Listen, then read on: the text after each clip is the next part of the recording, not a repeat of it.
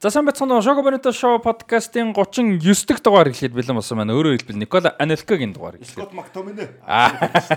Бруно Гимраш. А Бруно Гамраш. Юунд юу те? Леон Леонд 39 байсан юм байна. Аа. Ньюкасл ред бас 39 болсон юм байна. Аа за. Тэгээ юу Премьер лиг чинь гэхдээ тийм 30 мч дуурт их цөөхөн те. Яг Мактомине байгаа юм байна. Гамраш байгаа юм. Гэхдээ цөөхөн. Гэхдээ. Энэ төвийн хас одоо бол хоёр төвийн хас шүү дээ. Тийм байна. Анелка ч айгүй олон багт Болтонд Арсеналд 39 байгаагүй. Ситид 39-оор бүр домогорсныг нь бол мэдэж байна. Тэгээд ямарсан Болтонд байсан 39. Реал дээр 39 байсан. Реал агуу. бах. Аа цаа чин Арсеналд явсан шүү дээ. За Туркт баг 39 байсан баг. Ирээд Челсид 39. Ливерпулд бол 39 байгаагүй. Тэгээд Ливерпул Реал бол маань 39 чинь байгаагүй. нэг 9 дугаартай байсан маа. Тэгээ 9-өөс. Тэгээд Ливерпул Реал Арсенал энтерт бол 39 л байгаагүй. Тий. Н жоохон одоо ингээд аюу том том байгаа дэрвчсэн. шүү дээ. Ер нь том Парис Сен Жермен баг байлуу. Парис байсан. Байсан те. Тий, ер нь том бүх баг л. Яг тэр үед нь Парис нь том байгаа. Тийм л тэр үед том болоо. Нөгөө нэг Рональдиньо гэж нөгөө Парис Сен Жермент кул байгаас нь өмнө байсан энэ тэр тэр шиг. Энэ одоо хүмүүс Челсигээр нь мэдтiin дөө тий. Тий. Болтонгоор бол би бол аюу сайн мэднэс. Реалаар бол баг мэдгүй бах. Реалар хүмүүс. Тий, Реал нэг удаан шаагаагүй те. Реалар ер нь Ито хин хоёр. Болтон гэж- Анелко хоёрыг Бол Ситид байгаагүй лүү? Ситид байсан. Ситид байсан байсан. Ситид л удсан да тий. Ситид байсан юм. Уу ер нь удсан баг байгаа маа нэлг. Ситид жоох удсан удсан. Тэгш нөө. Ситид удаа. Ситид тогтсон шүү. Боолны л Ситид тэндээ Болтон Болтон дутсан. Болтон Болтон дараа утсан баха. яг удаагүй маа. Ер нь нөө угаасаа сайн тоглогчтой. Тий. Сайн тоглоод тэгэл ерөөсөө Челси авцсахгүй. Бараг хамгийн удсан тэр Челси Турк Турк лиг байх шүү дээ. Тийм байж магадгүй. За ямар ч хараа тий. Сити дутаагүй удаагүй. би Сити Болто хоёрыг нэгд л их тоглодог байсныг санаад байна. Нэг 3 жил. За нэгэн дандаа Анелкагаа ярьсан ч гоё дараалал нь ярьчихоо. Манай он чи карьер нөхө олон явсан. За мэржлийн карьер Paris Saint-Germain-с эхлүүлсэн. Claire Fontaine Academy-с Paris Saint-Germain Academy руу яваад Paris Saint-Germain Academy-г төгсөөд 96-аас 97 онд Paris Saint-Germain, 97-аас 99 онд Arsenal, 99-аас 2000 онд Real Madrid, 2000-аас 2002 онд Paris Saint-Germain буцсан юм байна. 2001-ээс 2 онд Paris Saint-Germain-ээс Liverpool руу зээлээр 2002-оос 2005 онд Manchester City 3 жил тийм, юм. City дудсан юм байна. Манюуныхоор л удсан юм байна шүү дээ. За тэгээ Фенербахчед 2005-аас 2006 онд 2006-аас 8 онд Болтон адилхан бас удсан юм байна. За тэгээд Челсид бас удсан л юм байна. Зөв юм байна. 2008-аас 12 онд Челси юм байна. 8 оны 1-р сард өвлийн цонхоор очтой. Аа тийм байна тий. За тэгээ 12-оос 13 Шанхай Шинхua. А тэгэнгүүтээ 13 онд Ювентус зээлэр бас хоёр тоглолцсон юм байна шүү дээ. А тэгээ 13-оос 14 онд West Bromwich Albion тоглоод 14-оос 15 онд Mumbai City тоглоод зодог тайсан юм байна. Аа. Ювентуст очсон чи яад үлээ. Анелкаг нэг ч өмсгөл зардаг хөхт. Юу хөхтөг үлээ. Би тийм нэг юм. Миний микик жоохон цангалж. Тий, олж хардаг миний багш. гайхах. Арай жоох хайрхан баг шүү. За Никола Анелка. За Скот Макномине бол мэдээж сая Шотланд шогтой тоглоо 2 гол бас оруулсан. Nice. Thank you. Киприйн шиг надтай. Киприйн шог эсрэг оруулсан. За тэгээ нөт Бруно Гамарас. Бруно сая Бразил тогсноо. Тоглог. Тоглоог Тоглож харагдаагүй дээ. харагдаагүй тий. Ерөнхий ивент гэгч MMS The Future is Electric. Ерөнхий ивент гэгч MMS Green Building. За тэгээ өнөөдрийн дугаараар бол мэдээж шгшөө багуудаа ярина. Тэгээд MMS-ийн хамт олондоо баярлаа. Шого Бонито шоу подкастын ерөнхий ивент гэдэг чинь MMS-ийн MMS байгаа. Та бүхэн MyMon Source буюу MMS-ийн хамт олонны талаар мэдээлэл сурцдаг юм нь Facebook хуудасаас 7711 19 90 дугаараас авах боломжтой. За юуны хувьд бол А Facebook дээр бол Electric Zig MMS гэд бас мэдээллүүд нь байгаа. Дээрээс нь MMS Green Building төсөлтэй Instagram болон Facebook-аар танилцах боломжтой байгаа шүү. Тэгээд Sourcing юм вебсайтыг ер нь энэ компани үйл ажиллагаа ямар салбарт юу юу явуулдаг, ямар ямар төслүүд хэрэгжүүлдэг бүх мэдээллүүд нь ерөнхийдөө байж байгаа. Тэгээд та бүхэн бас дэлгэрэнгүй мэдээллийг юугаар нь вебсайтаар нь орж авах бас боломжтой байгаа шүү. Тэгээд урамшуулал сонирхолтой юмнууд явах юм бол бидэд бас мэдэгдэнэ. За тэгээ мэдээж веб спорт лаунчийн хамт олондоо баярлалаа. Дэмжиж ажилласаар байгаа. Бид тэгээ өнөөдөртөө бас энэ ч нэ өргөжлөж бичгээр болж байна. За А 7 хоногт бол хэдүүлээ ярьж исэн шгшөө гэдэг цугларалт ихэлсэн. Тэгээд Еврогийн уртчсан шатны тоглолтууд Монгол зурагтаар гарсан. За бас ер нь онцлог тоглолтууд тэнд болсон. За тэрнээс гадна ихлээд хэдүүлээ товчгаа ярьж. Одоо Еврогийн уртчсангаас өөр тоглолтууд өөр тивийн багууд юу болов товчхон тий. За Аргентин Панам тогсноо. Зөв үү? Тэ? За дэлхийн аврах шалралт тэмцээн дууснаас хойш Аргентины шогийн одоо эхний тоглолт байсан. За үндсэн нэг өргөсөн цомоо танилцуулсан. Дээрээс нь тоглогч болгонд очисон одоо нэг нэг цомог одоо хоолбор цом очисон бүгдээрээ реплика тийм хоолбор юм да тийм албан ёсны хоолбор. За тэрийгээ бүгд танилцуулсан. За гэр бүлэрээ бүгд гарч ирээд ер нь аврагын баяраа нэг тэмдэглэсэн гэх юм да дахиж тийм. Тэгээ шинэ өмсгөл зарлагдсан. Аа, Аргентины Аргентины хөлбөмбөгийн албаны логон дээр дахиад нэг одоо 3-5 биш. 3 5 биш албан ёсоор одоо тоглолтод өмссөн анхны тоглолт нь болж байгаа тийм. Одоо юу яаж байгаа юм л да нөгөө зөвхөн Аргентин ч гэлтгүй дээ. Одоо бүх шгшээгийн хувьд л анхны тоглолт нөгөө шүү дээ. Одоо энэ оны анхны тоглолт те. Олон улсын хөлбөмбөгийн албаноос нөгөө FIFA Days гэдэг нөгөө шгшээг тоглодог өдрүүдийг гаргадаг байсан. Заяа санаж байвал өмнө нэг 2 дугаар сарын ихэр нэг тоглолт гэсэн те. 2 дугаар сарын 5 6 мургаанд болцсон. Тийм. Ер нь бол нэг хэдэн жилийн өмнөөс болцсон нөгөө FIFA Days цөөлий яг нэг ид ачаалттай үе байна гэд. Тэгээд ерөөсө 3 дугаар сарын сүүлийн 7 хоног бол одоо сүүлийн хэдэн жил бол яа харахгүй шгшээг цуглардаг. Жилийн одоо хамгийн ихний тийм үйл явдал болж байгаа. Тэгээ 2022 оны дэлхийн аврах шалралт тэмцээнээс хойш одоо баг болгон ихний тоглолтоо хийлээ. Дэлхийн аврагаас хойш. За тэгээ аврагаа тэмдэглэлээ цэнгэлтгтээ бас ахны тоглолт тийм. Аргентин дээрээс нэг одоо юу гэж нэг тийм авраг болцоод чинь 7 оны дараа лиг эхэлж байгаа. Микрофон дээр тэр. Тий, яг хаа Аргентины тоглогчдод бол юу өгж байгаа юм л та. Юу лээ? Аа нэг ганц хоёр өдрийн чөлөө өгдөн штэ.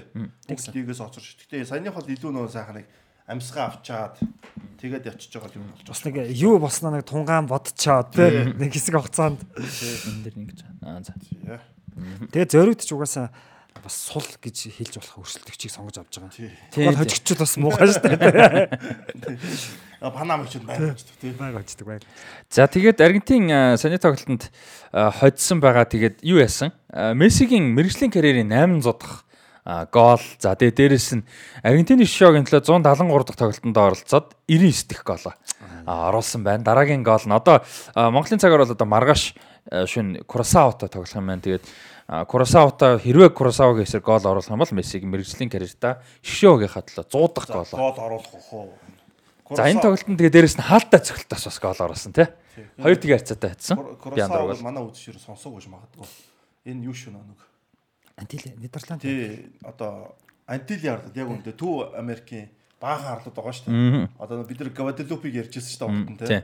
Тэр шиг тийм баахан арлууд энийг тэгээд Курасаод ч одоо Португал одоо нэр юм уу да тий. Тийм Португал үг ер нь нэг тийм цэнхэр дундуур нэг шар чилүү цагаан юм явцсан тийм талбайтай нэг нэг одтой Тийм хар хөхтэйгүр шар явдаг. тий шар чилүү тий яваад хар хөх яг үнэ. Тийм. Тий тэгээд нэг од оогоостай бас нэг яг Тэгээ хоёр одтой. тий нэг тийм. Бразилийн ерөөхдөө хойхон байгаа. Яг далаад байна, далаад. Тэгээд энэ чинь болохоор нэг олон сүүл өмгийн холбооч нэг одоо үүд чинь нэгдсэн үндэсний байгууллага бол ерөөхдөө 195 ч уу тийм гишүүнтэй Баг шүү байдаг, арай баг. Баг байдаг. Олон сүүл өмгийн холбооч юм ерөөхдөө хамгийн олон а хөнгөн атлетикийн холбоо нэг номер 1 гэдэг.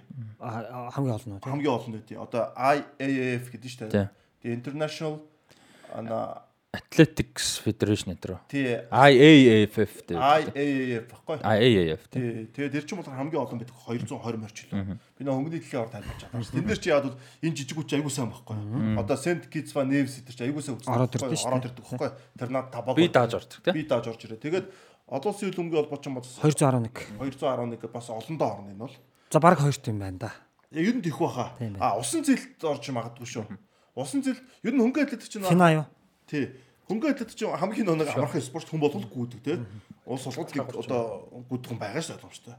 Тэнгүүд Хамгийн энгийн спорт. хамгийн энгийн спорт байхгүй. Тэгэхээр хоёрт нь усан зэлд хөл өмгөөр ордог байх ер нь бол. Би хөл өмг бол угаасаа айгүй энгийн спорт гэж явдаг. Айгүй түгээмэл тий. Тэгээд явдаг учраас хөл өмг их олон байдаг 211. Тэгээд За энд энд одоо Курасао ч юм уу, Гваделуп ч юм одоо шил Британ дөрөв хогтж орчиж байгаа шүү дээ Олимпийн наадмын бол тий. Тэгээ Фарари ард хүртэл орж байгаа шүү дээ. Одоо нөө Дайны харьяаны тий. Тийм Faroe Islands. Фарари ард Фарач FIFA гişүн шүү дээ. тий, Фарари ард баг өөр юу байхгүй байгаа. Өөр ямар нэг бүрт юу юу холбоо. Холбоотой тийм холбоо байхгүй гэж бодож байна. Зөвхөн хөлөн бүгд ордог гэж бодож байна тий. За тэгээд ямар ч сан Курасаотой тоглох нэ манайд бас сонирхоод э, мэдээлэл бас авал бас гоё. Тэг өнгөрсөн 7 хоногийн нөгөө нэг э, газар зүй яриа Итали метал яриач бас их сонирхолтой байсан. За ганц дэлий ч юм. За за. За манайх нөгөө за заяач олон жил бас хэлж байгаа дөө. Манайх нөгөө Голланд гэдэг яриас орсон. Голланд гэдэг чинь бол за Оросууд л тэгж ярина да ер нь бол тий. Ер нь одоо Ер нь дэлхийд тэгдэг байсан Хооланд гэдэг. тий Холланд. За яг нөгөө нэг э, одоо бол яг Нидерланд улс шүү дээ тэр улс нь. Нидерланд улсын одоо яг нэг хоёр мууж байна тий. Тэр нь бол одоо Холланд гэж мууж байгаа. Тэр Холланд гэдэг нь тий. одоо Англитай одоо ингээд тэнгисээр хилдэг. Тэгээ нөгөө Нидерланд э, Британий дайн чинь тэр одоо 1700 хэдэн 600 700 онд болсон юм шүү дээ. Тэр үед нөгөө нэг ойрхон байдгаар нь англичууд нөгөө Холланд гэсээр хагаад хөвшсөн юм байна. Тэгээ тэр улс одоо нөгөө анх тусгаар тогтноод эхний хэдэн жилийн аль биесний нэр байхгүй. Нидерланд гэдэг нэрийг аваагүй байхдаа нэг хэсэг зүгээр Холланд гэж нэг мужийнхаа нэрээр бас явдаг байсан дэлхийд дахин түүхсэн юм байна. Тэгээ Холландын манай нэг Орос ахнаар Голланд болгож хэлээд Тэгээ манад гол. тэрийг манайхан ч одоо Голланд болгож яриад тэгээ яваад байгаа. За Нидерланд гэдэг тэр улс бол яг Европ тивд оршиж байгаа тэр улс байгаа. А Нидерландын Вант улс гэхээр дэлхийн бас ингээд өнцөг боломжоор тарсан жижиг сажиг юм одоо Крюсао орж байгаа. Энэ зэргийн нэг хідэн арал марлыг нийлүүлээд бүхлээрээ Нидерландын Вант улс юм байна. А яг Европт байгаа тэр улс бол Нидерланд улс юм байна шүү. А Холланд гэж мууж бол байгаа. Түнш Голланд гэдэг улс бол Одоо тэр Суринам байгаа шүү хамгийн том нь. Одоо өмнөд Америкийн Суринам гэдэг улс ч одоо Нидерландын тэр Вант улсд ордог. Суринамын тэр нэг э, 100 м өнгөт тэтгэлэг мундаг өгч байгаа шүү. Өө хин бэлээ. Олимпийн шгшээ найд болсон бохгүй юу? Тэгсэн чинь тэр нөхөр чинь Ингэж сонсогдох хэрэгтэй шүү. Ер нь. окей. Суринамаас юунд орохгүй юу? Дэлхийн аврагчдод том төвчөд орсон чинь Олимп руу орж ирээд би нөө тайлбарлаа сууж илүү үзээ сууж лөө. Тэгсэн чинь нөхөр гараад ирдээ. А Чоронда Мартина гэдэг. Тийм ч- Тий, Чоронда Мартина аахгүй юу? тийм тийм. Тий, Чоронда Мартина. Тэг чи Нидерландын юутай гараад ирсэн бохгүй юу? Одоо Суринамын Иргэншлээс хэлсэн үү те. одоо иргэншлээ солиод Вант ус дотроо хөдөлгөөн хийсэн юм шиг байна. Тийм бол зөндөө. Тэгээ Нидерланд яах нь яг нөө хөнгө атлетик нь бол муу штэ. Яг сүүлд нөө Дафна Шиферс гэдэг хүүхэн гарч ирсэн штэ. Энэ нь бол бас бүр дөр ойрын зад муу. Тэгээд нэг тиймэрхүү юм нэмээд хэлэхэд. Дахиад нэг энэ дэр даличуд юм байна. Багада би нөө голлаа нэнгүүд л нэг хайгаад төгсөх газар. Яг яг яг үнэ яг үнэ. олдгүй. Яг үнэ. Голланд ч бас байхгүй байна. Нөгөө хөл өмгийн баг нь өстой мундаг юм даа. Тэгээ би чинь Европоор хайгаал Европын ус биш юм байх таа. Тэгээ Нидерланд тийм Яг- яг тэгж. Яг тэгдэг үстэй. Би 98 оны дэлхийн аврал шалруулах тэмцээн үзчихэд нөгөө нэвтрхий төл нэвтрхийлээс салахгүй болсон байхгүй гурваас нь тэгээ би ингээд олдгүй ээжээсээ асуугаад Ээж мэдэхгүй. ээж с- э, сургууль дээр манай ээж багш хүн тэгээд газар зүүн багштай таарад асуусан чинь Эмчмаа гэд багш байсан. Манай хүү нэг юм асуу гэж байна гэд. Би тэгээ нэвтрүүлэл дээр Голланд гэж улс ерөөсөй байхгүй гэж. Ми дунаас Нидерланд гэж улс байд юм а гэж яг зааж өгч ирсэн. Гэхдээ би аав сонсооч манай аавч гоо айгүй их мэдтэйг нэг мэддэг бол тараад. Тэгээд э, гайхаа. Тэгээ би хайж чи Шведийн тэнд нэг Шведийн одоо Готланд гэдэг арлаад байхгүй. А тэр гэж бодсон. Тэрийг харчаад Готланд энэ л юм бах та. Буруу Готланд. Готланд гэдэг Готланд гэдэгчтэй бах та. Яа харахгүй тэгжээс. Тэгээд бас тэр чинь бас өөр юудаг англи гэж бас мэдэхгүй. Их Британи гэж үдэг. Жохон бахта англиг хаагаад байдаг. Олдгүй ээ одоо харахаа нэг Их Британи л харагдаад байгаа шүү дээ. Тэгээ аа болохоор эн чинь англи гэдэг. Бас тайлбарлаж чадахгүй байгаа. Энэ англи гэдэг. Тэгээд одоо жоохон Шотландны Шотланд нь олдохгүй. Скотланд. Скотланд гэдэг одоо бид нар чинь Шотланд гэж харж байгаа шүү дээ. Тэгээд айгүй их бодолтой гэсэн. Тэрний хамгийн тоо бодлооч ерөөхдөө наад юу ч юм бохгүй. Голланд ч юм бохгүй. Тэгээ нөгөө нэвтрхий төл дээр эдэрч нөгөө Их Британи, Нидерланд гэдэг өөр улсаараа та яг бас нэг бүр э, Их Британаас нэг юм баг ахт юу тоглолдог байсан. PlayStation. Тэгэхэд нөгөө PlayStation ч анхны бүр 98 займ нь за яг тэр нь сүүл бид нар тэгэл 2000 цагаан он тоглож байгаа шүү дээ. Улсуудын нэр Япон ханз. Тэгээ нэр мэдэхгүй. Гэсэн чи Европ ч юм уу нэг амар улс нэг барын зургтай тугтай далбаатай. Тэнд нэг аим шиг хурдан гүдэг амар гар байна. Тэр улсыг мэдэхгүй бас нэг хитэн жил болсон. Тэгсэн чи тэр нь Уэльс байсан байлээ. Тэр тоглогч нь Гигс байсан байна. Тэгээд босод тоглогч нь муу. тий. Тэгээ нөгөө ханзаар эсвэл нөгөө катаганагаар байдаг. Тэгээ бүгдээр катагана уншаас орцсон те. А энэ Ронаруто гэж байна. Үгүй. Сумогод ерөөсөө гаргахаа байсан шүү дээ. Тий. Тэгээ Асашори Акко хоёрын нэрийг оо Такама Сакарета барилдаж байгаа. Тайлбарлагч нь тайлбарлахаас айлт мэдчихдэг. Тэгээ ханзных нь нөгөө юунуудыг өсгөл нэрэл одоо утгануудыг утгын ч биш юм одоо үг хэллэгүүдийг мэддэг болсон байсан шүү дээ. Тэгээд энэ нэг одоо юу чинь соёл гэдэг амар чухал чухал амар чухал. Би бол одоо нөгөө нэг яг шиг амар газар зүүн мэдгийг хашин. Гэтэ нөгөө нэг газар зүүн а юу манд бас дуртай сонирхолтой тэгээ тог мог амар цээжилдэг. Тэрний чи ихлэл нөгөө про эдишн баг. Вини юм баггүй. Нөгөө ус тоглогчт нь тогтой байдаг. Тэгээ ямар тогтой ямар ус гэдэг ингэж амар сонирхдаг. Хаана ямар ТV ингээд. Тэгээ ямарсан нөгөө нэг вини хэлэнд чи юу яадаг гэж санаж байна. Нөгөө Европ шилдэг э, бүр див одоо бид нар хэдүүлээ Европын шишээ дэлхийн шишээ гэж хэдүүлээ ярьдаг. Ер нь бол Европ best world's best гэсэн. Тэнгүүд ингээд босд нь ингээд байнгут амар сонирхолтой байхгүй. Тэг чи ингээд ийм улсын тоглогч энэ улс нь хаана гэдэг ингээд мэдгүй сонио улс. Тэгээ тэр үчин дандаа Бразил Аргентин бас байхгүй. Хаяа дунд нэг Африк мафрик ч юм уу. Тийм Фокачо Макача Наката Маката явж. Хоо Япон байна. Парагван Чилаварт гэж Тийм Челавч тэр үчин Парагвай том сонирм байхгүй нөө түгээмэл биш шүү дээ те. Бас тийм ер нь тоглоом бол айгүй их хувь нэмэр Заримдаа орсон. Карлос Гамара ороод ирнэ хамгаалах. Аа, Гамара байна. Тийм шүү дээ Гамара байна. Гоо тэгэл Иван химэн Кордоба Мордоба Колоб болом гээл те. Энэ Колумбас ч Валдрема орж ирнэ. Вальдрема тий Вальдрема Вальдрема ч. Вальдрема гоо тоглоом дэр юм өстэй. Валдрема ч амар амт юм шүү дээ. Карлос Вальдрема. За. Азас нэр Наката л байсан юм даа. Наката, стайлч Наката байсан.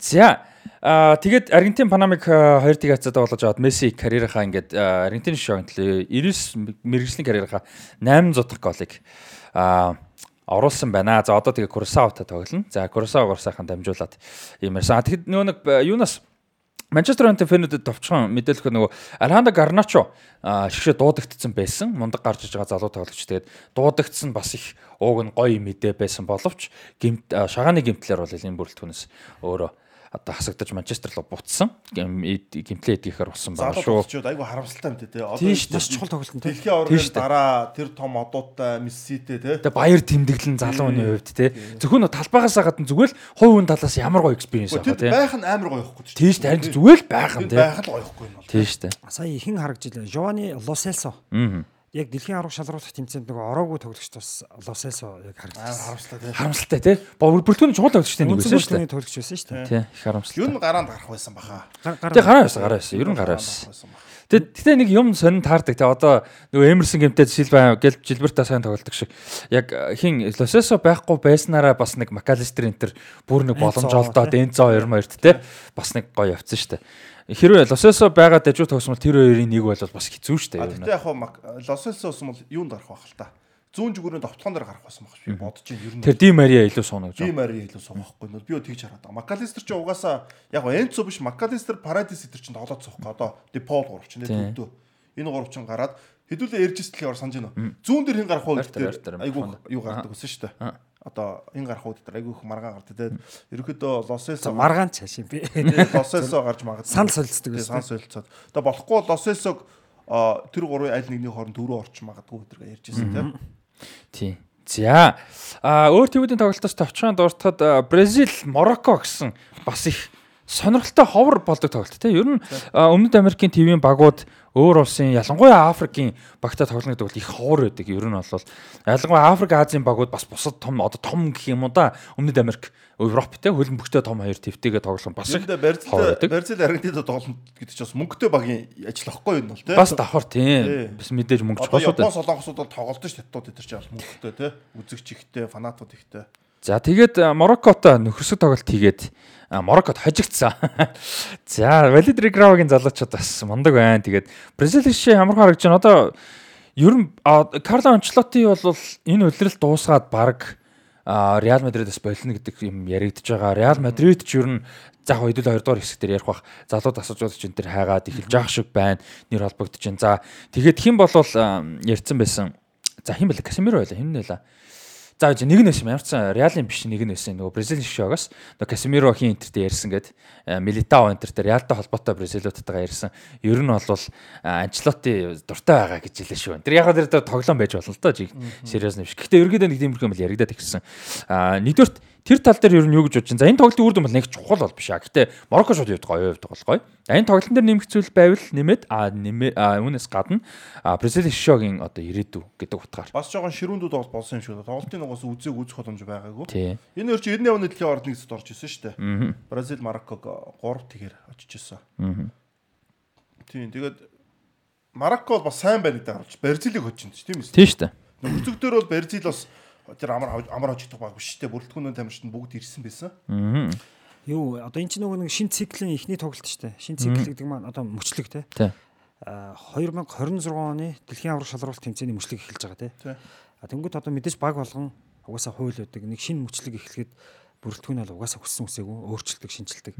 За Аргентин бол баг шинжлээгүйс. Ягаад гэвэл энэ нөгөө аврахтай нь холбоотой бас нэг авраг авсан хүмүүсийн нэг тоглолчий те нэг ёслолын хийлгчий Яг гэдэг. гарааны 11-ийн дэлхийн аврагын финал дээр гарааны гарааныг яг адилхан А гарсан. за тэгвэл тэр бол яг л бэлэгдэл маалтан давмгаалцсан байж тээ. Тий.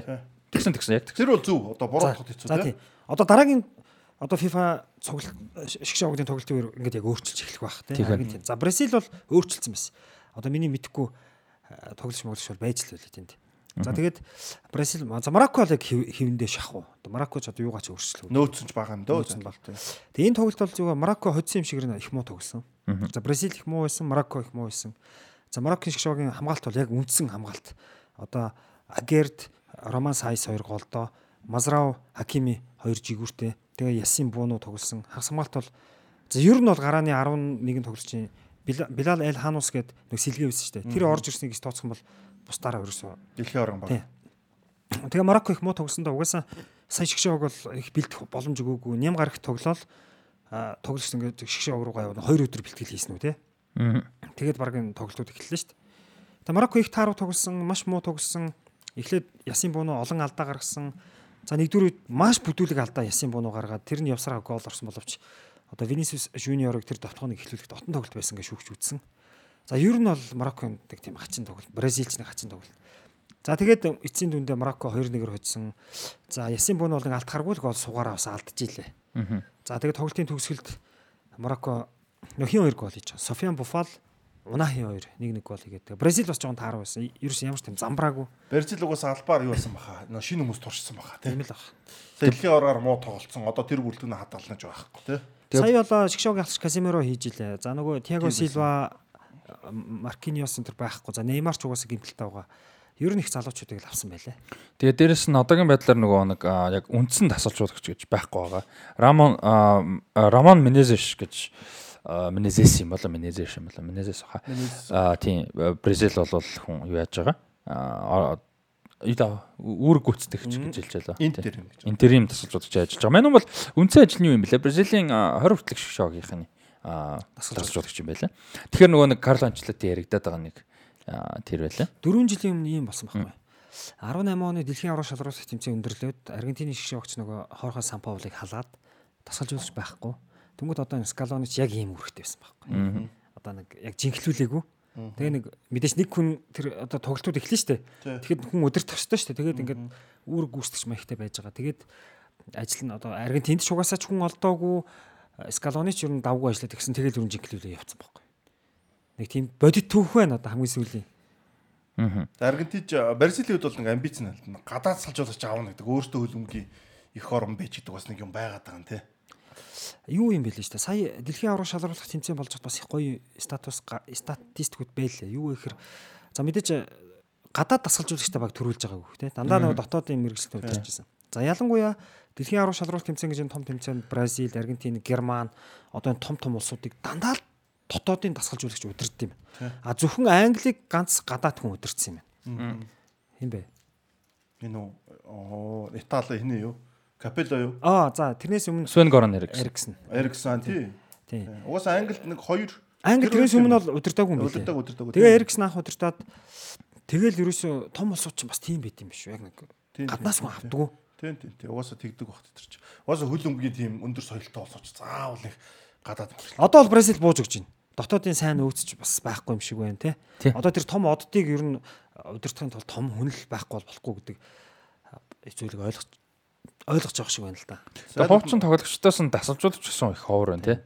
Зайлууд сколорыг гарч ирчлэн жоох авч явлаа шүү дээ үндэ бол тий. Тэгсэн тэгсэн Сколарио сайн авч шүү. Сколарыг дахиж авчираа те. Тий, үндэ болоо тий. Карлос Альберто Парераг 94 онд дэлхийн аврал голгосон 2006 онд дахиж авчираад байдаг шиг ингээл нэг ингэж байгаа. Тэгээ Дунга нэг хэсэг явлаа тий. Ер нь дунга уг нь гайгүй. Би бас дунга гайс гайгүй сайн цалжуулагч гэж бодож шээ тэгэл. явсангүй тий. Дунгагийн тэр нөө юунууд нь хитрхи Хатуу байдаг байх. Уян хатан биш байх те. тий. Яг нөөний хэдүүлээ нөө Францыг ярьлаа тий. Юу гэрлээ нөө хитрхи хатуу байсан яадаг гэд нэг хэдүүлээ нэг ярьсан ш нэг дугаар дээр тэрэн шиг л байсан юм шиг. дунга хатуугаас гадна дунгагууд юу санагц надад бол. А Итали ярьжсэн. Зарим одуудаа нөө нэг ашиглахгүй. Одоо тэр 10 дэлхийн ор дээр орж байгаа тий. Дунгача. Гарааны бүрэлдэхүүн дээр өрхөдөө бас яг тийм байж болох гой сонголтууд юм Илана өдр ч юм уу тий. Одоо тэр улсын шатны тоглолтын дээр одоо Илана бол айгүй их гарсан шүү дээ. Тэгээ энэ бол тийм бүрэлдэхүүнээ өөрөө яг гой тийм одоо 4 4 2-ын Diamond-ор тоглоо тий. Тэгээ тэр нь Diamond-ийн хоёр зах махтар айгүй тийм сонин сонин сонголтууд тэгээд надад бол тэр айгүй нөлөөсөн гэж бодсон дунга дээр. Тэгэхээс бол яг Бразилийн шид бол нөөц бол бас 10 онд бол бас тийм үү яг төвөнд довтчихын л асуудал гэхээс бус байрал дээр бол сонголт байсан л да. За аа тэгээд хэдүүлээ өргөжлүүлээ. За а, юун дээр өнөр нөгөө нэг саяны тэр нөгөө хатуу гэж ярьдаг нөгөө пасареллагийн Аргентиныг удирддаг. Тэрнээр яг ярьжсэн шүү дээ. Хитрхи хатуу байгаад гэдэг. За юуны хувьд ингэж байгаа нөгөө нэг дэлхийн аваргын мөрчлөг эхэлж гэн гэснээс нэг хүмүүс ТV-ийн аврагуудыг сонирхож магадгүй. За юу яаж байгаа? Мэдээж э, юу болвол евро 24 он болж байгаа. Еврог орчсон ихсэн удахгүй тэрийг ярина. За Африк ТV-ийн авраг шалралт тэмцээн одоо African Cup of Nations те.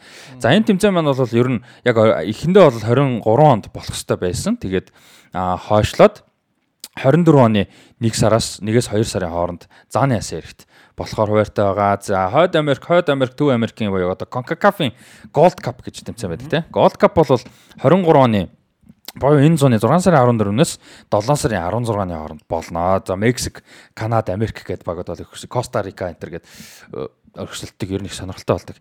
За тэгээд юу байгаа? Энэ бол CONCACAF Өмнөд Америкээс бус тойж тойдол хийдэг. Тийм бүгд л орно гэсэн. Төвөөс хойш, Төв Америкээс хойш. Панамаас хойш. Одоо энэ жил болсон тэмцээнд Катарыг үрж оруулсан. Тийм зочноор орсон. Тийм Катар ч нөгөө нэг тэмцээн байхгүй.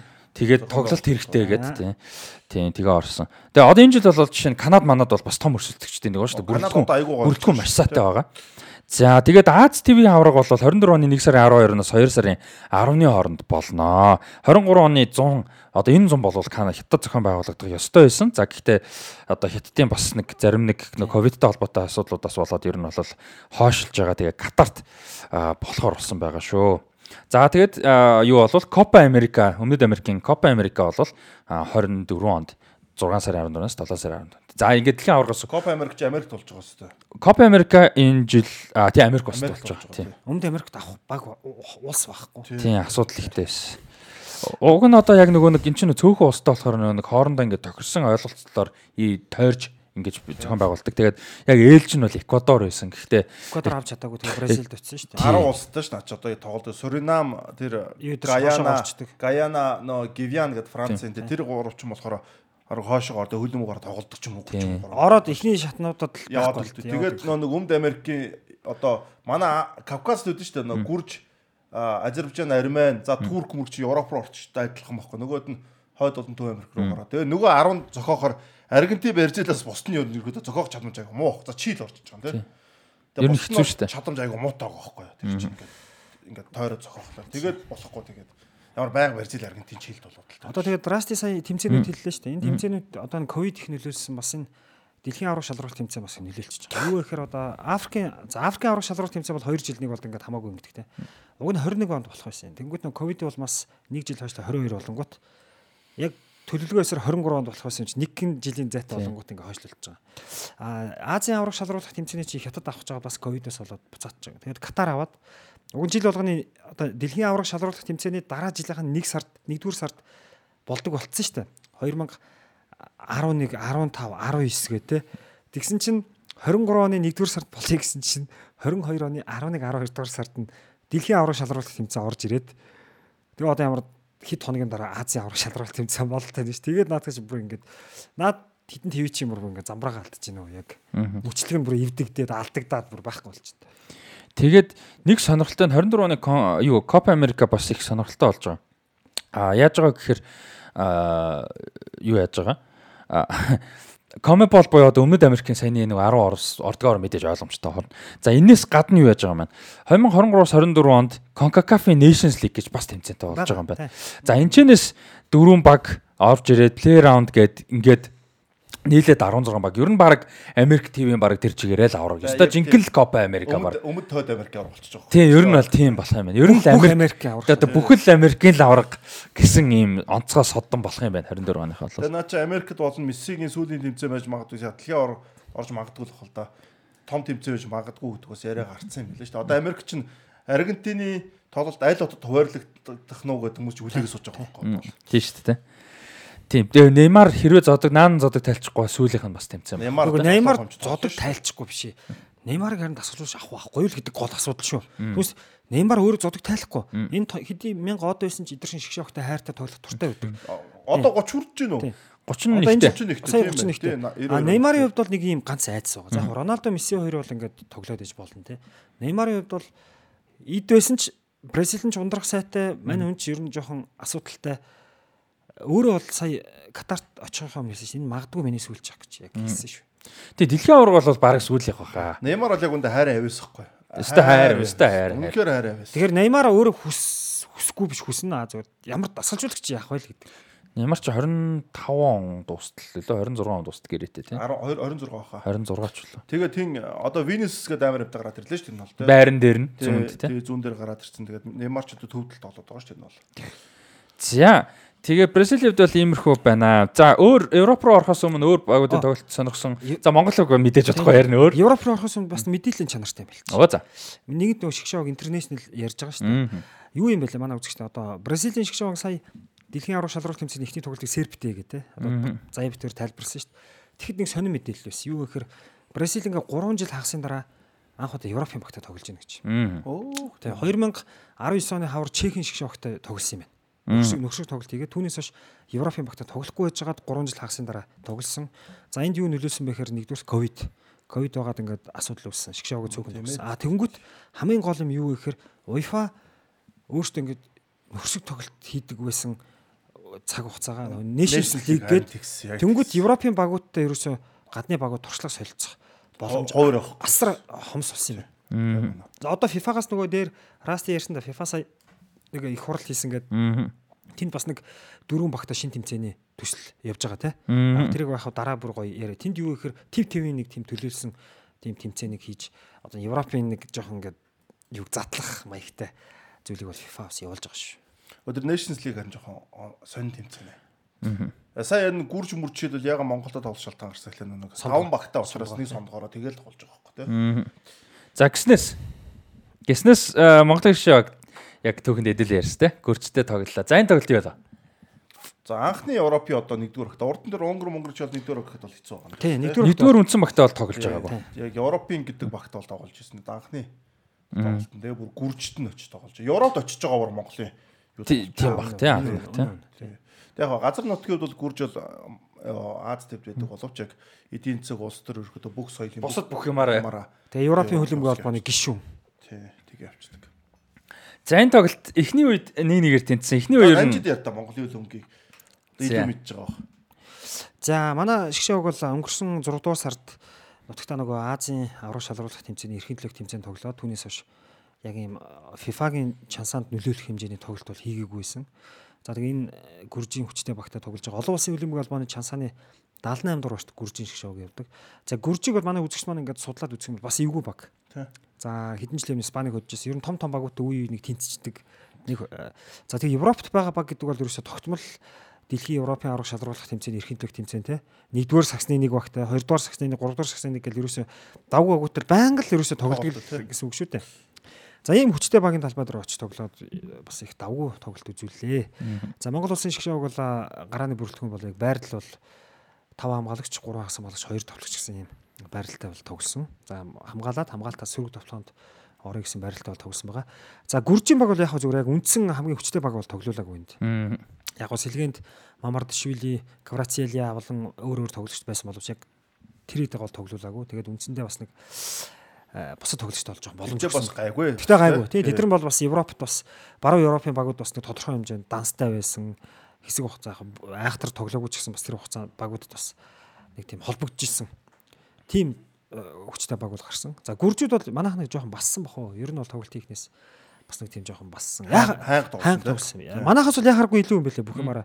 Би хаа ур чадвар те. Гэтэ бол хайг тоглосон. За тэр нь бол манай багт бол бас түүнийг бол манай баг бол маш төвчээртэй давж их сайн тоглосон. Тэгээд э, эхний өдөр нөгөө нэг шүүгчийн шийдвэр үүж байгаа хэцүү. Харин нэг Бүр арай л улаан цай тий. эхний үдээр манайхын бараг хожид тусгаар байсан шүү дээ. тий?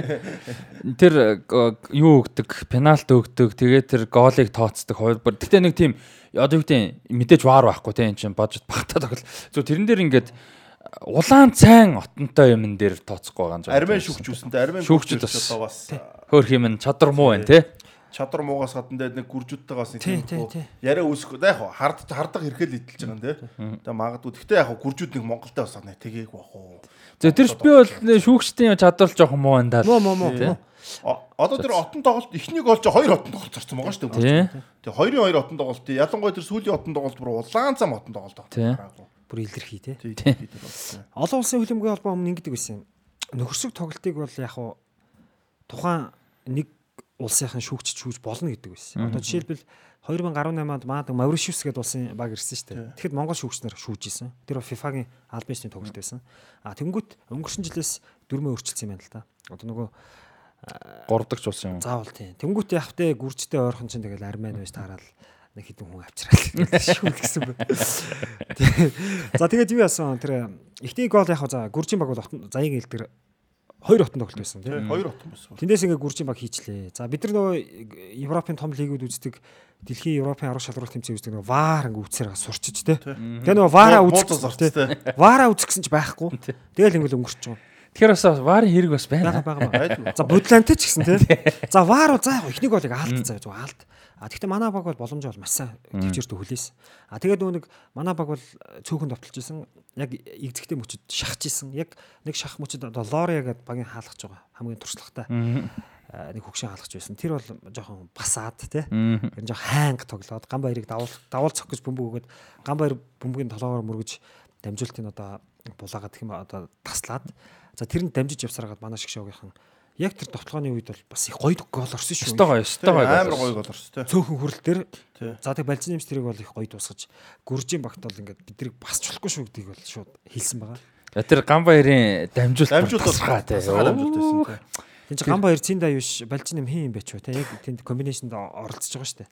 Тэр дамжуулт бол world class дамжуулт байсан Тий, шүү. Тэгээд манай Монголын шог яг урд нь ингээл тоглолтууд үзэж байхад бол э, манай чи хамгаалах учраа олдохгүйсэн шүү. Энэ бол ямар ч багтаа тоглосон яг яг хөл өмгийн одоо дэлхийд тоглолтод довтлох ч юм уу хамгаалдаг ч юм уу тийм тоглолт хийж чаддаг байсан бол аа ер нь бол сүүлийн хэдэн жилүүд ер нь бол би хараад тийм гадаад мэрэгчлүүд ирдэг болсон тий.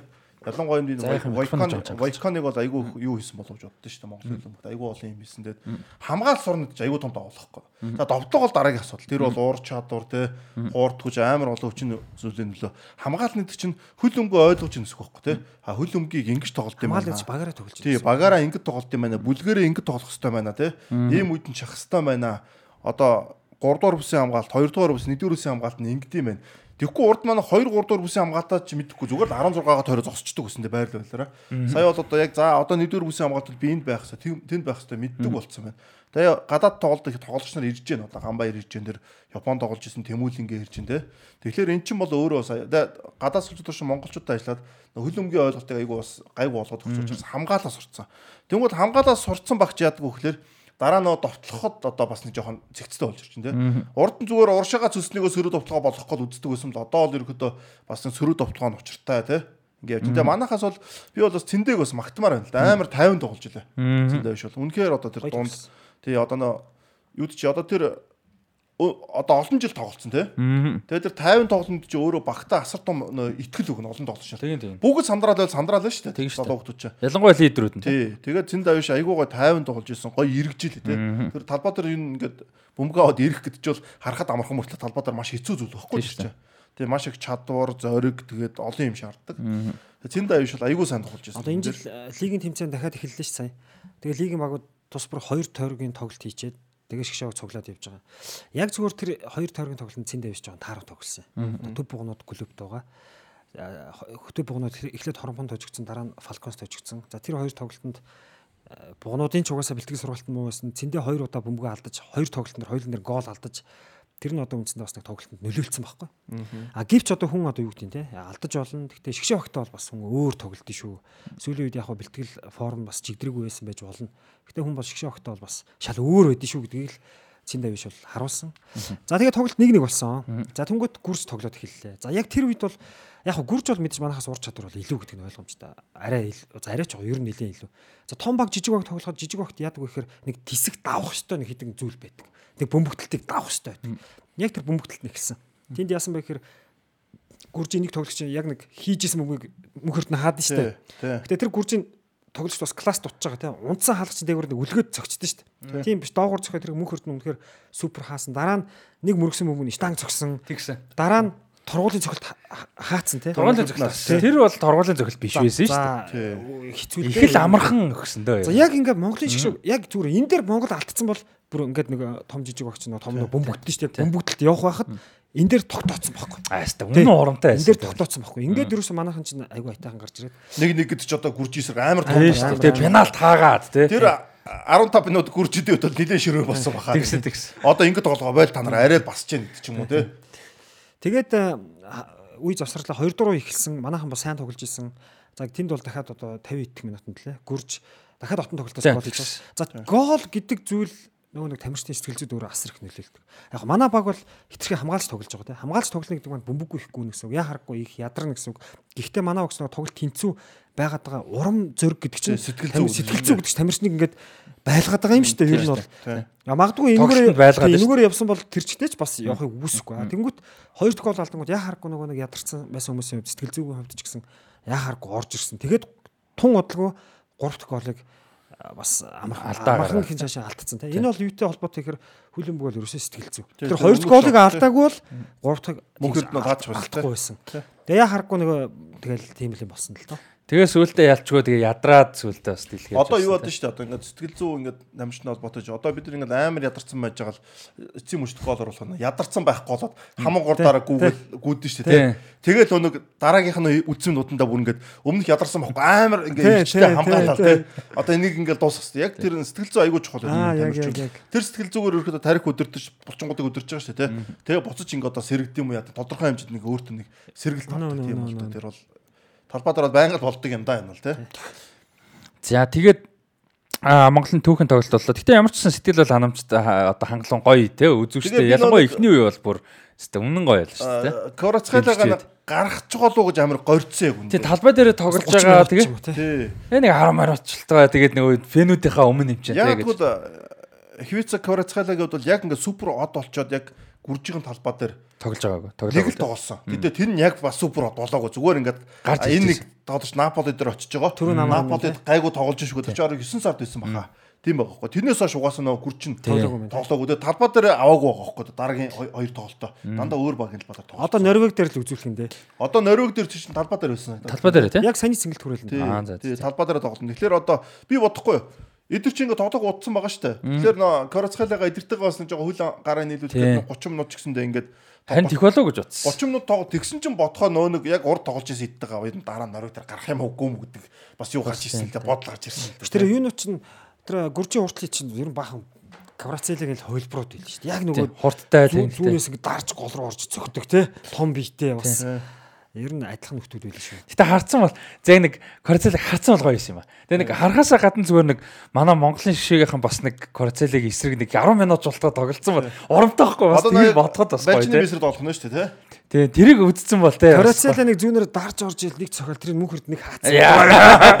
Тэр чинь историк болж үлээ шүү дээ. Монголын хөлбөмбөг төгөд. Нэг таклтаа салгачвал бас гоё бай. тэ. Одоо тэр Японд тоглосон тоглолтод гоё шүү дээ. тэ. Оо гоё гоё гоё. Юу ярих вэ? Минамино хин Yoshida. Yoshida гэдэг тоглож ирээд төрөө нөө төрөө шүү дээ.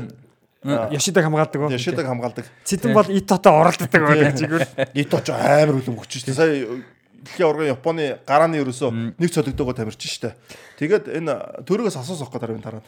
А энэ ямар байл гэдгсэн чинь аар вяртаа байлаа гэдэг чинь. Харахгүй Тийм шүү дээ. Премьер лиг тоглох. Премьер лигийн багийн ахлагч байсан хамгаалагч явж байгаа. Манай төрөө чинь бас лаг битээ шүү дээ, тий? Мундаг мундаг. Өндөр лаг битлээ. Одоо тэр чинь бараг метр 85 6 таа багш төрөө чинь. Yoshida бас тэр хавцаа тий 84. Яшида өндөр бах арай өндөр бах. Шида нэг Нэг амар өндөр. нэг амар ялгаагүй. 84 тавлах тэр хавцаа. Тий, нэг үйл ялгал өндөр баг. Эвсэл 86 6 ч юм уу. Тий. Тэгэхээр тэр чинь одоо бяр гэдэг бол төрөө чинь өөрөө аягүй том зүйл. Бас э, юутэй шүү дээ. Яш амар амар тэр Премьер лигийн нэг багийн үндсэн хамгаалагч байна. Ахлагч байсан шүү дээ. Тийм шүү дээ. Саудамтай ахлагч Ахлагч байсан. Тэгээ манай шгшөөг сая бол их залуучсан байна. Одоо Манай шгшөөгийн ахлагч Цэнд Аюуш 90 онд төрсэн. Ган болдын бэлгүүн 91 онд төрсэн. За талбай дээрсэн тоглогчдоос хаалгач мөнхөрд 95 оных. За тэгээд Апо 90 нар мандах 97 оных. За тэгэл хоошо 98 99 2000. 5-ын зүүнд дэлгөөнгөд 2003 оны залуу тоглогч гарч ихний үе их их давгүй тоглосон. Өө цэндэ шүтэр чинь нэрэ лиг цуг. Алтан гүрдэнд бол гурвалыг нь авсан. 7 онд цэндэ ч одоо миний урд тоглож байлаа шүү, тий? 7 онд лигийн шилдэг хагас хамгаалагч Цэндэ болсон шүү дээ. Тий. Тэгээд урд тоглож байсан. Тэгээд цэндэгэд одоо ингээд баг 20 жил яг нэг доктортой тоглож байгаа байхгүй. Энэ бол амар том чадвар. Одоо нөө Роналдо марна. Одоо Монголд бол нэг одоо Роналдо ч юм уу Месси ч юм уу доктортой удаан тоглож байгаа тамирчиг яг Монголд болох нь мэддэхгүй байгаа шүү дээ. Тэгэхээр нэг доктортой олон жил ингээд тоглож байгаа. Цэндэж 15 настай байхдаа заалны улсын аваргын шилдэг тоглогч насанд өргөжтөн шүү дээ. 15 настай байхдаа шүү. Тэгээ бодол. Тэгэхээр тийм жоохноос ингээд доктортой ингээд удаан тоглолт бол энэ хүн бол ясны тамирчин те. Тэгээ одоо тэр олон жилийн мундаг хөдөлмөрийн бас үр дагав үр дүн гоё гарч шít те бас. 2007 онд хойд солонгосын хогтой тоглолт шүү дээ. Тэгэхэд Цэн Давиш мөрөө хоёр анхны тоглолтоо шгшээ хогт хийжсэн. 10 17 той те. Одоо 2007 оноос хойш хэдэн жил 10 15 жил. Ер нь 15 6 жил. болж шүү дээ. Хамгийн залуу талбайд гарсан баг цэндэн биш үү 17 той. За юу байгаа хинэ юу нөө Батгүн хараацгийн хаалгач Батгүнгээ 92 онд төрсэн залуу хаалгач. Аа, өндөр үү? 2009 онд шгшөөгийн хаалга мансан. 2009 онд а, нөгөө Макаотой манайхан чинь урагшаа нэг явж тоглоод дахиад Макао дээр тэгэхэд таасан. Тэгэхэд 3 нэгээр очдөг те. очиод нэг тэгэр хожигдоод энэ дээрээ 3 нэгээр хожоод нийлбэрдэн 3 2-оор маа хожигдсон шүү дээ. Макао дээр А Макао 3 нэг. А тий, тий, тий, тий. Тэн дээр Батгүн тоглосон Батгүн 92 оноох тэр чинь эрт болсон гэхээр Цэндэж одоо 2 дугаар сар төрсөн шүү дээ. 2 дугаар сар 22 нөгөө Цэндээ наран болд энэ төрсөн.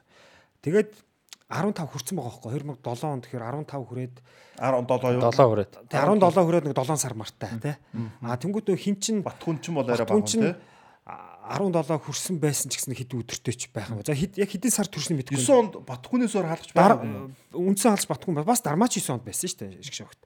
Яг хуу талбай дээр гарсан гараагүйг нь би сайн санахгүй. Дармаач 92 оных те. Тэгэхээр батгүн ер нь бол баг хамгийн залуунд болж таарах баг. Зөв миний санаж байгаа Бас одоо. тийм байна те.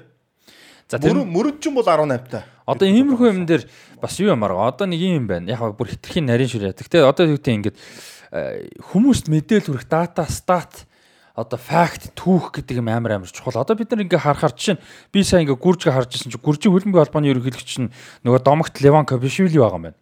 Одоо гүржээс гарсан хамгийн алдартай тогтчтой нэг тий. Тэгээ Кобишвили чинь одоо уусынхаа засгийн газрын гишүүн юм байна. Одоо манайхаар одоо улсын хурлын гишүүн юм байна давхар.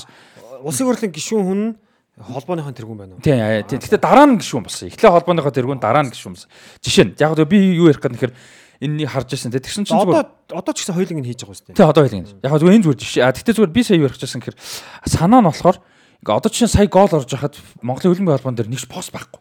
Гол нь орсон талаар мэдээл Монголын шоо гол хийгээд ингээд идэг байхгүй. Нилээн дараа нь нэгдүгээр баг дуусч муусж хахад ингээд нэг сонин пост мост орж байгаа.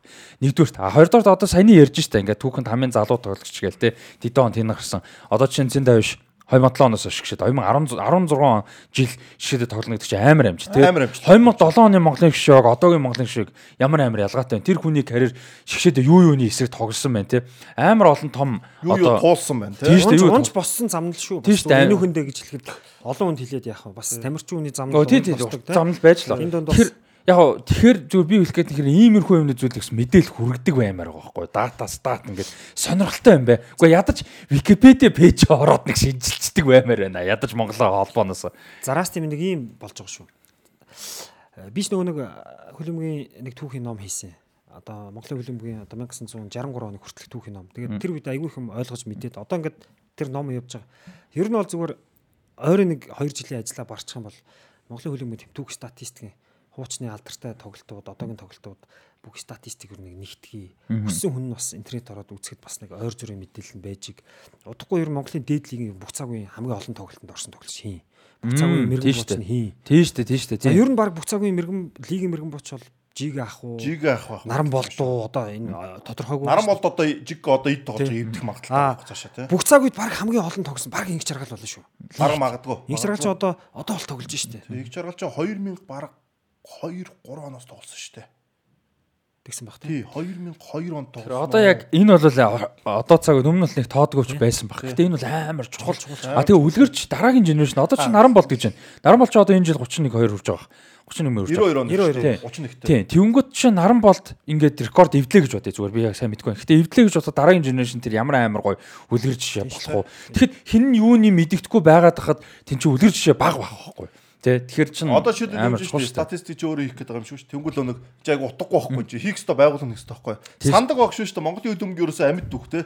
Ерөөсөө хөл өмгөө холбооны бүх юм сандаг багш л гэдэг. Анхны Уучлаарай. зурган ихэнх юм үгүй харин тий. Тэгээ сандаг багштаар ерөөхдөө сандаг багш авч үлдсэн тулдаа маш олон баримт үлдэж байгаа байхгүй. Тэгэхгүй сандаг багш хэрвээ цуглуулаагүй байх юм бол маш олон баримт байхгүй байх магадaltaй тий. Монголын хөл өмгөд бол. Тэгвэл нанжид бол айгүй бас тийм чухал байж. Тэгэхээр энэ ч одоо байн хуу хүн бас хийгээд болохгүй л гэсэн юм л да тий. Тийм бас тал За байл хүн ч байх тий. Тэгээд энийг одоо яг харахгүй нөгөө холбоотойгоо хамтарч Манай хийх л манай ажил энэ. төгсөө биш үү? Төгсөө чинь нийтдээ орсон шигшээ дээр. Төгсөө 2003 онд лав орсон байсан шүү дээ. Тэгэхээр чи 18 та 17-д орсон ш магадгүй байхгүй юу? 2003 оноос өмнө манай шгшээ чинь хамгийн сүүлд 2000 Бангладеш тоглосон. нэг онд л тоглосон шүү дээ. А тий тэгэхээр 18-д орсон. Нэг онд бол- нэг онд ороогүй шүү дээ. Тэгээд 2 он тоглоагүй. 2 онд манай шгшээг тоглоог байж 3 онд л тоглож байгаа. 3 оны 18 хавар тоглож байгаа байхгүй.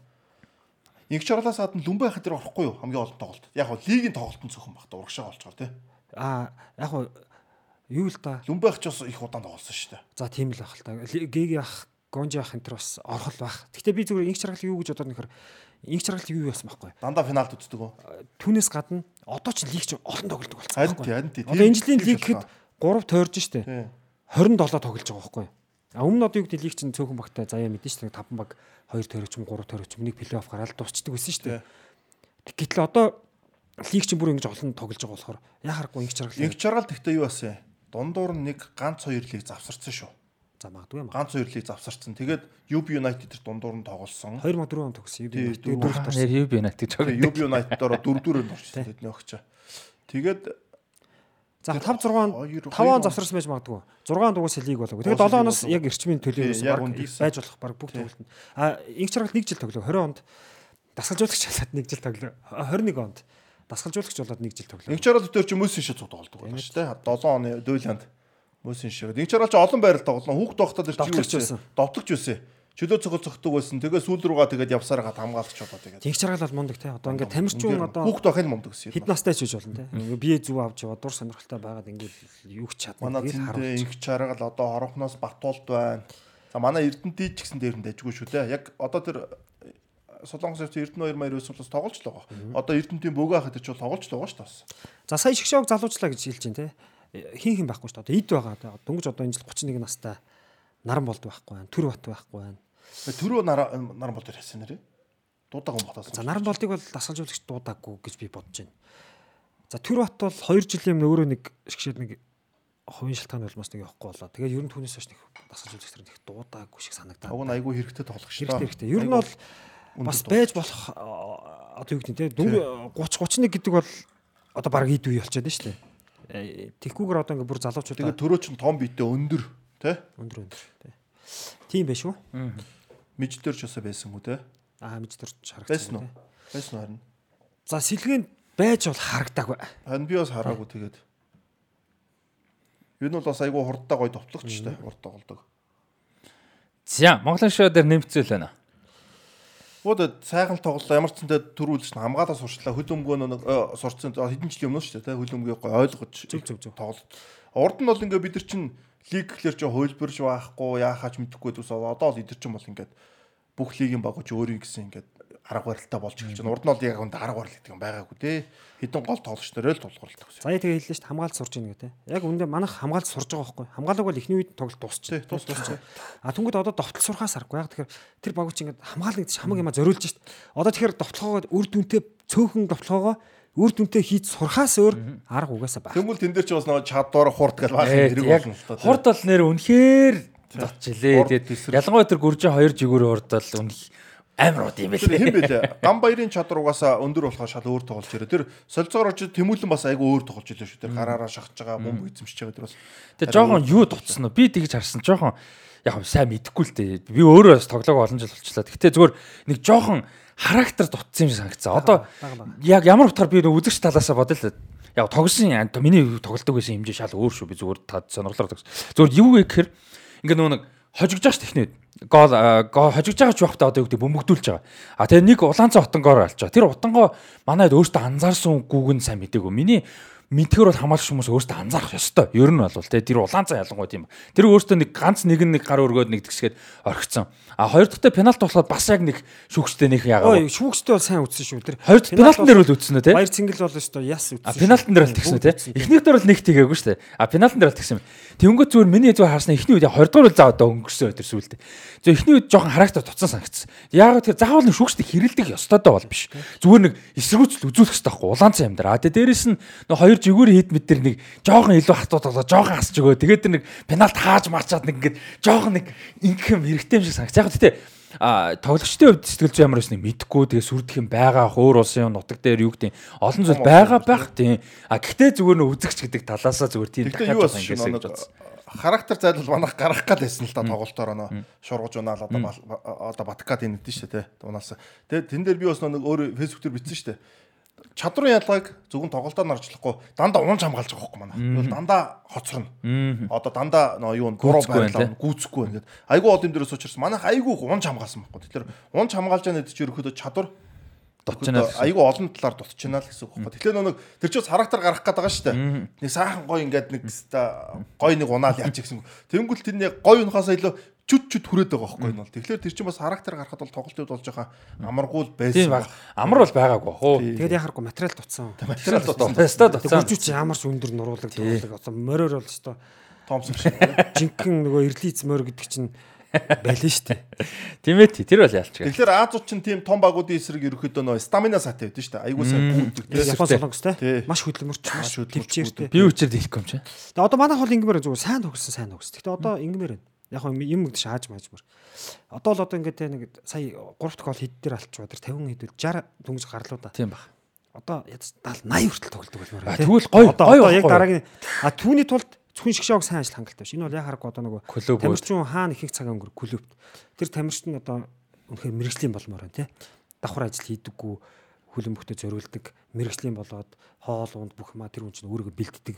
Тэр орондоо хүртэл бэлддэг. Нөгөө Nutrition те. одоо нөгөө Левандовскиг ихнэр яадаг яадаг яг тим юм руугаа бид нар орохгүй бол тэр шгшээ огонч 1000 ажиллаад ингээд ингээд биш 70 80 90 хүртэл бас а, тоглодог болох гуйлтай яг тэгж бэлдэхгүй бол. Одоо нөө системээ одоо лигийн багуудын ч юм клубүүдийн системээр аягуулсан ажиллахгүй бол те. Зөвхөн шгшээ ог гэж анхаарал шгшээ огч яг үндэ клубээс гарч иж байгаа л тоглож Тийм шүү дээ. Клубтэй ажиллахгүй хичнээн шгшээ баг одоо гадагшаа яваад ч юм уу шгшээ ог зөндөө мөнгө зарцуулаад энэ чи үр дүн бага байхгүй. Нэг удаа тоглоод дуусчихна. Манайх нөө нэг амжилт төгжил хоёрыг холдог байхгүй.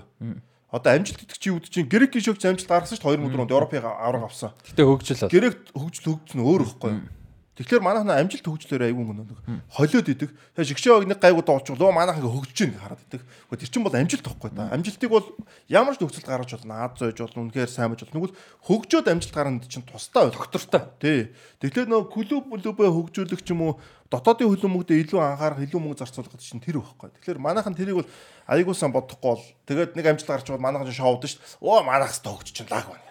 Тэгвэл эдэн жилийн дараа харах нүүд нь яг л байна тийм. Хөгжлийг дагаж босго нь дээшлдэг те. Одоо сая тэгж штэ. Тэгээд босгоо дээшлүүлээ 70 80 дахь минутанд яадаг бол яг. Дээ. Тэр бол аягүй чухал. босго нь баггүй те. Тэр бол. Тэр чинь тэгээд нөө ахад арпинууд ячвал тэнцэх байхгүй юм бол тий. Тийм штэ. Дахиад арга болчихвол бас нэг бас өөр штэ энэ чинь тий. Тэгээ нэг Дахиад нэг довтлох довтлох юу гараад ирэх юм билээ тий. довтлдог болоо те. Нөө гүрд чи улам ороод ирэх байхгүй юу? Тэгт нь ард Нэг зэрэг гарах тий. нэг ганц гадаад тоглодог манай нэг хурдан нөхөр гарч ирээ тэрийг осчдаг тий. Тэр нэг баг тэр супер нэг од байна чи амар чухал байхгүй юу? сая тэгэл гамбайрын хөрөлт мөрөлт бол амар. Гамбайр гамбайр байгуулалтаа тэр дамжуултыг бас гаргаж өгч байгаа шүү дээ. Тэгээд өөрөө нэхэж явсан штэ. Бас те. Гамбайр өөр үлээ. Түрүү жил Монголд ирж тоглоход л шал өөр байл. Одоо Европ тоглодог юм, Монгол тоглодог юм, Аз тоглодог юм бас нэг том ялгаа байт юм байна. Ингээ үзэхэд Европ тоглодог юм чи агаарт бөмбөгт ингээ үсрэхтэй айгүй сайн байт юм. Оноод мөргөждөг. Азууд бол тэн дээр яад юм. Өнгөрсөн жил шгшоог тоглоход ерөнхийдөө гадны хүнтэй манайх үзэхэд нөгөө тэнд дээрлэхэд байгаа бол гамбайр айгүй зүг үсрээд байгаа байхгүй. Бас техник Тийм байна те. тийм тэр чинь бас Мөрөн нэг явчаад шиг тийм болчих бөмбөг эзэмш тэр намаагүй тий. Мөрөн бөмбөг авах нэг жоохон сэтгэл амар бостой ингээд эйгүү тий. Гамбайрын хамгийн ихний бичлэгийг тэр сэлэнгэд би бүр тайлбарлаж ирсэн юм билээ ш нь. Жоохон бондор хөө. Юу н жоохон тийм юу дэш нэ. Хүүхдээ хаа нэг жоохон махлаг тий. угаасаа унага махтай шүү Тий дээ. унган махтай тий таргалцдаг. Тэгээ тэр сэлэнгэд нэг сэлэнгэд шээ хотод нэг юу болоод хүүхдийн тэмцээн болоод тэгээд тэрийг тайлбарж ирсэн чинь ган баяр гэдэг нэг бас алж яана сэлэнгээс. Тэгсэн чинь тэр нөхөр өссөн байлээ шүү дээ одоо одоо бодохоор бол. ТV стор тэр бичлэг байд одоо тэр яг ухаж гарч ирэх юм бол. Одоо архив нэрээ хадгалсан бол тий. За а одоо нэмэгцэл байна. Өргөжлөл ярьж иж болно шүү. болно. Тэрийг санаатахад тэр чинь 2000 хэдэн юм бэ? 2006 он юм уу? 6 юм уу 7 онд л юм биш үү? Гүү. Үгүй ээ, тэр явцсан шүү дээ. Гамбайр ч тэгэхээр 6 7 настай шүү дээ. Харин тийм жоохон багтаа харин хүүхдүүдийн өсрийн өмд шүү дээ. Гамбайр чи дооных үлээ? 2000 он. Гамбайр анх хизээ орж ирсэн. Тэгвэл 7 оных л байгаа. Тэрнээс хойш байхгүй. Үгүй аа. Үгүй үгүй тийм байхгүй. Би ТV стер би тайлбарлаж ирсэн гэдэг. Биш биш. Тэгэхээр тэр бол арай биш шүү. Би за тэнгуэл энэ дээр гоё шиг нэлээсэ. Гамбайрга сэлэнгээ тэгвэл өөр гамбайр юм болоо сэлэнгээ. Сэлэнгийн гамбайрга өгөх байхгүй юу? Тэгээд жоохон том бит байсан. Тэгсэн чинь яасан гэхэлэр би чинь тухайд нь хөлөмгийн холбоон дээр явж чинь сайхан самбуу ирсэн байхгүй юу? Сайхан самбуу ирээд э, би энэ хөлөмгийн тоглолт ТV-сээр үзсэн чинь энэ гамбайр гэдэг хүүхдтэй бодоо олго чинь тэр хүүхдтэй би уулзсан мараа тэгээд иржсэн. Тэгээд яа ахгүй. Сэлэн бэлэн гэдэг тэгээд уулзаагүй байхгүй. Гамбайр гэдэг нэр бол хизээ хамгийн анх зүгээр хүмүүс танил болсон бэхэр 2011 онд. Яасан бэ гэхээр тэр өөр гамбайр байх та. Сони. 11 онд 11 онд Монгол улсын 13 хүртэлх насны шгшөөг Бээжинд Зүүн Азийн фестивалд явах гээд шгшөөг цуглаж ирсэн. Тэр бол одоо 13 настай хүүхдтэй 1998 онд төрсэн хүүхдүүдийн шгшөөг тэр 11 настай 2000 оны хүүхд ороод ирсэн байхгүй. Тэгээ хүн бүхэн гайхаад эн чинь яг том болоод насны зүрх бол багсан те. Яг баг чи 13 та 11 та хүүхд Амар байгаа шүү, шүү. амар. Тэгээд ороод ирсэн. Би тэг зөв миний ихний бодол та. Гам болдын гам баяр нь би нөгөө нэг гам болдгон хүн юм болов гэж бодохгүй юу? Одоо байдаг. манай нөгөө хөлбөмбөгч нь 10 үрийн юм байдаг байсан шүү. Яг үнэ. Би яг тэгж бодож ирсэн гэхдээ. тэгдэг байсан. Тэгээ энэ жоохон хоёр дүү хүүхд ингээ ороод ирлээ юу илээ гэсэн чи биш байсан. Яг тэгжсэн шүү. Өөр гам болчихоо тэр хүн бол те. тий. Яг аав нь бол одоо хүүхдээ болж та гэр бүл нь асрах дэмждэг. Тэгэл гам баяр танигдсан. Яг 11 настай болсон. Гэхдээ тэр Тэгэхээр 6 7 онд 6 Гөө талаа тэр 7 онд гамбайр гэдээ яг харахгүй сэлэнгээс тоглоод би өөрөө тайлбар 7 он тим юм тэмцээн болоогүй тим насны хүүхдээ. Хүүхдийн 9 нас хүртэл олдсон шүү дээ хүүхдийн өсвөрийн усаа орох чаа. 7 онд ингэсэн. Манай ч өмнө өсвөрийн улсын авраг 13 15 17 гэж болдог гэж байгаа. 7 онд ганц удаа 11 хүртэл насны англи гэж ганц болоод 11 нь дахиж болохгүй байж байгаад 13 оноос эхлээд Тэр тэгвэл одоо ямар тэмцэн дээр би гамбайр гэдээ тайлбарлсан. Тэгэхээр харахгүй тэгэхээр 11 насны англи 6 талаатай Ямар тэмцээн дээр гам баяр өгч өнийг гам яг харахгүй гамбайр гэхгүй юу? Яг За хаа харахгүй. гамбаяр гэснээр алиг тэрх үү Тий. Тэгээ бүр сэлэнгийн хойсон бод. Тэгэхээр би тэр гамбайрыг бодчихж байгаа байхгүй юу? За. Аа за өөр тийм Заалных штэ хөөе. Заалных Тий, штэ. тий, футзалын Тий. э, болж байгаа ш тайлбарлаж байсан шүү Тий, дээ. болж 2 байгаа. оны 1 сард Улаанбаатарын зааланд болоод Аа тэр сэлэнгэд болсон нэмсэн юм шиг магадгүй ш одоо бодгоор. За энэ хэсгээ дуусгая. За Европын авраг шалралт тэмцээний урдчсан шатны тоглолтууд эхэлсэн байгаа. За сая бол хэдүүлээ бусад тивийн зарим нэг тоглолтуудыг ярих гэсэн. За мэдээж Монголын хуулбарыг бас ярих боломж байсанд та бас баярлж байгаа гоё байна. Аа тийм. Тэгээд тэгтээ өөр яриад байвал үргэлжлүүлээд бас дуусгаарг болно. Ч дараа яриад дуусахгүй байгаа юм. дараа дараа бас үргэлжлүүлж ярих боломж гарах бах. За. А Европын авраг шалралт тэмцээний урдчсан шатны хэсгүүдээр нь яг яриад явчих. За A хэсэгт бол Испани, Шотланд, Гүрж одоо Монголоо тогсон тийм. Гүрж, Норвег болон Кипр гэсэн баг. хамгийн эвгүй хэсгүүд орсон байгаа. Эвгүй өрсөлдөөнтэй хэсэг байгаа. За Испани а юг Норвегийг 3-1 харьцаатай, Шотланд Киприйг 3-1 харьцаатай болгож авсан байгаа. За Гүрж бол мэдээд сая зөрүүлээд Монголоо тогсон. За одоо Гүрж талбай дээр Норвегийг хүлээж авч тоглоно. За Испанийг Делафонте гэж одоо залуучуудын шишөөгийг айгүй олон залуучуудын шишөө багуудыг айгүй олон насны шишөөгүүдийг бол удирж исэн. А Иван Делафонте үлээ. Луис. Луис а Иван. Яга Иван гэж. Иван. А би шинэ Айван Тони гэдэг Иван дүр Делапена гэж бол Иван Делла Пеня гэж тоглож байсан тийм. Би тийм а тийм. Иван Делла Пеня тандурч. Тийм. А юу? А, Луис Телефонте гэж дасалжуулагч бол удирдах байгаа. Энэ одоо бүрэлдэхүүнд байгаа сонгогдож байгаа нэг 27 8 орчим 26 7 8 орчим насны ихэнх тоглогчийг нь бол залуу байхад нь бол одоо Испани залуучуудад бол баг удирдах гэсэн юм дасалжуулагч. Асансио Месенсио энтриг бол Иско Миско эднийг дасалжуулжсэн. Ийм хүн бол удирдах байгаа. За тэгээ энэ бүрэлдэхүүн а ер нь бол нэлээд залуу талдаа тэгээд яг хуу одоо юу гэдэг одуудаар дүүрсэн Испанийг бодвол сул гэж хэлж болохоор а гэхдээ ийм сонирхолтой бүрэлдэхүүн бол зарлагдсан байсан. Тэгээд Норвегийг 3 тгийн харьцаатаа буулгаж авсан. Тэгээд нэг сонирхолтой юм нь бол нөгөө 32 настай Хоселүг шгшээ дуудсан. За Мануны хувьд бол одоо шгшээгийнхаа төлөө анхны тоглолтод сэлгээгээр орж ирээд 2 голыг оруулсан нь бас их гоё. Юу гэдэг нөгөө нэг том шгшээд бас их харагдаад байдаггүй гоё юм өч байсан. Том шишэд чинь нөгөө нэг тоглогчд ихэнхдээ л залуугаасаа ч юм уу дунднаасаа горж ирэл тоглоод явдаг. Түүнээс 31 2 нэг тийм дуудаг даад гой тоглол ховор шүү дээ. Тийм. Испани одоо Испани зүгээр яг Испани хөлбөмбөгийн нэг том давуу тал юу гэхээр Испани сургалт арга зүй бол маш алдартай болсон. Одоо Испаноос олон дасгалжуулагчийг Европын болон бусад улсууд гэж авдаг болсон. За тэгээ Испани Луис Энрике халагдлаа дараагийн дасгалжуулагч биелэн шууд халагдаал баг маргааш нь зарласан шүү дээ. А тэгэхэд Европын болон дэлхийн одоо Бразил ч гэдэм өөр улсууд дасгалжуулагчийн одоо хомсдолтой асар их байгаа. За тэгээд Испани шиг шоуг бол жинхэнэ Испани шиг баг бүрдүүлсэн байл. Өмнө нь одоо юу гэдэг Луис Энрике хэдэн жил удирдаад ер нь Барса дээр тулгуурлаад тэгээд үнэхээр бас нэг классны хэдийг нэмж Барса дээр ингээд суурьж тоглодог гэсэн бол сая бол ингээд Испани шиж ямар гоё гарва. Одоо тэр Микел Мерино одоо бүр нэг энэ шгшээ багт дуудагчаасаа гэж боддог хүмүүс. Яг нэг Испани шгшээ баг болсон байл тээ. Ми- Микел Мерино ч одоо энэ үйлрэл үнэхээр онцгой цоорцсон будаа болгож байгаа шүү дээ. Испани лалиг хамгийн сайн тоглож байгаа нэг энэ үйлрэл. А тэгэд хаалгачаар одоо Дехеаг дуудаагүй. Тэгээд нөгөө э, Луис Энрикегийн удирдлага дор байнга тоглож байсан Унай Симоныг дуудаагүй. Тэгээд Унай Симон гэтээ гимтэж үнсэн байсан нөгөө. Зүгээр л дуудаагүй. Би баг зүгээр дуудаагүй санагч. Тэгээд Кепа, Аризвалага, а Роберт Санчес хоёрыг дуудсан тэ. Гэхдээ тэгж салхи оруулах хэрэгтэй шүү дээ. Тэгээ одоо сайн нөгөө нэг Челси Тот Челси гинэ Тотнам дэрдэг Педро Порог дуудлаа. Оо, Тэр сайн хамгаалах. Тэрийг бол угаасаа хамгаалах. За одоо ингээд Испанч хоёр гоё жигүүрт болчихж байгаа юм байна шүү дээ. Алехандро Балде, Педро Поро гэд хоёр. За Гая хин хоёр яг байгаа Карвахал хоёр. Энэ хоёр л нэг евро дуслал явах бах. Гэхдээ тэрнээс цаашаа бол Педро Поро, Балде хоёр л юм байна шүү дээ. Педро Боро ч надад товтгооны санаачлах хэвээр амар юм билээ шүү дээ. Төвд наачо хинтэй байлаа. А Начо э, Эниго Лапорт, Мартинес Лапорттой тоглосон. Эниго сүлд орох шиг болсон тий. Тийм. Эниго Мартинес 100 Барселонатай явна ярьжсэн. За Лапортын хувьд бол одоо 28-тай тэгээд Испанд бол бас евро дуслал асуудалгүй тоглож байгаа хөө. 28 үд чинь зүгээр. Одоо Лапорч одоо Дэлхийн угаасаа авраг тусдалч тоглож байгаа. Манчестер Сити тоглохгүй байгаа юм чи наа чи Испани руу ирэх хэрэгтэй. Тийм ээ. Тих бах. Испани руу ирээд угаасаа наа чи гоё хамгаалагч юм чи том багууд нь авчих хэрэгтэй байхгүй тий. Тий, тий. Ер нь айл айлч багт атсан яахгүй тий. Асуудал гоё хамгаалагч. Төвийн хагас дээр дуудагдсан хэдих юм бол одоо Руиз, Фабиан Руиз, Гави, Дани Себайос, Микел Мерино, Родри, Зубименди гэсэн ер нь нэлээд формтой даав. Яг Фабиан Руиз нэг амар сайн бол биш байгаа. Гэтэ бусд нь бол ер нь нэлээд формтой. Гоё байгаа. халаглуулсан байна тий. Гэтэ ер нь яг одоо яг сайн чи хэлж байгаа нэ Испани гэдэг нь яг нэгдүгürt ер нь Испани багууд өөрсдөө тийм сум бас сайн биш байна. Яг үнийг хэлэхэд. Одоо юу гэдэг Реалд мундаг Испани тоглогч байна уу? Бас хэцүү. Тэ Асенсио яг хуу дажгүй мэдээж дуудагдсан. А гэхдээ дуудаг- Карвахал гурал байгаа шүү дээ ер нь. Асенсио дуудагдаагүй юм биш үү? Асенсио дуудагдаагүй юм байна.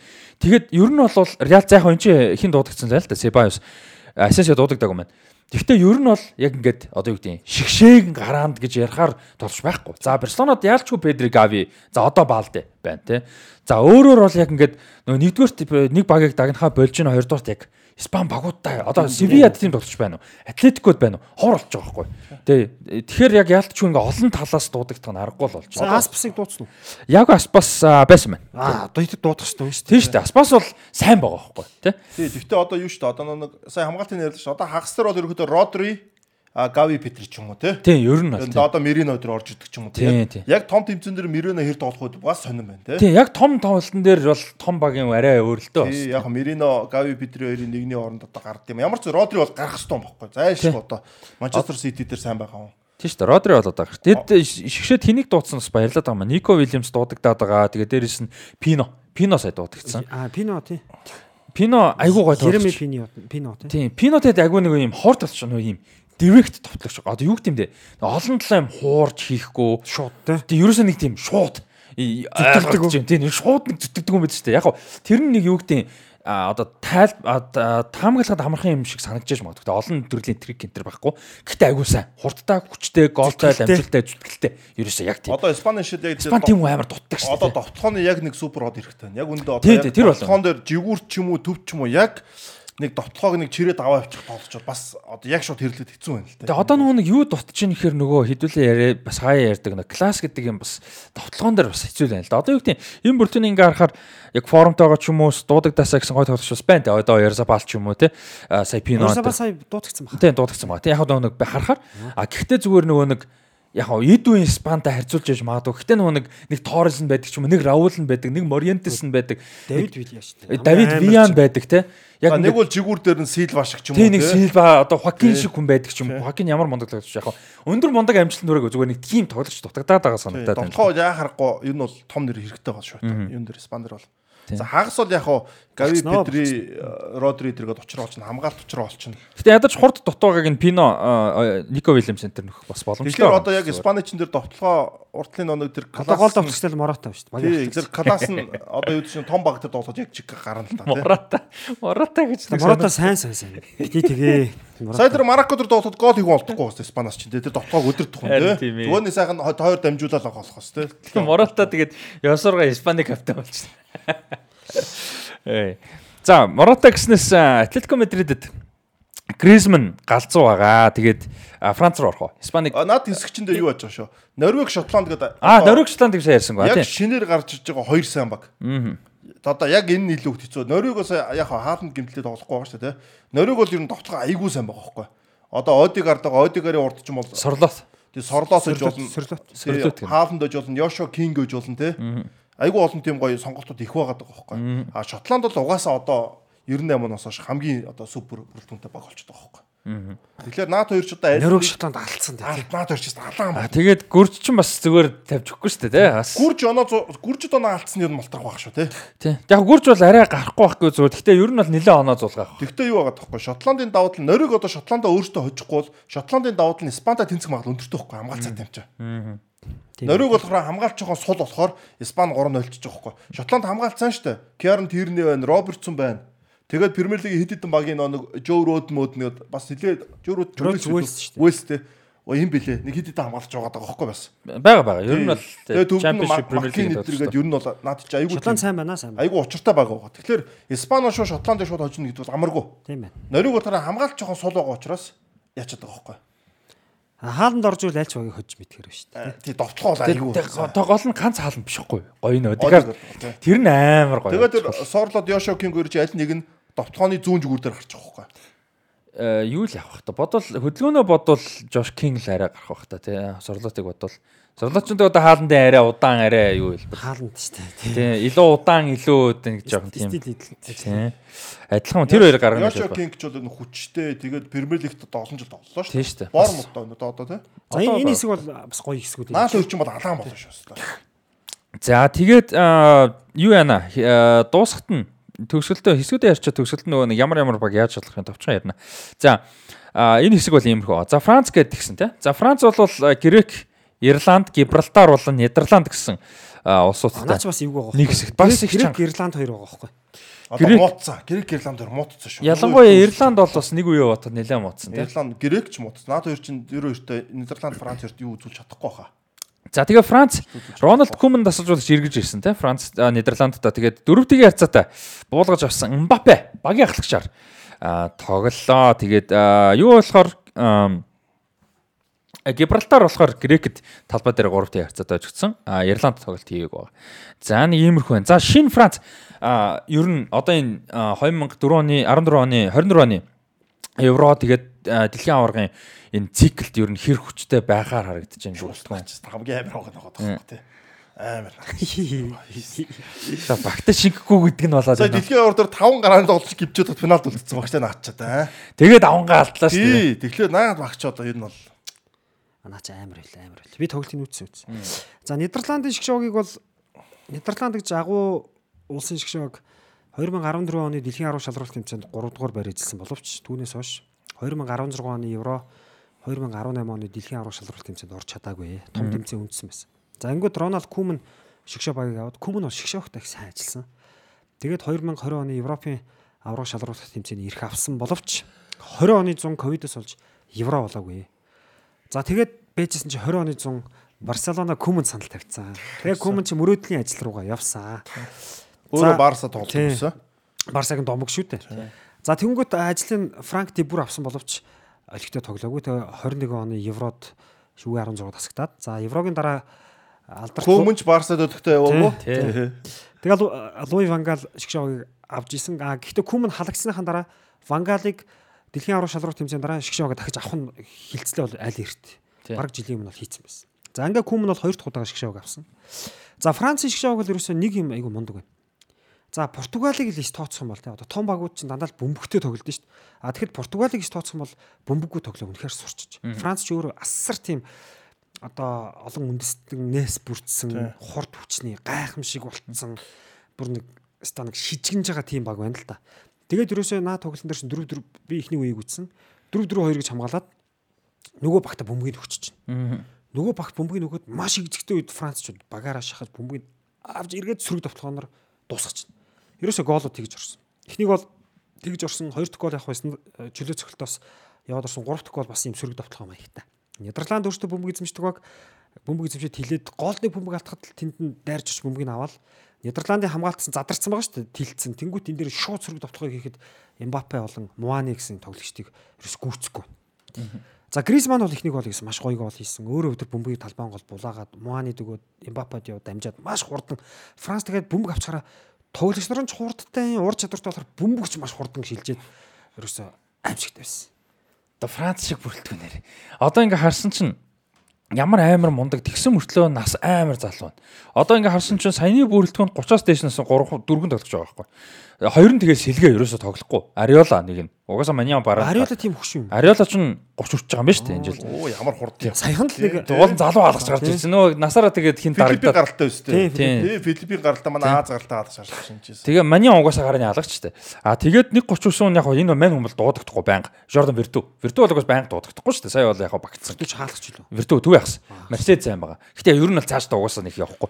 А тэгээд тэгээд Griezmann шүү дээ. тэгээд Griezmann 92 явахгүй. Ерөөсөө тэгэхээр 30-аас илүү Griezmann 92 л гэсэн үг байхгүй юу? Ер нь бол. А яг маньян ч тэгтэй гарааны алгач. Маниан 26 таа. А тий тий. Тийм мань тийм. Ариолог гэтгс чинь шууд маньян. А 27 таа маань Маниан тийм. Гэтэ ер нь бол залуу болчих жоохгүй. Тэр энэ бүрэлдэхүүн бол бас л яг дэлхийн аварга юу одоо евро дэлхийн аваргын цикл дээр одоо яаж ч энд бүрэлдэхүүнээс чинь дахиад одоо нэг 2 3 жил хугацаад хүмүүс гарч ирнэ шүү дээ Одоо наач яг ингэж байгаа байхгүй нөө. 8 онд Испанийг Европын аварга авсан шүү дээ. Тэр баг нь 10 оны дэлхийн аварга 12 оны Европын аварга авчих. Яаж наа Франц яа хоёр Дараалчаагүй. дараал юу 18 онд 10 10 16 мөнгө аваад 18 дэлхийн аварга авчихсан. дэлхийн аварга тэнгүүтээ сая сүүлийн Европын дэлхийн аварга дээр Франц ч авч чадаагүй шүү дээ. Яг нэг мөнгө авч байгаа шүү дэлхийн аварганд те. Тэгэхээр энэ багийг бол зогсооч нэдэг бас л Аргентин бол бас л Тэр Швейц юун дээр Швейцар суцсан шүү дээ. Тэр Швейцар радстай амар юм болцсон тий. Тэр Швейцарыг даваа гарцсан бол тэр еврогоор ер нь эвгүй байсан тий. Итали металыг бол алан шона Франц ч юм бол. Тэг тийм угаасаа л муу тэгээд. Муу байсан гэж юу? Угаасаа л нэг тийм ороо зуураатай л байсан шүү дээ. тэгээд. За Франц бол нэг иймэрхүү байна. За Нидерланд яах вэ? Дөрөвдөг. Нидерланд гэхдээ зарим гол хүн тоглоогүй шүү дээ. Дионг тоглоогүй. Гакпо тоглоогүй. Ван Дайк байсан юм. А Ван Дайк байсан. Ван Дайк нэг э, шинэ хамгаалагчтай голд байсан. Силис нь эргэж шогт ирсэн. За Аке зүүн Тимбер баруунд байсан. Голын хагасууд их муу байсан. Нэг хин гинвэ нэг англ нэртэй нэг хагас малагч байсан. Тэр жоохон таархан тоглолцсон шүү. Оо хин штэ. Өө хин бэлээ тэр чинь. Кеннет Тейлор. Тэ Тейлор Кеннет. Энэ Аяксийнх юм биш үү? Тейлор гэдэг. Залуу дөнгөж 20 той байна. 20 той төв яах Тэр залуу хөрхий бараг чанаа За хийцэн. Нидерланд яг одоо Франц тоожидод нөгөөдөө хожил цаашаага. Угаасаа Нидерланд хоёроор ч гэсэн гарч Тэ орж. Бараг юмаа үзчихсэн тэр хөх тийм залуу. Гэтэ Нидерланд ер нь бас жоохон зарим хүмүүс ийдүү өнгөрцөн баг шиг үлээ. Одоо тэр за Виналдум бол шигшээ хөх тэргэж орж ирсэн. Виналдон гарсан. Виналдум Депа Интер одоо юу гэдэг нэг 4 жилийн өмнөх Интер батхад одоо угаасаа ч насны явж байгаа бас жоохон Нидерланд нэг яг 4 жилийн өмнө бол Виналдум хийн тэр айгүй үүрэгтэй байсан баг. Депа ч дандаа сонгон шалгаруулалт тэмцээнд мэрэгэн бууж болдог тий. Одоо бол яг наадвал чинь бас жоохон харьцсан байлээ шүү. Ер нь- гүйцэхгүй байл шүү. Тэгээ гол нь хараас нь гарч ирж байгаа юм байна. Нидерланд бол яа харахгүй нөх хүн хүчний юу хамгаалтаас бусд байрлал бол үнэхээр асуудалтай шүү дээ. Хүн алхахтай. Одоо тэгээд энэ тоглолт үзэхэд юу л байна дөө. Юу яахгүй бол Франц шиг 14 онд Герман дэлхийн аваргаас одоо Нидерланд. Үнэхээр Африкаас тэгээд цус сэлбэхгүй л бол одоо энэ шиг шаагууд. Энэ одоогийн хөлбөмбөгт бол гүйцэхгүй. Гүйцэхгүй. Одоо Нидерланд ч гайгүй хүн гарч гимтчих юм шүү дээ. Одоо тэр Стротом нэгэд гоё хагасан малгаж ирсэн гимтцэн. Вайналдон бас сүүлд бас 2 жил тоглосонгүй шүү дээ, тий. Хүн байна.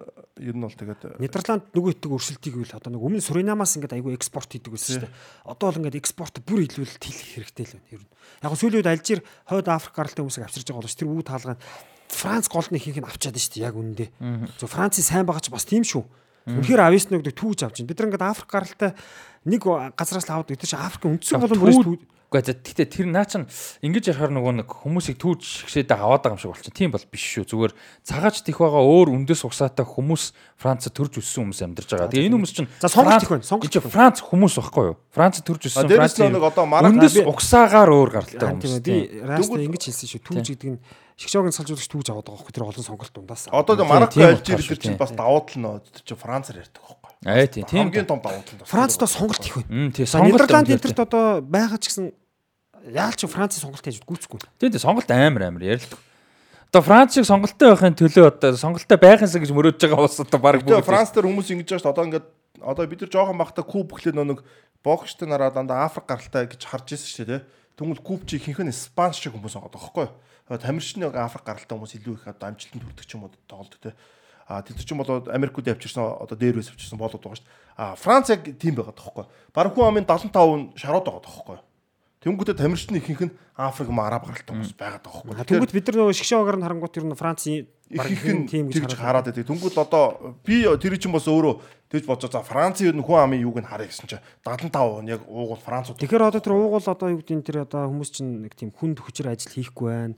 Спорт бас тийм хичээлэхгүй байна. Спортыг бол одоо нөгөө бас зугаа олгож л байгаа тийм байхгүй. одоо нөгөө нэг бас нэг жоохон амьдралын төвшин одоо дунд олон доошоогоо нөхдүүд нь л хичээж Одоо тоглож заримынхаа хувьд чинь бол яг одоо Ажил. чинь сагс ч гэсэн адилхан шүү дээ NBA тэр тий. Дандаа нөө нэг Африк гаралтай нөхдүүд их тоглолт. Тэр чинь болохоор юу нөхөд байгаа байхгүй нэг. Амьдрал нь байгаа байхгүй. тийм байна тийм байна. Шаруудчууд чинь амьдрал нь боловсрол болчиход байгаа байхгүй. ээ, тийм тийм. ялгаанууд бас байгаа ээ, тий. л та бас. Яг л тэр чинь нэг цагаачлж очлаа хамгийн түрүүнд амжилтын дөрөв боломжийн дэр хүүхдийн тэр авьяас байгаа байхгүй. За одоо Хефрен Түрам орж ирсэн сая. Аа гурван төр юм Тийм. аа. Аав хүү гурван. Анх гурав. За ийм одоо байдаг ч юм уу байдгүй ч юм уу. Тэгээ одоо Франц шиг шиг ингээд ерөөсөө юу яаж чинь. Одоо Нидерланд ч одоо нэг Депай хинтер тэгэл байгаад шүү дээ. Франц ч одоо Бензамагийн ууслаа Погбаг авах одоо контекст мартчихээн те. Тий. Ингээл энэ баг тоглохонтой гэтэл дараагийн ингээд Чуаманы хин хоёр Камавинга гарч ирээд таньж амжааг байтал дараагийн үн гадарч байгаа байхгүй. Тэгэхээр ингээд бүр яг нэг сонголт маш их байгаа тий. Аав хүү ер нь гэр нэг гэр бүлээс гурван тохиолсон тохиолж одоо ямар тохиол байд. Шигшээ багтаас. Тэ том шигшээд амаргүй те. Амаргүй шүү. Гурав гэвэл бүр хэцүү баг шүү. Тий, Хоёр бол зөндөө зөндөө. Чезаре Паулогоос эхлээд Ихрүүд хүртлээ бооч тэр чи хоёр ч юм болоо. Гурав хүлэрч одоо яг над то шууд орж иж байгаа юм бол байхгүй л байна. нэг эсвэл ядаж аав нь тоглоод хоёр хүүхдэн тогложсэн энэ төр гэл ховоорлох тий. Монголд бол байд юм. Монголд бол байна. Жижиг усууд авсан Тийм Монголд байгаа. Сандаг байх гэж байна. Хүүхэнд батах тоглосон, ган зөрөг тоглолцсон те. Очоор Очоор тоглолцсон. Монголд бол байдаг байхгүй. Юун дээр дэлхийд яг аав хөр хин Тяго Алкантарагийн аав чинь болохоор Бразилд. Бразил те Тяго Алкантара Испани тэгэхээр бас яг байж болох л юм те. Рафинян бас нэг дуудагдсан байлгүй тий. Тийм Тий. те. Бас нэг шиг шиг дуудагдсан л байлгүй тий. тийм тийм тэр Рафиня тийм тийм Рафиня чинь Испани шиг тоглолчлоо яла. Бразил Рафиня. бүлээс гурав А тийм юм биш те. Рафиня Бразил, Тиаго чинь Испани тэгээ аав нь Бразил те. Тийм тэгэхээр тэр гурав бол байгаа юм байна. Яг адилхан хоёр хүүхэд нь одоо нь. Тэгээ бас том шигшээ те. Тийм чинь. тийм Испани Том Бразил гэдэг чинь том те. Өөр ингээд яг бас хэцүү юм те. Тийм ховор ховор. За тэгээ Францын одоо нэг гинт гарч ирнэ гэдэг чинь тийш те Хефренгээ гарч ирж байна. Одоо тэгээд Чомини Камовингаар ямар амар гинт хурдан гарч ирээ мундаг тоглож байна. Тэгээд одоо Еврогоос өмнө хинч гарч ирэх юм. Эмбапе ямар амар гарч ирлээ те. Мальдиныг юу болж юм болчих юм шүү. Тийм шүү дээ. Даниэле Мальдини тоглолцоод одоо Тий. тэгээ 3 үе тоглож. Чезаре Чезаре Паоло Даниэле Мальдинигээ тоглолцсон шүү бас том рекорд болно. За Английн шок аа дараагийн хэсэг C. наа чи юу гүйсэх вэ дөө. За C хэсэг бол Англи, Итали, Хойд Македон, Украин болон Малта гэсэн осод нэг хэсэгт орсон байгаа. За саяны тоглолтоор бол Англи, Украинтай тоглож 2-1 харьцаатай болгож авсан а Хойд Македон, Италиг 2-1 харьцаатай буулгаад авцсан. Англи урд нь Италиг очсон бас Тий. хоёроор Тийм Англи, Италиг урна. талбад нь очсон байгаа. За жоо юу би сая андуурч шуучлаарай. Англи, Италиг 2-1-ээр хоцсон байгаа. Хойд Македон юуг хоцсон шүү. Гибралтарыг хоц. Биш Малтаг хоцсон шуучлаарай. Би Тэгээд солилцсон. тийм. Англи Украиныг ахиа очсон. Тий 20 дугаар тойрог Тийм. хэлсэн. Тийм. Юу Итали Малтаг очсон. За юм явж Гол байна. тоглолт бол бид гурыг нөгөө өмнөх подкаста бичиж Яг явдаг. хэлсэн шүү дээ. Шүн очиод үтсэн чи 2-1 болцсон байсан. Люк Шоу 2 дахь шар утас авч хөөгдөөд. Англи, Итали. цаг орж авч. Тий Итали тэгээд авталсаар гаад 2-1-ээр хожигдсон. За энэ тоглолт дээр Harry Kane Английн э, шгшөөгийн бүх цагийн мэрэгэн боч болсон. Тэгээ Рүүни бас баяр хүр гэж гоё твит бичсэн байсан. Торгуулийн цоглоор голцтой. Торгуулийн цогтоор голцсон. Эхний хоёр дахь голын эхний голын дамжуултыг өгсөн шүү дээ харин юм. Эхний голыг юу яасан зүгээр Хари Кейний цогсон бүг ойгоод ирэхэд Райс цохиж ийсэн. Тэр чинь Тий, дамжуулт гэж явж байгаа шүү дээ. Тих үү. Тий, тэр чинь За хаалга онлоо. Хүний Үгүй хаалгач тэр дамжуулт гэж явахгүй хаа. Тэр хаалгач нөгөө хамгаалтанд доогоод Эсрэг баг А Yes. тэгслүү. Би шууд очсон гэж харсан. Үгүй шууд очиж очиж зогсон. Зохиод хаалтанд очиж тий. Аа зөв зөв зөв. Тэгээд Rice хийгээд дараа нь пенальтаас Harry Kane хийгээд Английн шгшөөгийн төлөө 82 дахь тоглолтод оролцож 55 дахь гол. Голын дунд одоо үзүүлэлт нь нэг тоглолтод дунджаар 0-100-ы 67 гол. Өндөр үзүүлч байна. Маш өндөр үзүүлэлт. За яг үзүүлэлтээр бол яг нэгт бол биш дөрөвт ордог юм байна. Гэхдээ дээр үеийн гарууд байгаа шүү дээ. дээр үеийн гарууд байгаа. Хамгийн өндөр нь Vivian Woodward гэж хүн 23 тоглолтод 29 гол. Наач амар тий. Тийм Woodward. За тэгээд Nat Lothouse гэж нөхөр 33 тоглолтод 30 гол. За тэгээд Jimmy Greaves. За, бол аагуул шүү. Jimmy Greaves 57 тоглолтод 44 гол. За тэгээд араас нь Harry Kane одоо юу болж байна? Гривс бол шгшээ огта хиний дээр бас байгаа юм байна гэдэг таахгүй нэг статаар тий. Нэг одоо үзүүлэлт одоо хуваараа гэх юм Тийм тийм хуваараа хэлээ л Kane. Тотненд алдсан шүү дээ, тий. Тэгээ Tottenham далцаа одоо шгшээдээ аль дээр алцаа одоо нэг дунджаар ч бол гүцэхгүй л дээ. Тий, Энэ энэ хуваар нь гүцэх боломж бол байхгүй. Тэр үе чи ямар ч их гол ордог гэсэн тий. Тэгээ цөөхөн ч тоглолдог байсан. тий. Цөөхөн тоглолтоо их гол оруулцдаг тий. Аа тийм. Италиас юу яасан шүү дээ нөгөө гарааны бүрэлдэхүүн заяа хоёлоо үзэж яхад нэг танихгүй юм байсан шүү дээ. Тэр чинь Аргентин төрсэн залуу байна. Аа. Аргентин тоглох уу, Итали тоглох уу гэж байгаа. Италиг сонгоод тэр залуу гол хийсэн байна. Италиас. За тэр чинь хэн блэ зааж байна хараад. Оо тэр хэд нь харж Гараанд нь Бирарди, Распадори өөр хин гарцсан байла. Тэгээд Вирати төвдөө а Локотелиг урдаа гаргацсан байсан баха. Итали айгу сонин гараа гарцсан байсан. Тэгээд нөө Ди Лоренцо өдөр нь болохоор Баруун зүгээртэй байсан. Ди Лоренцо зүүн рүү орсон. баруун баруун. Зүүн тийм байсан. Локотели байсан юм шүү. Гэхдээ Локотелийн довтгон дээр байхгүй. Довтгоны зүүн байсан. А тийм Матео Ретегийг юм юм үстэй тий. А тий тий тий тий. Тэгээ энэ Аргентины Тигрэд тоглолт юм байна. А тэгээ энэ сонирхолтой Аргентины Тигрэд тоглолтыг Аргентин төрж өссөн Матео Ретеги байгаа. А тэгснэ энэ Герман төрж өссөн Винченцо Грифо гэдэг Фрайбург тоглолдог. Нөхөр бас байгаа бай. Ийм баяраас тоглогчоор явсан юм ба шүү дээ тий. Бүрэлдэхүүнд. Тэгээ наад хэсэгч яагаад би юу гэсэн вэ? Наад дөрвөн багч нь одоо Малтаг стоцсон бол нөгөө дөрвөн баг дөрвөлээ сүүлийн Европ явд орсон баг юу? Тийм байна тий. Дөрвөлээ Умард Македон ч нь анх удаага Европын орд ороод Европын ордод гол оруулсан. Дээрээс нь наад Умард Македон ч өмнөх дэлхийн ордоор Италиг малталсан байхгүй дэлхийн оргын плей-оффын тоглолт тий. Плей-офф дээр Италигаа Тийм малталсан баг байхгүй жилийн жилийн өмнө шүү дээ. Тэгээ Португал тожигдоо Португал эрхээ авч байгаа. Тийм. Жишээлбэл энэ бол Португалийн замыг засцсан байхгүй юу? Португал Италиар бол эвгүй шүү дээ. Гэж магадгүй тий.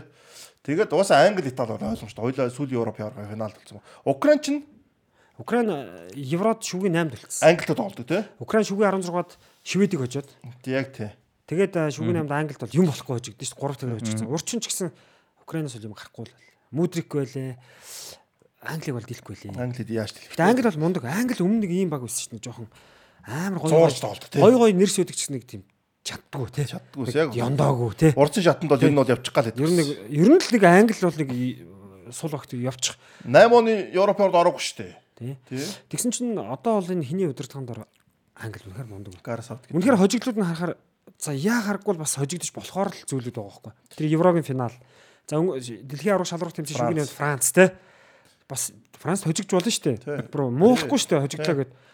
Тэгэл одоо Өөртөө 11 алдсан бүр. 2018 онд ингээ явсан мундаг байна уу. Зөв түрүүжлийн Европын үндэсний лигийг зүгээр англи хайцсан байсан юм лээ. Nations League ингээл муу тоглоал те. Би хэлсэн шүү дээ. Наа айцсан гэдэг. Тэгээ дээрэс би нь тэрүүгээр нь бодоодсон. Тэгээ одоо бас хин юу яаж байна? Одоо энэ нөгөө нэг шинэ cycle дээр аа бас бүрэлдэхүүнүүдэд жоохон одоо өөрчлөлтчих нь цаашаа арай өөр хүмүүс жоохон хитэл даалгаж байна л одоо Букая Сака, Беллингем энэ төр гэдэг. Яг нөгөө Mount нэг хэсэг нэг ингээд яг шинжилт өмнөхөөсөө. Арай гэж наа чин угаасаа тэхээс аргагүй. Үгүй харин тий аргагүй болчих. Нэг гэхдээ бас нэг амар шинжилсэн юм бас байхгүй.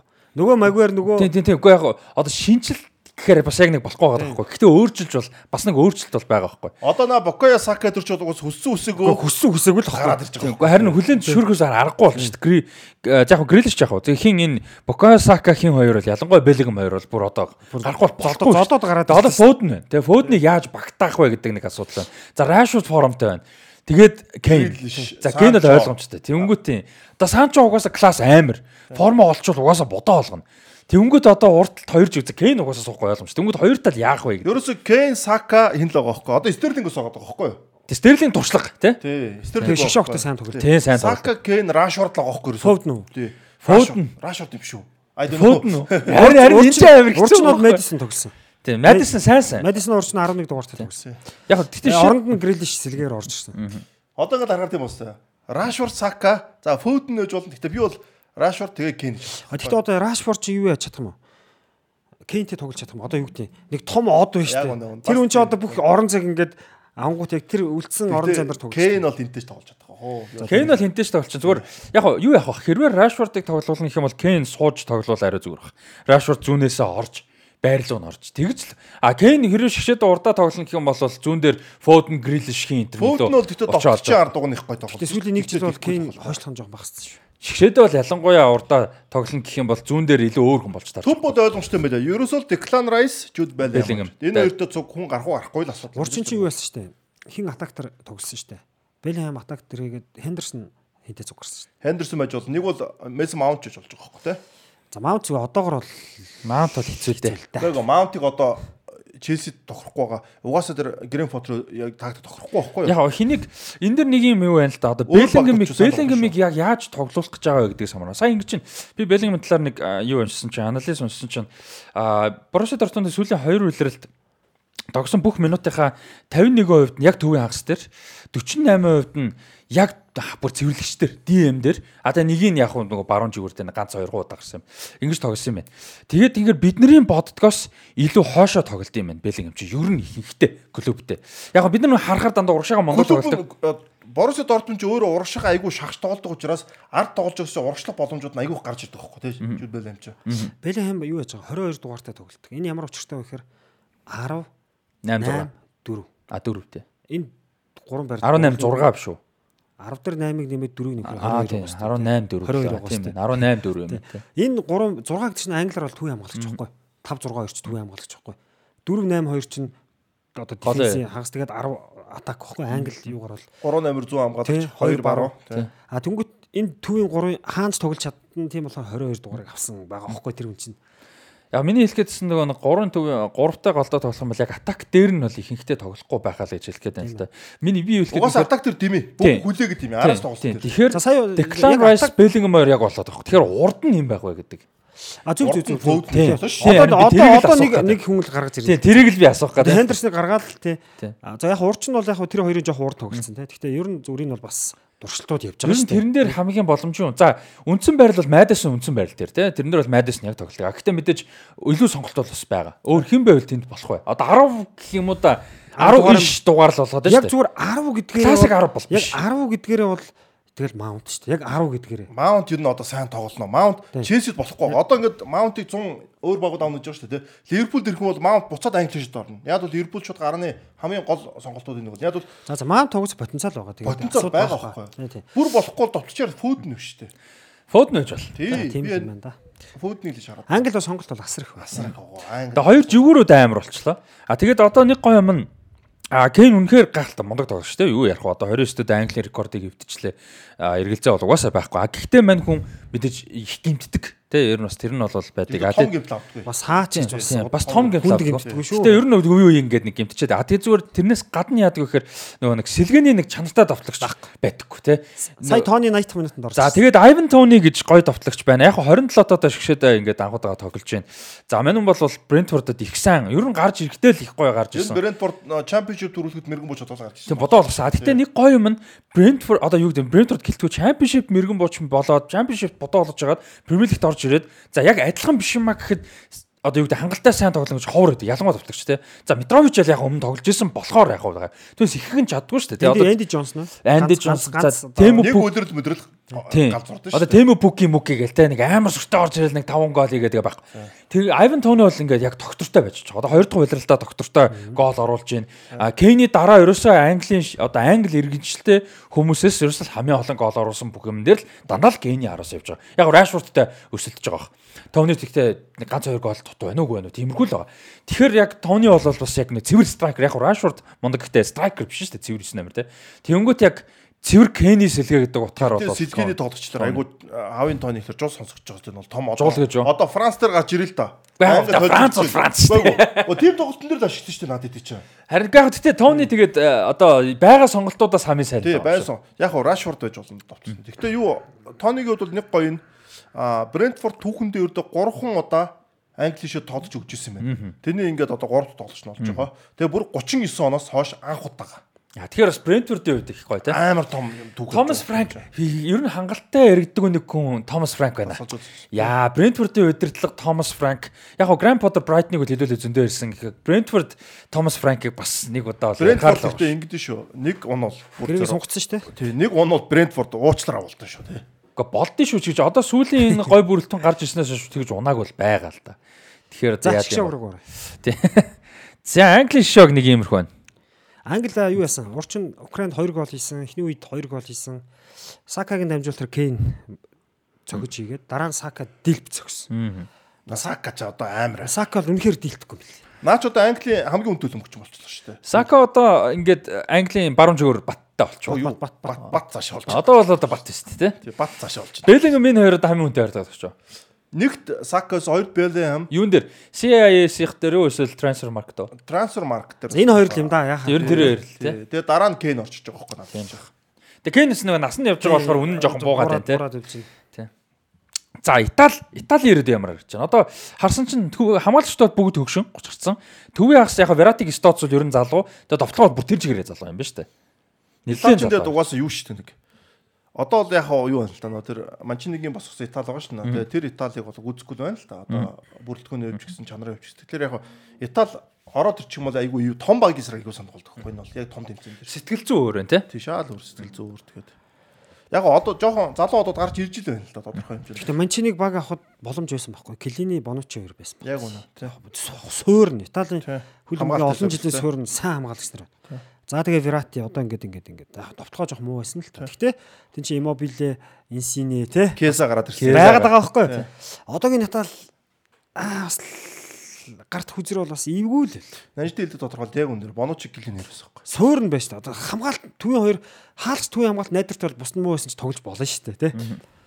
Болдог аахгүй. Тэгээ Кеса гэдэг Кеса гарч ирэх бол Итали тэгж төрүүлэхгүй шүү дээ. Кеса гарч иж шал өөр болгоцсон. Тэгээ Спинацоло их сайн тоглосон л та тэрэн дээр. Одоогийн Итали бол гэхдээ жоохон бас эвгүй шүү. Эвгүй юм бэлээ.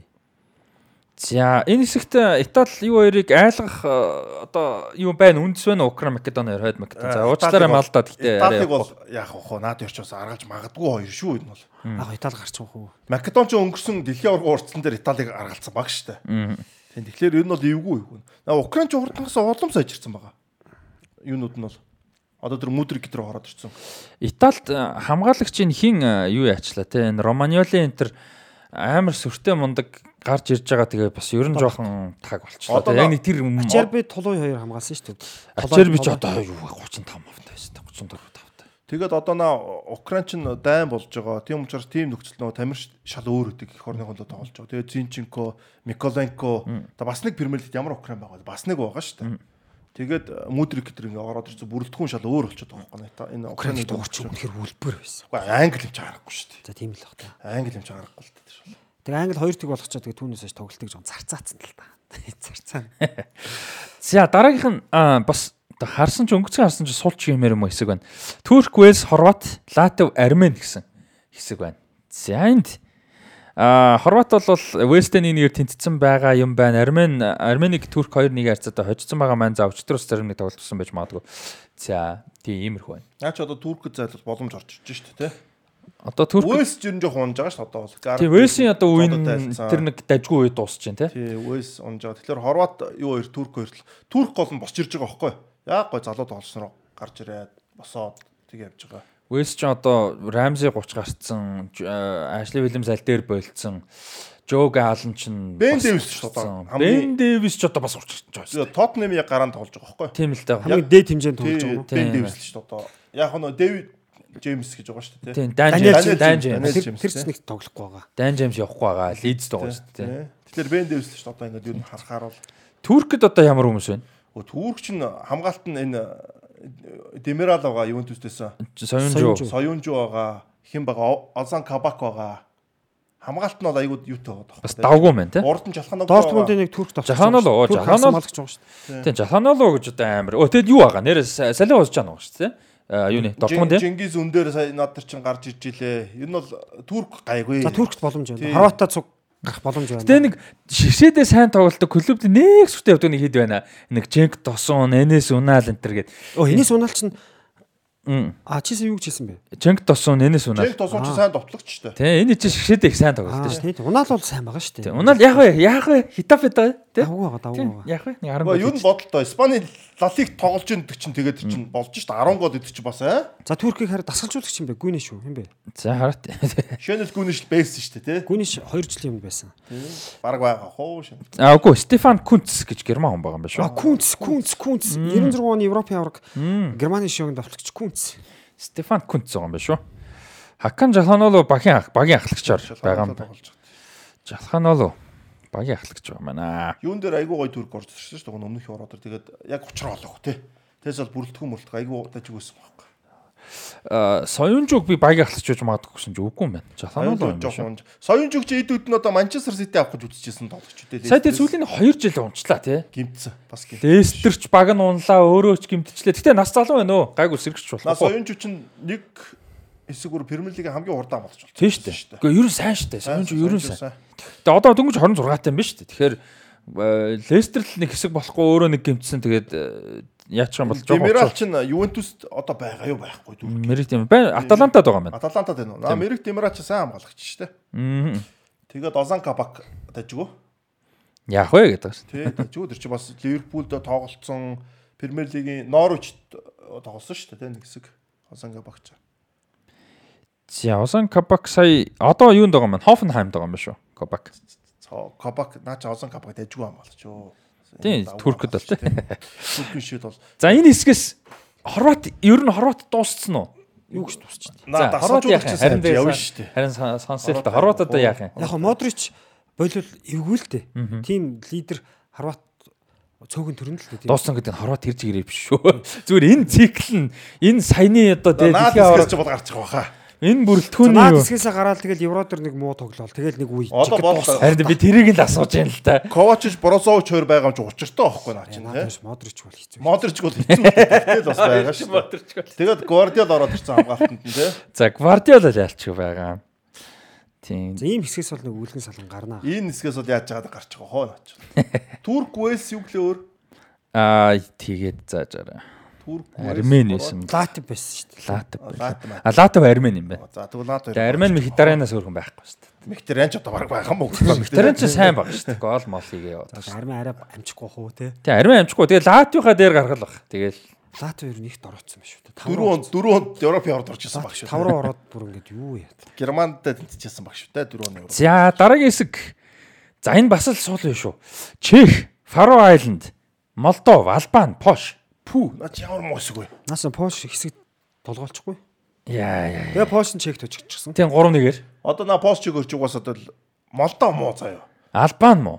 Албан гайгүй. Гэхдээ Албан бол Молдов, Фаро Айландынхаа дээр гараад тэгэл нэг Чех, Пошоор гараад байгаа. Европын орд орсон баг дээ сая. Тий. Фарер гарч ирэх юм шүү. Те. Фарэрийн ард амар муу хэсэг байна тий. Дайн улсын мэдлэлтэй дээ шүү дээ. Манай үзэгчдэл зарим мэдгүй ш магадгүй. Яг Британий арлын хойно жижигхэн арлаа тэг. Наа ч бол амар муу хэсэг шүү дээ. Энэ ст амар муу хэсэг байна. Яг Чех дайжгүй нэг хэд хэдэн гав тоглож байгаа л да. бага, Хэдүүлээ бага. ярьсан Лошик байна тий. Хин байна? Адам. Патрик Чек чи Шик. ингээ. Евро нас тэгэл 24 багт болсны л юм шүү дээ. 16 байсан бол гисцүү шүү дээ. Тэгээд нөгөө нэг дэлхийн аврагт олон баг нэмэгдэжтэй гэж чи Европчдыг өөрсдөө амар сул байгаа юм шүү. За. Нөгөө хэсгүүд нь сайн л да. Одоо дөрвөн лаг багтай байсан хэсэг байгаас наач. За нөгөөдгөөс нь болохоор дараагийн хэсэг заяа. Австри, Бэлэг, Эстон, Азербайжан, Швед. За Австри сая Азербайжаныг 4-1 харьцаатай буулгаад авцсан. Швед Бэлэгт 3-1 харьцаатай хожигдсан. Лукаку шигшээдээ 77 8 дахь гол огч үдээ. На шивэд чи яасан тоглолцсон байна. Тэг би бас гайхсан та 3-0 болж байгаа нь. Ибрахимович Шведэд шигшээдээ дуудагдсан толбойд тоглосон хамгийн өндөр настай 41 тоглож байгаа. настай. Е, Зөвхөн Швед ч биш байхаа баг Еврогоо урьдчилсан байна. Европын урдсан дэр жисэн. тэгсэн баг шүү тийм. Тэн дээр ч өөр хаалгач малгач байдаггүй юм. Байхгүй. Гэхдээ сая 41 тэгшиг болсон. Гэхдээ 41-т хаалгач байсан ч өндөр нас байхгүй. Златанч 41. Слатан л юм да. тий. Теста Златан л юм тий. Гэтэ шивэд салгалаад авчих واخ уу Бэлэг. Бэлж чи дасгалжуулагч нь нэ ирчлээ. Бэлж Доминик Тедеско. Тийм Доминик Тедеско авсан. Бэлж тэгвэл одоо шивэд 3-0 орж ин ч юм бол том юу байхгүй юу? Айгуу одоо наа чин тэгээд дараа наа Австри чи юугүй шүү дээ. Алаба эдэртэ наа чи Австри юугүй тэгэхээр яг нөгөө хоёртой чансаад нөхөргүй л тэгтээ бас нэг Австри шивэдэг мултлах юм уу? харин сайн барахгүй хаа. Шведэд за Швед яг боддоор ер нь хэр байгаа вүлээ. Яг за Златан бол яг угаасаа тэ 40 гарцсан байх уг нь гоё шүү дээ За Александр Исак, Кулушевский, Форсберг. Гэсэн гоё довтлогоо байна тий. Довтгоо лаггүй. За хамгаалт юу байна? Линделов. Виктор Линделов. За. Тий, Линделов байгаа. За хаалагч чинь Робин Олсон юм байна тий. Виктор Линделов байгаа юм байна. Клайсон байгаа. Довтлохонд. Аа Иланга байгаа юм шүү дээ. Бас тийм шүү. бас хурдтай хүн байгаа юм нь тий. зөв юм биш үү? Манчестер Юнайтед Ланга. Тий. Аав нь шивэд шүү дээ. Тий Виктор нь Клейс. Камерун ихгүй. А Камерун тэгээд Камерун хөлбөмбөч. Тэгээ хүүгээ шивэдийн юу. Кулушевский, Форсберг, Исак, Иланга гэхэлэр чинь эвгүй довтлогоо олж. Тийм. Сэлгэн Ебра. Ибрас хэлгээ шүү дээ тий. Тий. Баттаагаас гоё сэлгээтэй. Ебра бол тэгэл гарч ирэл загнаа загнаа л явчихд. Одоо ингэдэг гэл те. Тэг гарч ирэл өө гэлдэг нэр шиг юм болно тест. Тэгээ Форсберг бол амар тоглогч байна. Форсберг сайн сайн сайн. Эмил Форсберг ч бол бүр унтсан мэлээ энэ жил. Унтсан Одоо байна. унтсан. Лайпциг те. Лайпциг их орон гарan байгаа. За Исак бол гоё байгаа. За шивэд Австри хоёр харъя те. Швед Австри хоёр л ялч. Бэлэг бол одоо ингээд яг юу яаж штэ. Нөөц зөндөө байгаа тий. Өнөөдөр би тэгэл одоо Абдо Онана шүү дээ тий. Онанаг Челси Арсеналаар сонирч байна гэж байхгүй. Амар гой тоглож байхгүй. Одоо Эвертны энэ жилийн ерөөдөө ганц одоо баг үлдээж байгаа тоглож байна байхгүй Премьер лигт. Айгуу гой тоглож байгаа байхгүй.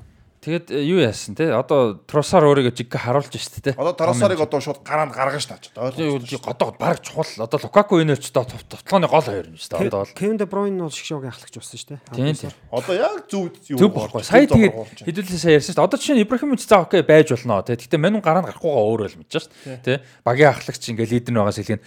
Тэгэхэд дэлхийн аваргаар сая зүгээр азар суух хэрэгтэй байхгүй тий. Юу анга тий. Суулжуудаг шүү дээ Яг багийн ахлагчаараа байдаг юм байгаас нэр төр байд юм байгаас сэлгээ суугаад Дебройн талбай дээр багийн ахлагчаараа гол тоглоод Трусарыг зүүн дээрээ гаргаад тий. Тэр Дэлхийн ордоор бол ер нь Торосоор Онана хоёр л гарчих байсан.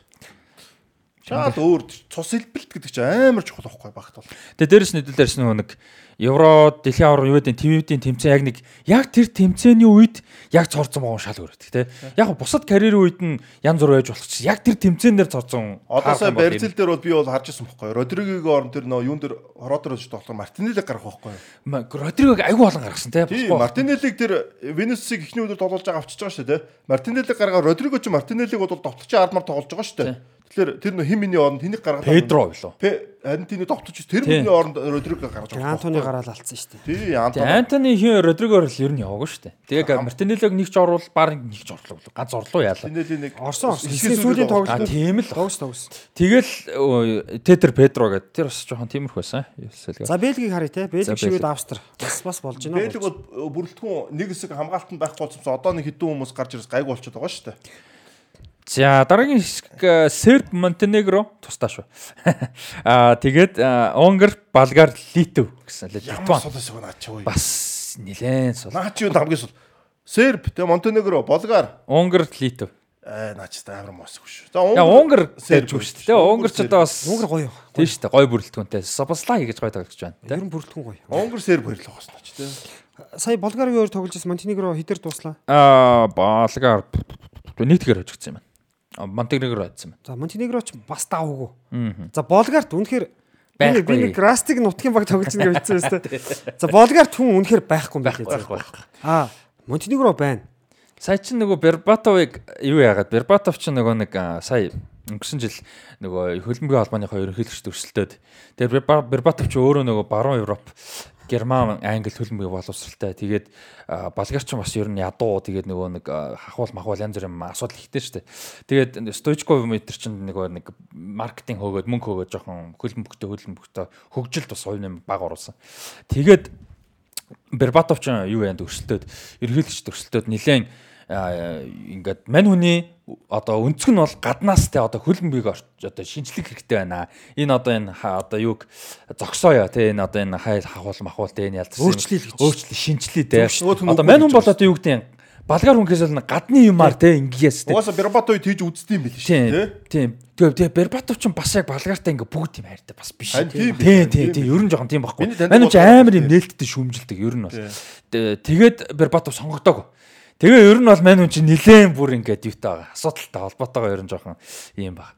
Тэгээд Болгарын нөгөө нэг юу чинь систем систем багууд нь ч гэсэн их муу байгаа шүү дээ. Одоо та Тавгуудын лигт сонсогдохгүй. Тийм шүү дээ. Та хэд санаж байгаа бол Локомотив София, ЦСКА София, Левски Со- Локомотив биш үү? ЦСКА тийм.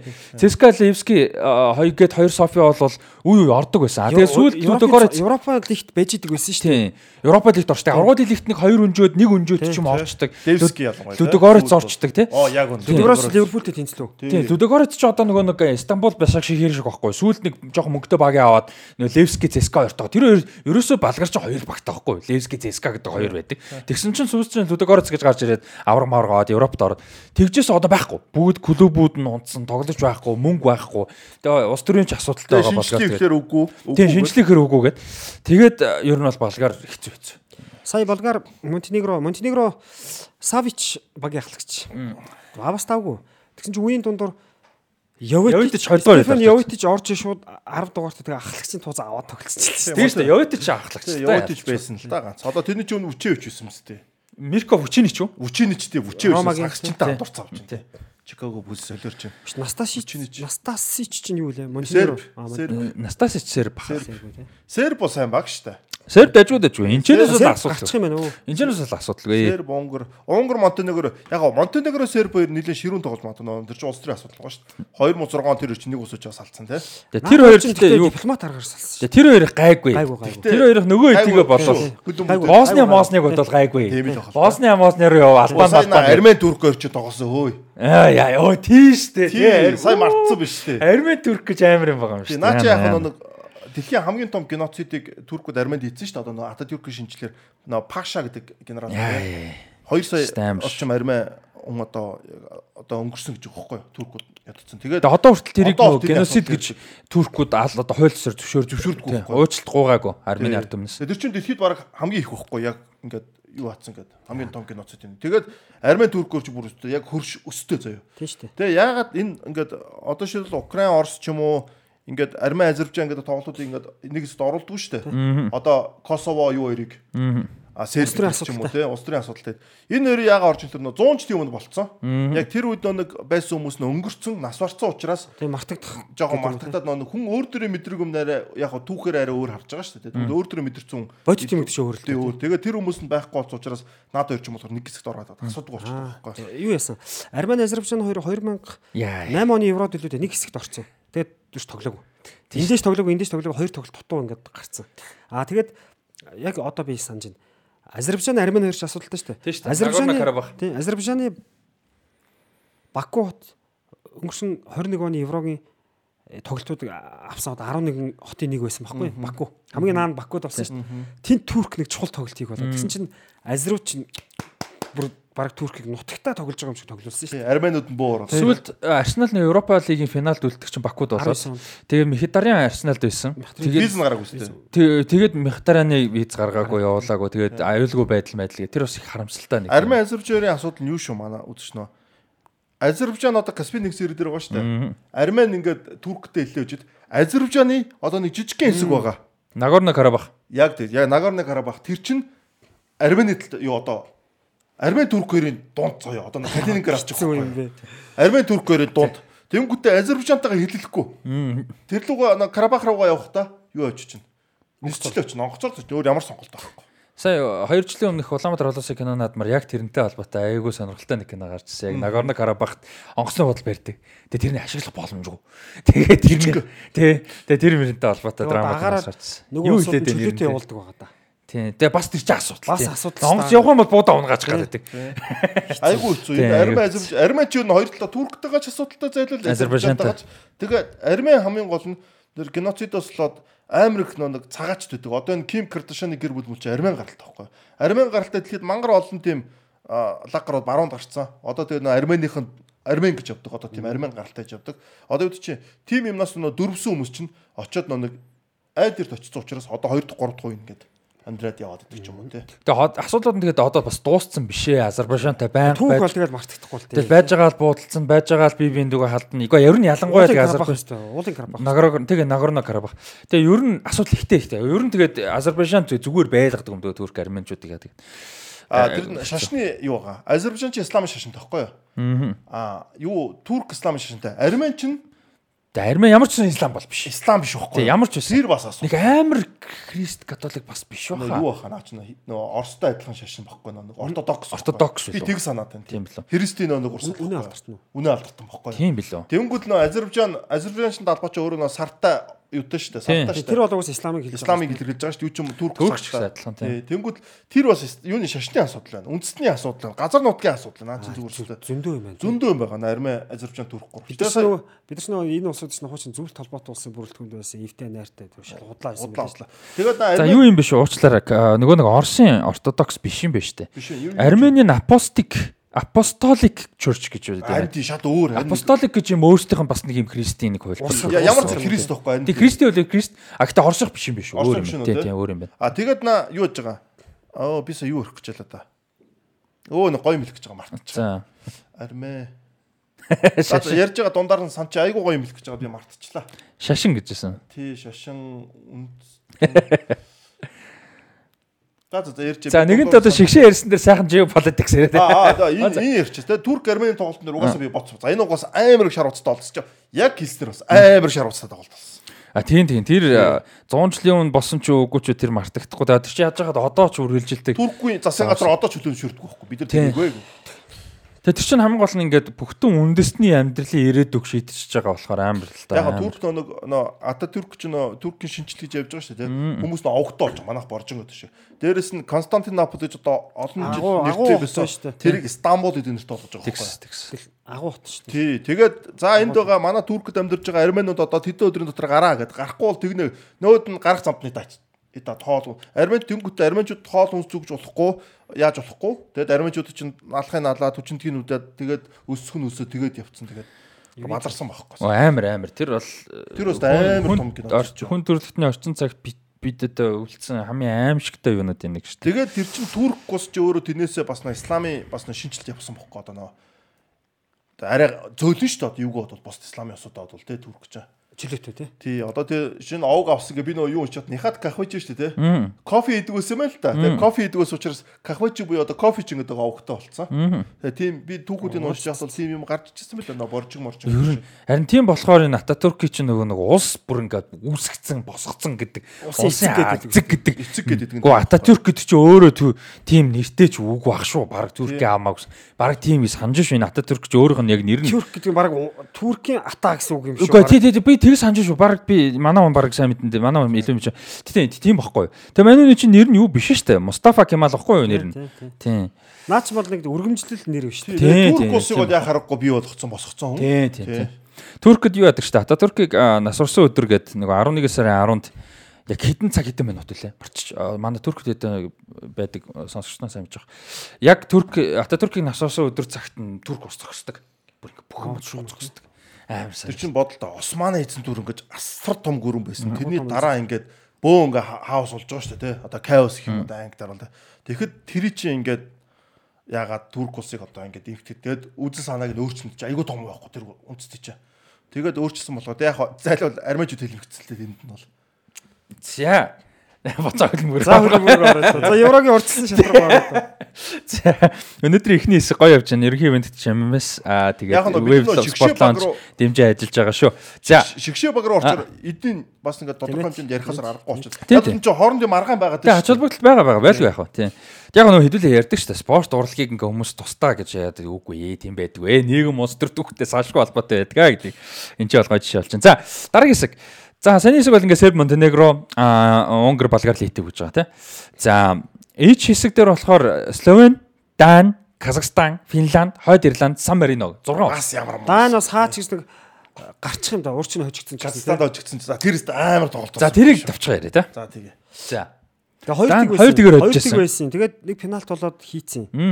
За ингээл дуусгах гээд үзээгүй юм. Тэгсэн чинь 3-2 болсон. Тэгээ Казахстаны хөлбөмбөгийн түүхэнд энэ бас том баг шүү. Уйн баг хамгийн том шүү дээ. Тийм том дан шиг том улсыг одоо өндөр амжилттай улсыг өжсөн үгүй байхгүй л. Тий, яг хоо дайнаас Хойберг дээр бол тоглосон да Хойберг, Бийлинг, Бийлинг хацх юм. Бийлинг тоглохоор л ер нь дайн юм бүтлгүүчээд байдаг байхгүй. Борнмут тий. Одоо Хойберг тоглож исэн, Дамскор тоглож исэн, хин Брэйтвей тоглож исэн тий. Тэгээд ер нь бол дайн тэгээд өөртөө жоохон таараа. Даан ер нь жоохон унчуу да. Хань унаад байна тий. Сая дэлхийн ороор унтсан шүү дээ дайна. Тий, дайна унтсан юм бол. Тэгээ Казахстаны юу айгуу гоё нөө. Казахстан ер нь бол газар нутгийнхын 7% ч илүү Европт одоо ордог. Тэр нас юу Орсын Астрахан байгаа шүү дээ. Тэний наах нэг Гүрэв гэдэг одоо Атирав гэж сүл болцсон дээ. Атирав тий. Юугээр дээр үеийнхэн Гүрэв гэдэг нэг алдартай. Тэгээд нон тэр Волган мөрнөөр ерөөхдөө ингээд Каспийн тэнгисгээд Европт тодорхой хэмжээнд хилдэг. Тэрийгээ бас ингээд өөрсдийнхөө давуу тал болгоод юу руу орчиж байгаа байхгүй Европын ордон. Тэр нь айгу зөвдсөн. А чи Астрахан ч манай бас юу юм бэлээ шүү. Гоё юм хэлэхэд манай Батанаа байгуулсан Алтан ордын ус шүү дээ. Тэрний Сарай, Батуу Сарай гэдэг одоо нийслэл байгаа шүү. Тэр чи одоо нэг Астрахан юм бэлээ шүү дээ. Айгу гоё бас юу юм бэлээ Астрахан ч Монголтой айгу холбоотой юм бэлээ Алтан ордны ус гэдэг. Тэгээд Европын үйл өмгөөл бонд орцсон. Тэгээ Казахстан бол Азаас гараад тийш орсон ерөөдөө сүулт гарсан шүү дээ. Тий. Зөвцөн гэдэг нэг хараад 99 онд ч илүү тэр хавцаа гарсан. Тий. Тэгээд юу яаж юм л да. Европын аврагууд лигт баг нэг удаа орцсон те.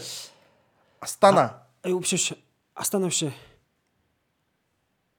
Астана ч хуучин, Алматын хуучин те. Тий, Алмата. 2000 18-аас 19 оны үед буцаад Астана л юм байна л. Астана аахгүй юу? Багийнхан дээр нь Астана юу вэ? Ороод юу яасан шүү дээ. Сайн тогсон шүү. Атлетико Мадридтэй тоглосон тий. Тий, Атлетико Мадридтэй тоглосон. Астана ч юу шүү? Алмата нийслэл нь Астана ч урд нь Целиноград гэдэг нэртэй от хийж байгаа. Тэгээд Акполо олоод тэгээд сүлдээ Астана олоод нийслэлээ. Ягаа сольсон Тэгээ гэхээр Нур Султан болоод. тэгээд Нур Султан болго буцаасан. буцаацсан Буцаасан. Астана болсон. Тэг буцаад буцаац буцаац. Назарбаев ч болоод бодож байгаа шүү дээ. Тэг Назарбаевын нэрээр нэг хит болгоцсон байж буцаацсан. 3 жилийн өмнө. Тэгээд одоо хамгийн олон ойрхон нийслэлээс суусчод юу нийслэлийн нэрийг суусан Астана юу болчлоо шүү дээ. Болсон. Казахстан болж. Тэгээ яг хоошоо нүүлэгдэж шалтгаан Оршууд айгүй ихтэй. Нэг казакууд нь ордуур амьд. Тэгтээ тэр чин Казахстан гэдэг улс шүү дээ. Тэгээд нөгөө нийслэл хоошоо олгоод тэр чин бас засаг заргааны нэгжээ тэнд байлгаад казакууд өдөрж байгаа шүү дээ. Гарал бас тийм л юм. Тэгээ Алматы чинь бас нэг газар хөдлөлтөй айгу идэвхтэй бүст байд юм. Алмата юу? Тийм Алмата. Алмат шүү дээ. Тэр байгаль цагууд нь янзын гэсэн. Жимс Жимсг нь бол супер. Янзын гэсэн тэр цаг. Астана жоо хүүтэн гэсэн хоошоо. Тэгээ Казахстанчууд чинь мөнгөтэй болчихсон одоо Европын Өмнөд Америкаас их юу авчирч байгаа мэрэгчлэлтэн тоглогч дасгалжуулагч зарим нь иргэншлээ болгоцсон Казахстан Азербайджаны футзалын шгшог бол дандаа бразилчууд байдэн шүү дээ. За том хөлбөмбөг төр бол гайгүй байлаа. Ер нь Казахстан сайжирцсан. За энэ хэсгээс Казахстан тэгээд юу янда байна уу? Оо янда байхгүй. Яг хоо жоохон үзэл байх. Үзэл байх. Одоо жишээлбэл тэр дайн дээр тэр 2 дахь гол 86 дахь минутанд амар гол ордон шүү дээ. Тэр болоод юу чинь тоглолт эргүүлсэн. Одоо юу байхгүй те. Одоо юу юм бэ? Тэр гол ороог бол 2-1-ээр тоглолт дуусчих ерөнхийдөө магадлал айгу өндөртэй. 3 дахь орохгүй. Тий 3 дахь орохгүй. Яг бол тэр чинь 86 дээр ороод 89 дээр мөрөгчөж байгаа шүү дээ те. Тэгээ нөө яг манай нөө Монголд оруулж. энэ уур амьсгал те. 2-2 болчихлоо дайнууд чинь бас тодорхой хэмжээнд паниктэн тэрэндээ Казахстан сайхан орж. Хөлбөмбөг гэдэг шугасаа сэтгэл зүй шүү дээ. Моментум Ирч- гол ирчдэг байл амар тий. Гол бол үнээр гоё гол орсон. За Словен 6 оноотой яг тэргүүлж байгаа юм байна. Юу хоёроо хожицсан. Аа, Казахстаны Казахстан хожицсан. Сан Марино хоёроо хожицсан. Явж байгаа юм байна. Ямар гоё хуваар дарсан бэ те. Исламын үзүүл үүсгэл юм шүү. Исламд хитэ муу. Яг муу хоёроо хоцсон байж болно. Гэхдээ одоо Ээ тэгээд Нэг уран байдаг муу шүү дээ. гэжтэй тэгээд Казахстан Тий, тий. Сан Мариноос хойш тэгээд Финланд нэ Ирланд хоёр хойд Ирланд. харин тий. нэг урамтай эхэлчихэрч бас өөр байдэн шүү. Харин тий би Тий. тийм учраас хуваар нь гоё гэдэг байна. Тийм хоёр гоё юм. Наа ч юм Тэгээд бол дайн угаасаа гардаг гарчих واخ. На Финланд ч юм бол хамгаалцсан шүү. Сая Финланд Умард Ирландад тоглоод 1-0 өрөөдсөн. Финланд бол угаасаа хамгаалтараа тоглоно. Ойлгомжтой. Одоо нөө нэг довтлогон дээр нь Пукки Тэм Пуккил байгаа. нөгөө хэн байгаа шүү дээ. Шотланд тоглодог Оо ямар юм айгууны урт нэртэй нөхөр байгаа шүү дээ. Яг төв тийм байгаа. Чи камар гэрэд нөө. бохон бохон панко. А бох Поимпало. Поимпало. Поимпало. Поимпало. Ятланд тоглож чи камара байхгүй. Африк гаралтай. Камара хин хоёр бол байгаа. Ивана хоёр бол байгаа. Орд Орос гаралтай тий. Ивана хоёр бол байгаа. Ерөнхийдөө тэгтээ довтлогон дэр дээр Поимпало, Похонпало юм уу Поимпало. Поимпало гэж санаад байна шүү дээ. Поимпало болон Санаад байна. Мөнхлөг тоглолт шүү дээ. Тий, тий. Тэр болон Пүгдөө хоёр чинь довтлогон тоглолт. Тэгээд нөгөө 4 4 2-оор юм уу 3 5 2-оор тоглон. Тэр хоёр тоглолт чинь яг ингээд юу ячдаг хамгаалт эхэлдэг. Тэгээд Финланд хамгаалт байна. Радецки яваа шүү дээ. А тий хаалга нь хаалгач нь радец гэдэг. Тэнгүүл хамгаалт аягүй сайн болохоор Финланд ч юм бол ерөөдөө дайныг гараад дахиад Европын орд орох магадлал хамгийн гайгүй байна. Даантай гол ер нь хоёр удаа оноо хуан л гэж үзсэн шүү. Тийм тийм. Сая хамгийн чухал тоглолт Умард Ирландыг талбад нь очсон байхгүй. Тийм байна тий. Казахстан орвол Манустай төстэй царайд үзтэй. За Казахстан орол за тэгээд Казахстаны түүхэнд биш мань хэдүүлэлт Казахстан дэмжиж авчих. Харин тийм шүү дээ. А тэгсэн чинь ийм ба- бас нэг сонирхолтой яг удахгүй нэмж тайлбарлана. Казахстан бол юугаар дамжиж одоо Nations League-ийн замаар шин одоо юу яах боломж бол байгаа юм байна. Шалгарах. Өөрөөр хэлбэл одоо энэ Гурван 6 багаас тийм 3 3 3 ч хамаагүй. Ерөөс ихний хоёроо Nations League-тэй гайгүй тоглолцсон юм уу тий? Тийм одоо энэ ихний хоёрт орохгүй байсан ч одоо бүр 6-ад орсон ч Nations League-ийн нөгөө нэг замаараа амжилттай явах юм бол одоо амжилттай явах юм бол юу яах боломжтой гэж үү. За гэхдээ тэр нь хэцүү. Ер нь бол хэцүү. Нээшл энэ боломж бол одоо зүгээр онлын хувьд боломжтой. Наа чи юу байхгүй даа. Айгуу наа чи гайгүй хэсэг байхгүй юу бол дайн. За товтлогоо Умар Ирланд товтолтгүй баг. Финланд товтолтгүй баг. Сан Марино оноо 3 оноо. Сан Мариногоос 6 оноо авах хэрэгтэй наа Казахстан ч. Сан Марино чи зүгээр өгөхгүй. Тэгэхээр товтолтгүй багийн эсрэг Казахстанд боломж واخхгүй юу. Яг бол Финланд Казахстан дээрээ гол хийхгүй. Умард Ирланд хийхгүй бол Казахстан сая яг дайн шиг гол хийж болох Наад зэскэж бахан тэнцээ гарах юм байна да. Тий, тэнцээ амар гол багтаа Тэгээ бол. хоёр дахь баг бол нэлээд оноо багтай гарч ирэх юм шүү. Ер нь тех баг шүү. Тэгэхээр дайн гараад нэг тех баг ч гэсэн. На Казахстанчууд бол яг үндэ түүхэнд хамгийн гой боломж нь одоо гарч байна. Яаж яах дайныг өчсөн. Исламд тоглолт дээр Казахстан ч нэг гол оруулж дөөшөө хоёрыг алдсан. Тэглээ алдсан тий. Тэглээ хийцэн тий. Тийчэд алдсан. Тэн дээр алдахгүй л байгаа ч тий. Тий. Хайр Тэгэхээр над оноо. Исламын ч л гай тарихгүй бол ер нь бол Словен Словен тим байна. Облакас өөр.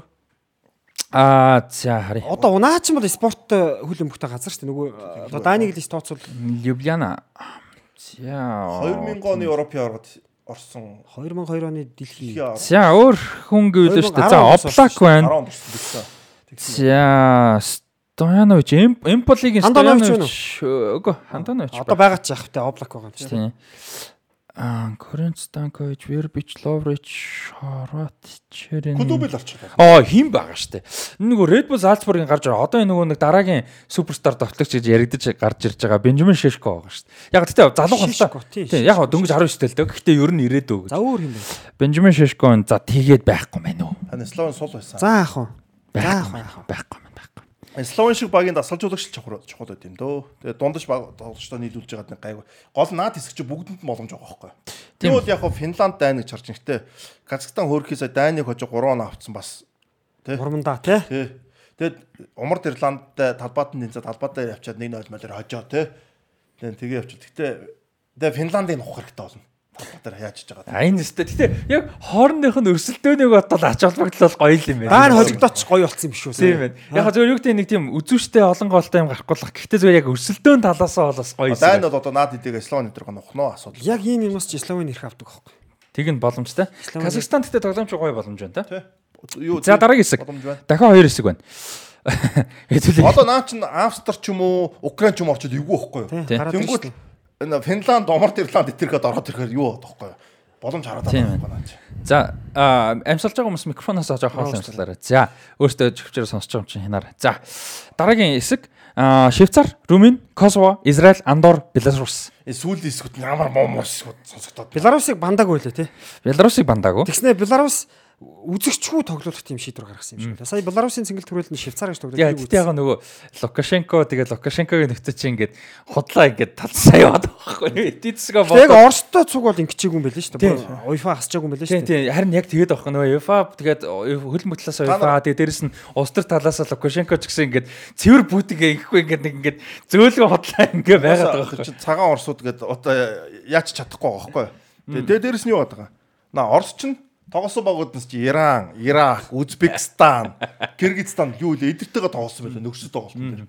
Тэгээ сүүлд Иракта тоглосон. Тэрний өмнө Иранта тоглосон. Энэ режимийн дэмждэг хэд байгаа. А тэнгууд над тэр чинь Швейцар байгаа. Групп дотор нь өөр. А микрофон л гаж харах. Швейцар, Румын, Косово, Израиль, Андор. Би Андораа тэгээ Беларус гэсэн усууд. за на Косово ч боломж байгаа юм шүү. За Швейцар бол асуудалгүй. Тий Швейцар. Асуудалгүй. Швейцар боломж. Румын, Косово, Израиль, Андора, Беларусаас 2000 оны дунд үеийн Беларус бол гарыг ихэлсэн бахад аль Наанаас чи нэг сул баг Европыад орох нэ. Үнэхээр сул баг орох гэж байна. Румын Ер нь 24 багтаа болохоор хэд хэдэн сул баг орно л доо. Румын ч 2016 онд орсон шүү дээ. Тийм. Румын Франц нээлт хийсэн шүү дээ. Румын муу, Косово муу, Израиль муу, Андор муу, Беларус муу. Тэг ер нь энэчнээс Одоо тэгээд яг Дэлс Трастиг л 24 юм чинь тэгэл одоо 2 3 баг. Румын Косово мосоо тэгэл аль нэг нь орох юм байна да Косово ч нөхөө юу Европоор байхгүй шүү дээ ороогүй тий. Гэхдээ яг Түүх- улсуудын түүх юм нэрийг сайн мэддэг тэгээ үе үед нэг хэд хэдэн тоглож байсныг л бодвол ер нь Европт яг нэг чанга 13 4 л баг байгаа юм шүү дээ. А тэгээ нөгөө хэд нь Яг эцтэй бүр сууш тараас чи бодол. Бүр За нөгөө өмнөх юм аа Март. нөгөө бүр суул байхгүй юм чаа. Биш ээ, төв төв дотор байхгүй. За. Тэгэнгүүт саний хэсгээс бол юу Швейцар асуудалгүй юм тий. Ямар ч асуудалгүй өстэй. Косово. Косово ээ, Би бол Косовог мэдчихгүй юм байна. харин тий Косово гэхэрч та. Шинэ улс мос орж Тий. ирээд тийм улс байдаг гэдгийг дэлхийд даяар зарлаад ингүүл бас гоё. Мажлинда Келменди гэж Косовогийн ал- алдартай жудооч нөө. о- Олимп дэлхийн авраг болж улсаа таниулсан шүү дээ. Тэг Косовог бол хүмүүс өмнө арай өөр. одоо 10 жил болж байгаа байлгүй тий. 10 гаруй жил болж байгаа байлгүй. Тийм бах. Тэр хавцаал нэг удаагүй. Тий. Сүлт шүү дээ. Яг юунд дэвш ороод бол Суданаас 7 8 Суданаас өмнө үдийн. Судан ч 11 онд тий.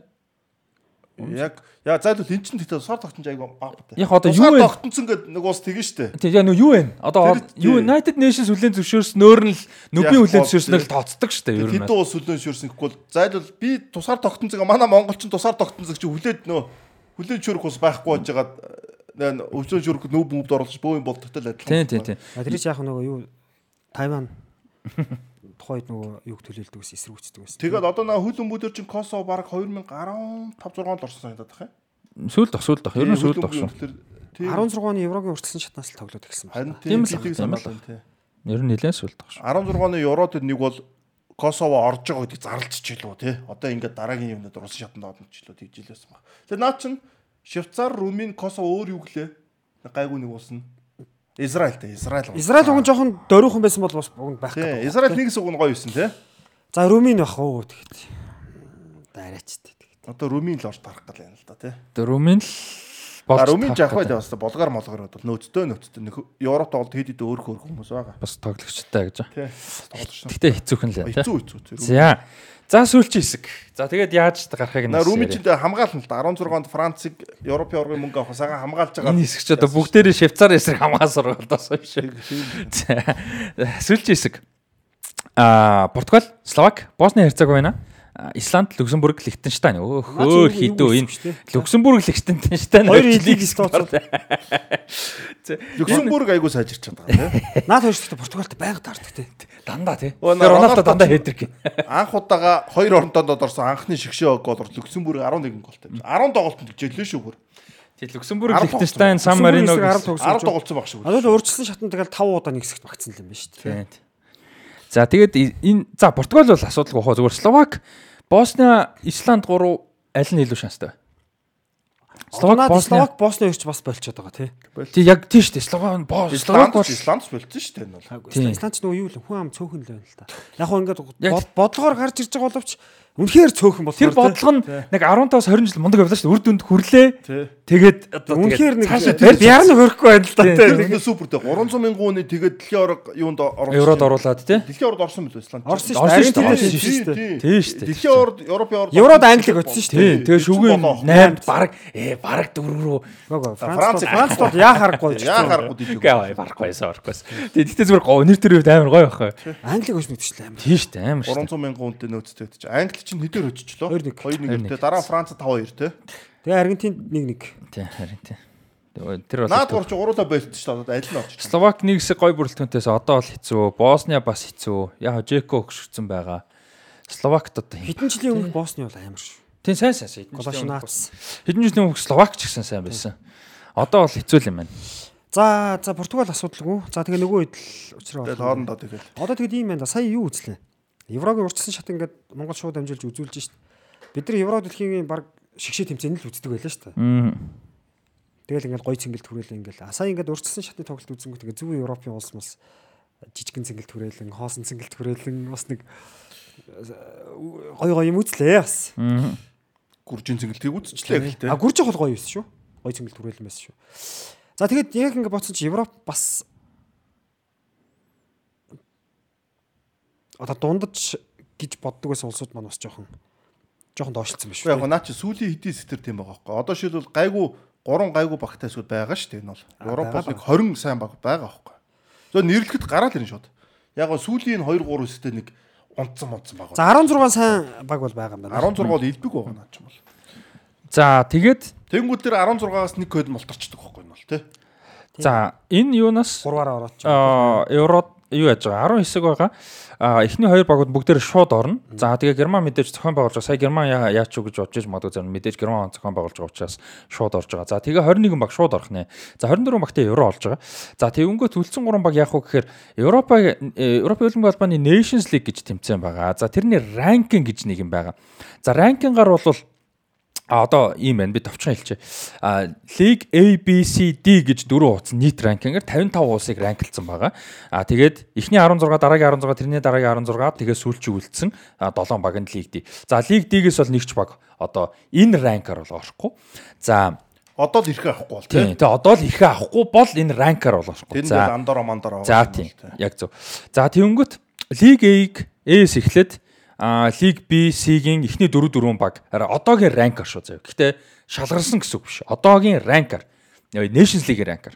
Нидерланд, Хорват, Испани, Итали A-гийнх эхний дөрөвт байгаа ранкаараа. А B-гийнх а Израиль, Босния, Херцеговина, Серб, Шотланд, С-гийнх Гүрж, Грек, Турк, Казахстан. За энэ энэ 12 улс бол одоо яг лиг лигдээ гэх юм одоо чансаанда яг Nations League-ийн чансаанда хэсгээ төрүүлж байгаа юм байна лигээр. За тэгэхээр одоо жишээ нь Нидерланд, Хорват, Испани, Италиар жишээ авчи. За энэ дөрөв бол одоо лиг A-г тэргүүлж байна.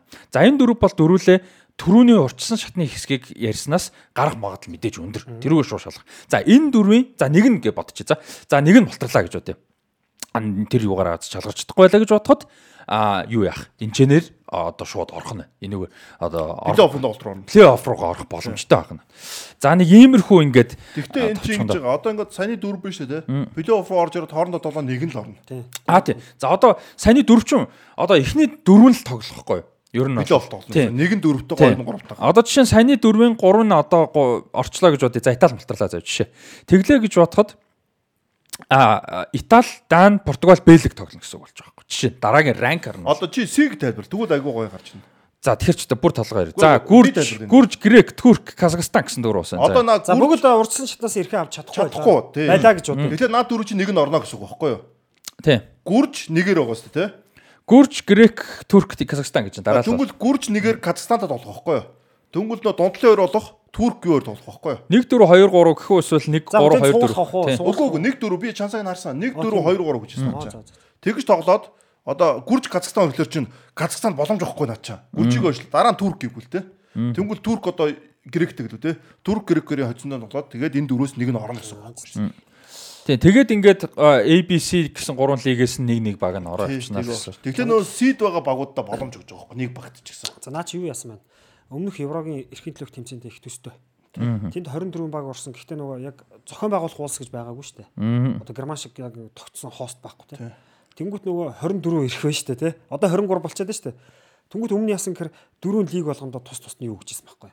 Яг одоо. Одоо Тийм. ABC Тэгээ дөрөөс Македон Македонч баг гүржтэй үздэг санагдаж байна. Одоо Македон умард Македон Еврогийн ирэх авто гүржтэй хамгийн сүүлд тоглосон санагдаж байна. А тэнгууд одоо нэг ихэнд байхгүй болчингууд яах вэ? Dig дараа дивизион гэх юм уу те?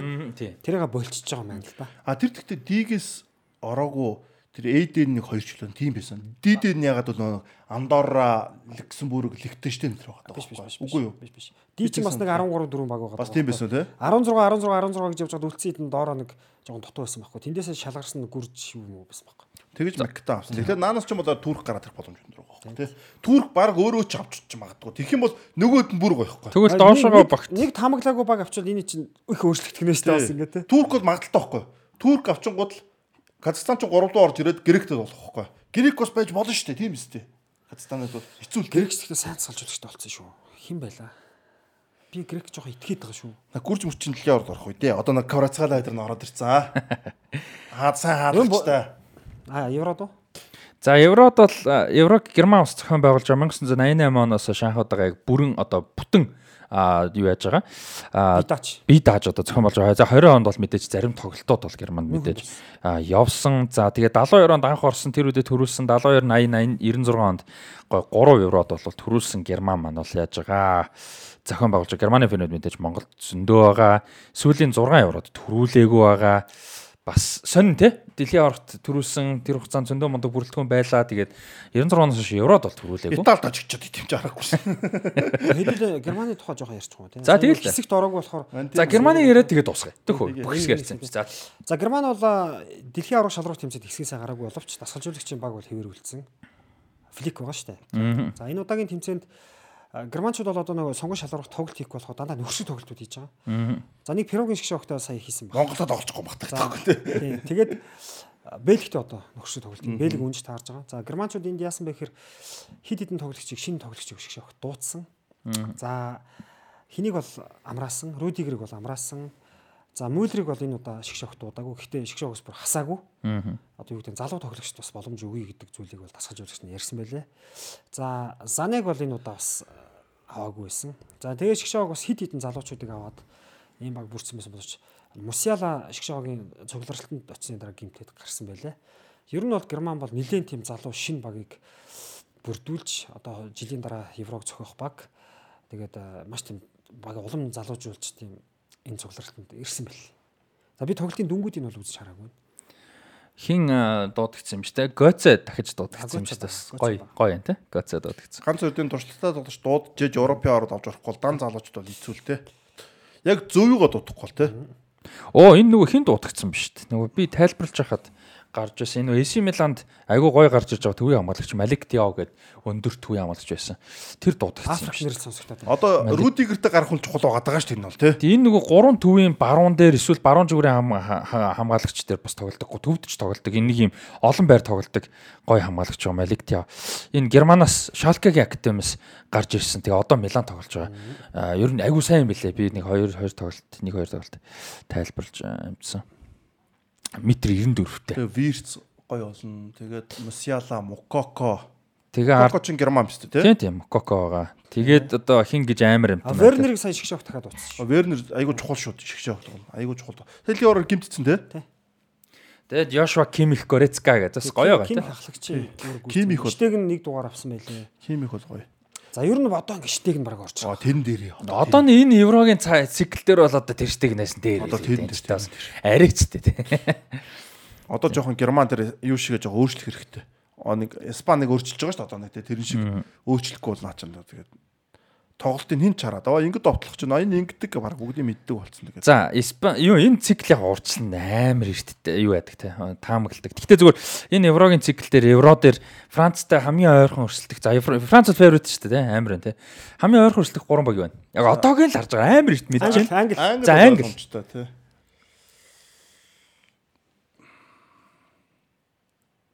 Англи гээл ганцлаад.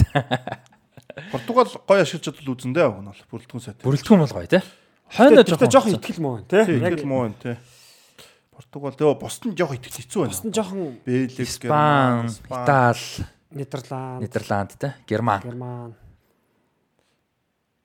Ер нь Франц бол Франц англи байна те. Тий, Франц англи л болчиход байгаа одоо бол. За энэ хоёр бол яг мэдээж одоо 2 жил биш жил гарангийн хугацаа байна мэдээж тэр бол бас юу болохыг тэр хөө. Тэгээ гэхдээ зүгээр юу гэдэг нь Франц англи хоёр хоёр талаасаа гарч ирсэн те хэсэг мэсэг насагдах руу Тий, ороод. тэрийг бол дараа. Одоо тэгээ юу байгаа байхгүй энэ жилийн энэ Европын аваргын шалралт тэмцээний тоглолтож амар юу болчихно. Гоё болчихно. Яг тэгэхээр маш богино хугацаанд одоо энэ 12 сараас өмнө дуусах хэрэгтэй шүү дээ баг тий. Энэ жилдээ багт дуусна сте эсэг үү? А ирэх 3 сараас өмнө үү? амжихгүй тий. Арай л амжихгүй хаа. Ирэх 3 сар мар Тэгсэн ч гэсэн наад чинь айгүй богино хугацаанд байгаа байхгүй. Одоо энэ 3 сар Жил биш, тэлжинд ч ерөөсө жилийн дотор наад багуучин зарим 6 багт хэсэг мэсэг байгаа шүү дээ 10 10 тоглож шүү дээ. Энэ тоглолтууд дуусгаад дахиад плей-оффын тоглолт дуусна лээ. Наа ч бол нэлээд шахаж байгаа. Тоглолт болгоо маш чухал. Урд нь бол яхаа ингээл за нэг 2 жилдээ ингээд сунж явдаг те. Зарим баг эхний жилдээ Жил хагастай болдог байсан шүү дээ. Бараг 2 жил шүү дээ те. Тэгээд ингээ юу байгаа л эхний нэг жилдээ муу 100 байдсан шүү дээ. За ийм юм биш үү? Шүүтийн хэд дээр сайн тоглоод очдөг тийм. За ийм биш үү? Уучлаарай яриг таслах гэж юм шиг болчлаа. Юу, сая 3 сард ингээ эхэлж байгаа тийм. Альбиасаар урчсан тоглолт. А 11 сар дууссан юм. Харин тийм. А тэгээд тэгээд гэхдээ 24 оны 3 сард үлдсэн Плей-офф. плей-офф нь. Тэгээд Тийм тэд нар болохоор орох байхгүй. Тэгэхээр ерөөсө бөмбөгдөх юм. За тэгвэл наа чи юу вэ? Одоо 100 6 дугаар сард нэг Nations League. FIFA Тэгэхээр Nations League-тэй зэрэгцүүлээд болно. Тий, тоглоно. тийм тэгээд юу яана? Тэгээд 9 10 11 сар байгаа 10 байгаа 11 байгаа. Тэгэл бөмбөгдөөл дуусган дээ. За тэгээд зарим юун дээр 3 тоглох юм байна дөө. Тийм ээ, заримдаа 3 тоглох юм. Ковидоос хойш тийм юу гараад ирсэн шүү дээ. Одоо 3 сар гээд 4 сар 5 сар байхгүй. 5 сард бол байхгүй. 6 сар ихэр. Оо юу л юм байна л да. 6 сар тоглоо заяа. 9 сард 10 сард 11 сард 2 2 тоглолттой л 10 баг дуусчих шүү дээ. За 3 энэ тийм ээ, тийм ээ, тийм ээ. 3 байраа тоглох ээ. байхаа. Угаасаа дээдлэн л юу тоглох юм чинь тий. Тий. 10 хоногийн завсрал байгаа шүү дээ. Энд чинь дэйлэг 2 тоглолт харчих. Тий, яг дээдлэн л 15 матчтай байгаа юм чи тий. За тэгээд 12 сард энэ оны 12 сард суглаа явагдах юм байна. А тэгээд суглаа явагдаад нөгөө плей-оффын ялагч нь Тэр тодорхойгүй байна. Тэгээд 21 баг нь тодорхой болно гэсэн үг тийм. Тэр 3 ч яах вэ? Тэ угаасаа нэг 3 жоохон баг. Тэр 3 дээр ч ярина гүрж умард Макдон хоёр хоцсон орж ирнэ гэсэн нэг тийм суулаа явуулсан байхгүй.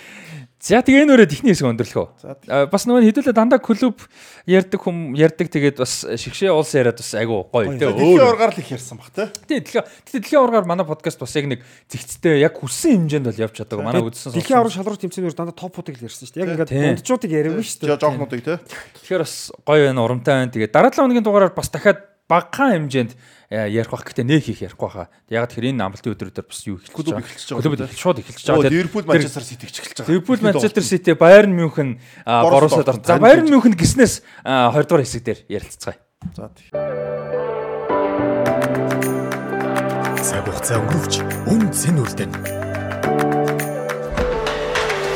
Эрчим хүчний дэвшилтэд шийдэл бүхий бүтээгдэхүүнүүдийг төслийн аль ч үе шатанд эцсийн хэрэглэгчдэд зориулан тасралтгүй ханган нийлүүлж байна. Мэргэжлийн ур чадвар салбарын туршлага мэдлэгтэй тулгуурлан оновчтой шийдлийг харилцагч бүртээ санал болгон байнгын эргэх холбоотой ажиллаж урт хугацааны үнцнийг хамтдаа бүтээдэг.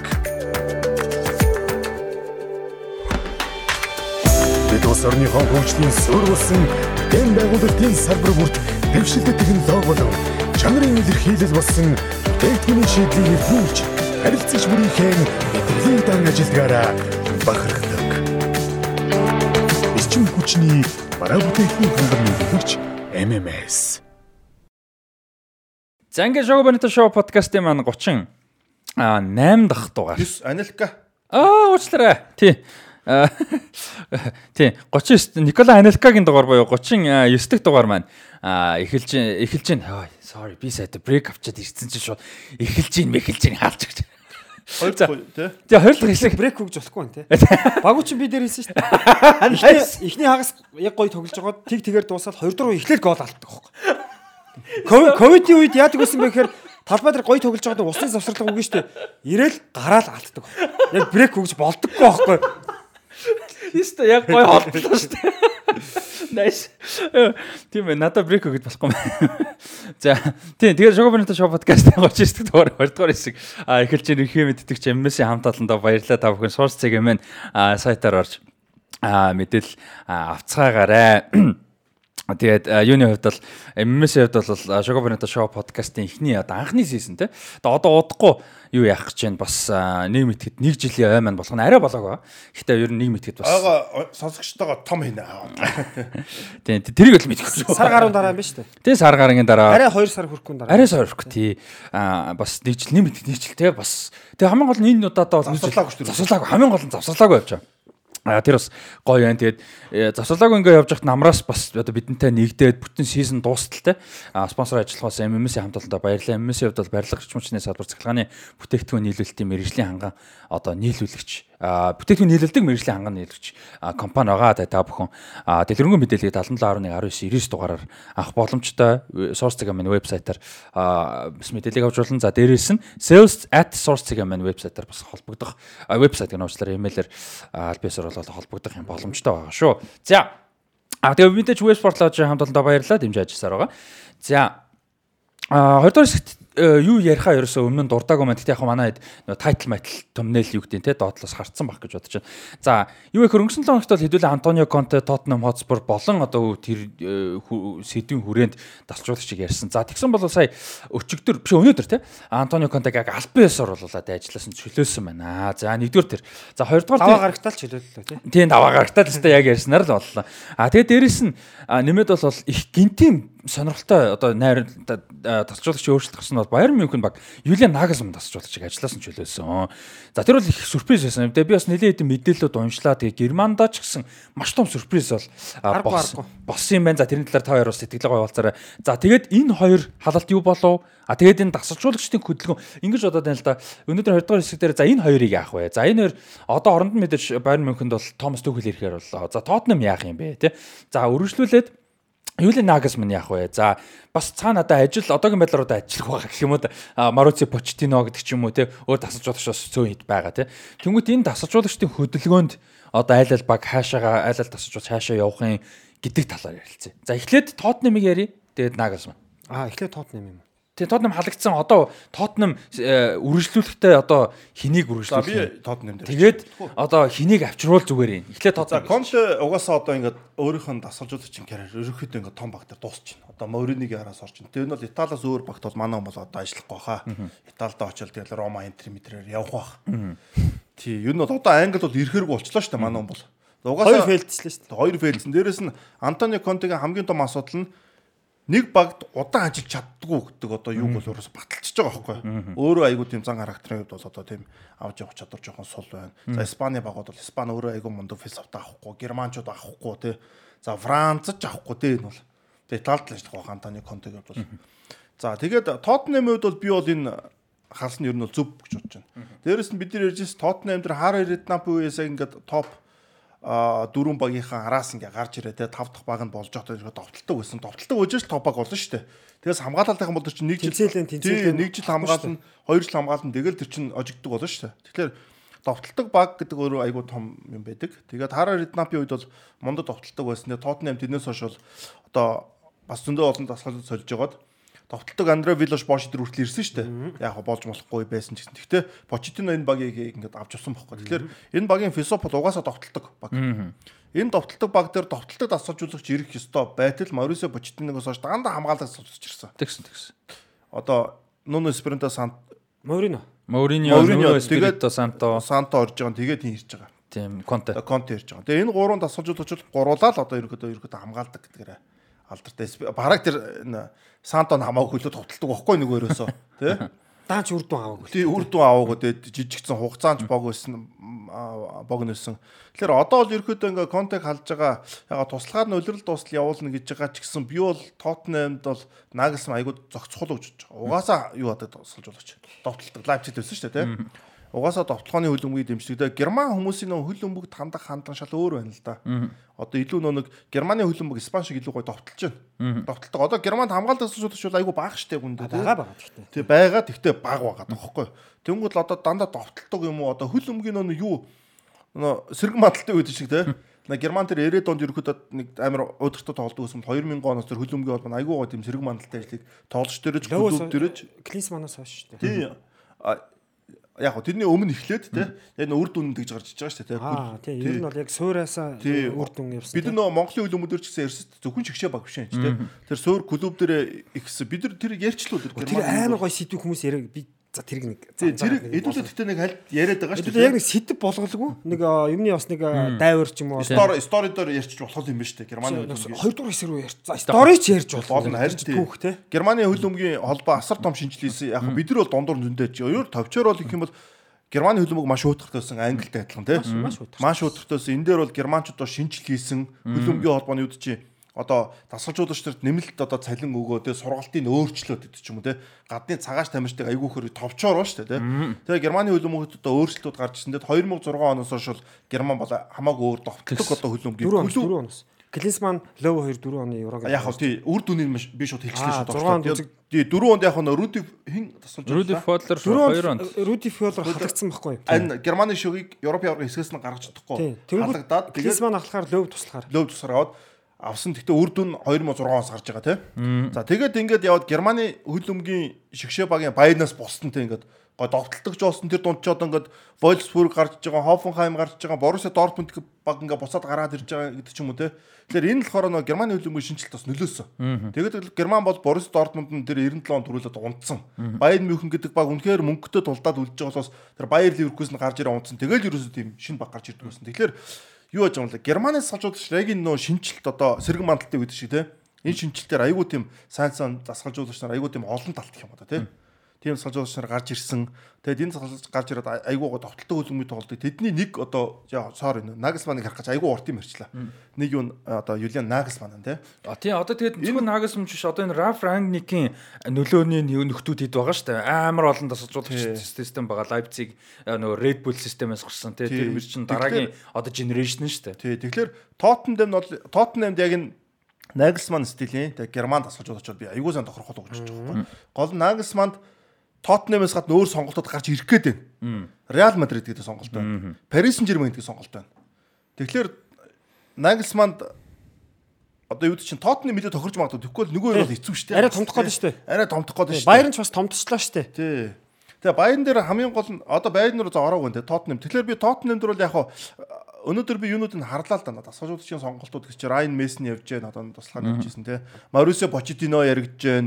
Одоо энэ Брайтны энэ байна Черби яригдж байна гэдэг ч юм уу иймэрхүү олон хүмүүс яригдж байна. Тэгээ эндээс бол ерөөдөө би хамгийн тохиромжтой сууд чинь сая Байнаас салаад Юлиан Нагelsман байж бол энэ тоглогч энэ дасгалжуулагч гол нь Тоттенхэмийн өөрийн философи нь өөрийн яг тийм довтлолтой гараа гарлын тоглолтыг тоглуулж чадах бах. Тий бүрэлдэхүүн байна. Яг үндэ бол Тоттенхэмд бол хамгаалтанд байна Педро Поро гэдэг довтлолтой хүмүүс байна.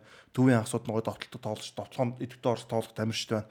Кулушевски одоо Сон Кенесунд одоо Ричарлисон Кулушевски нэмэгдсэн шүү дээ. Бас өөр Тоттенхэм байна. За Баян руу орох уу? Би орчих гээд байна гол нь. За өнгөрсөн 7 хоногт хэдүүлээ өмнөх дугаараа бичээд 38 дахь дугаараа бичээд тэр чинь баг 4 цагт дууссан баг тийм. Тэгээ хэдүүлээ ингээ явж мовсоор байтал за 5 өнгөрсгчтэй орж ирээд Англи Италийн тоглолт болж исэн. Тэрийг үзчихсэн чинь За бараг л арай 6 болохоос би чам руу нэг дуудлага ирлээ би ч одоо хин ирвэ гэсэн заяа над руу залгаж. Үүрийн таван. Тэгээд чи мэдээ үзээгүй би үзээгүй гэсэн чинь ийм боллоо штэ. Томс түүхлийг халаад Анаглсманыг халаад түүхлийг дасгалж ууж тавьчлаа. Пүү па. Өстой сонин мэдээ.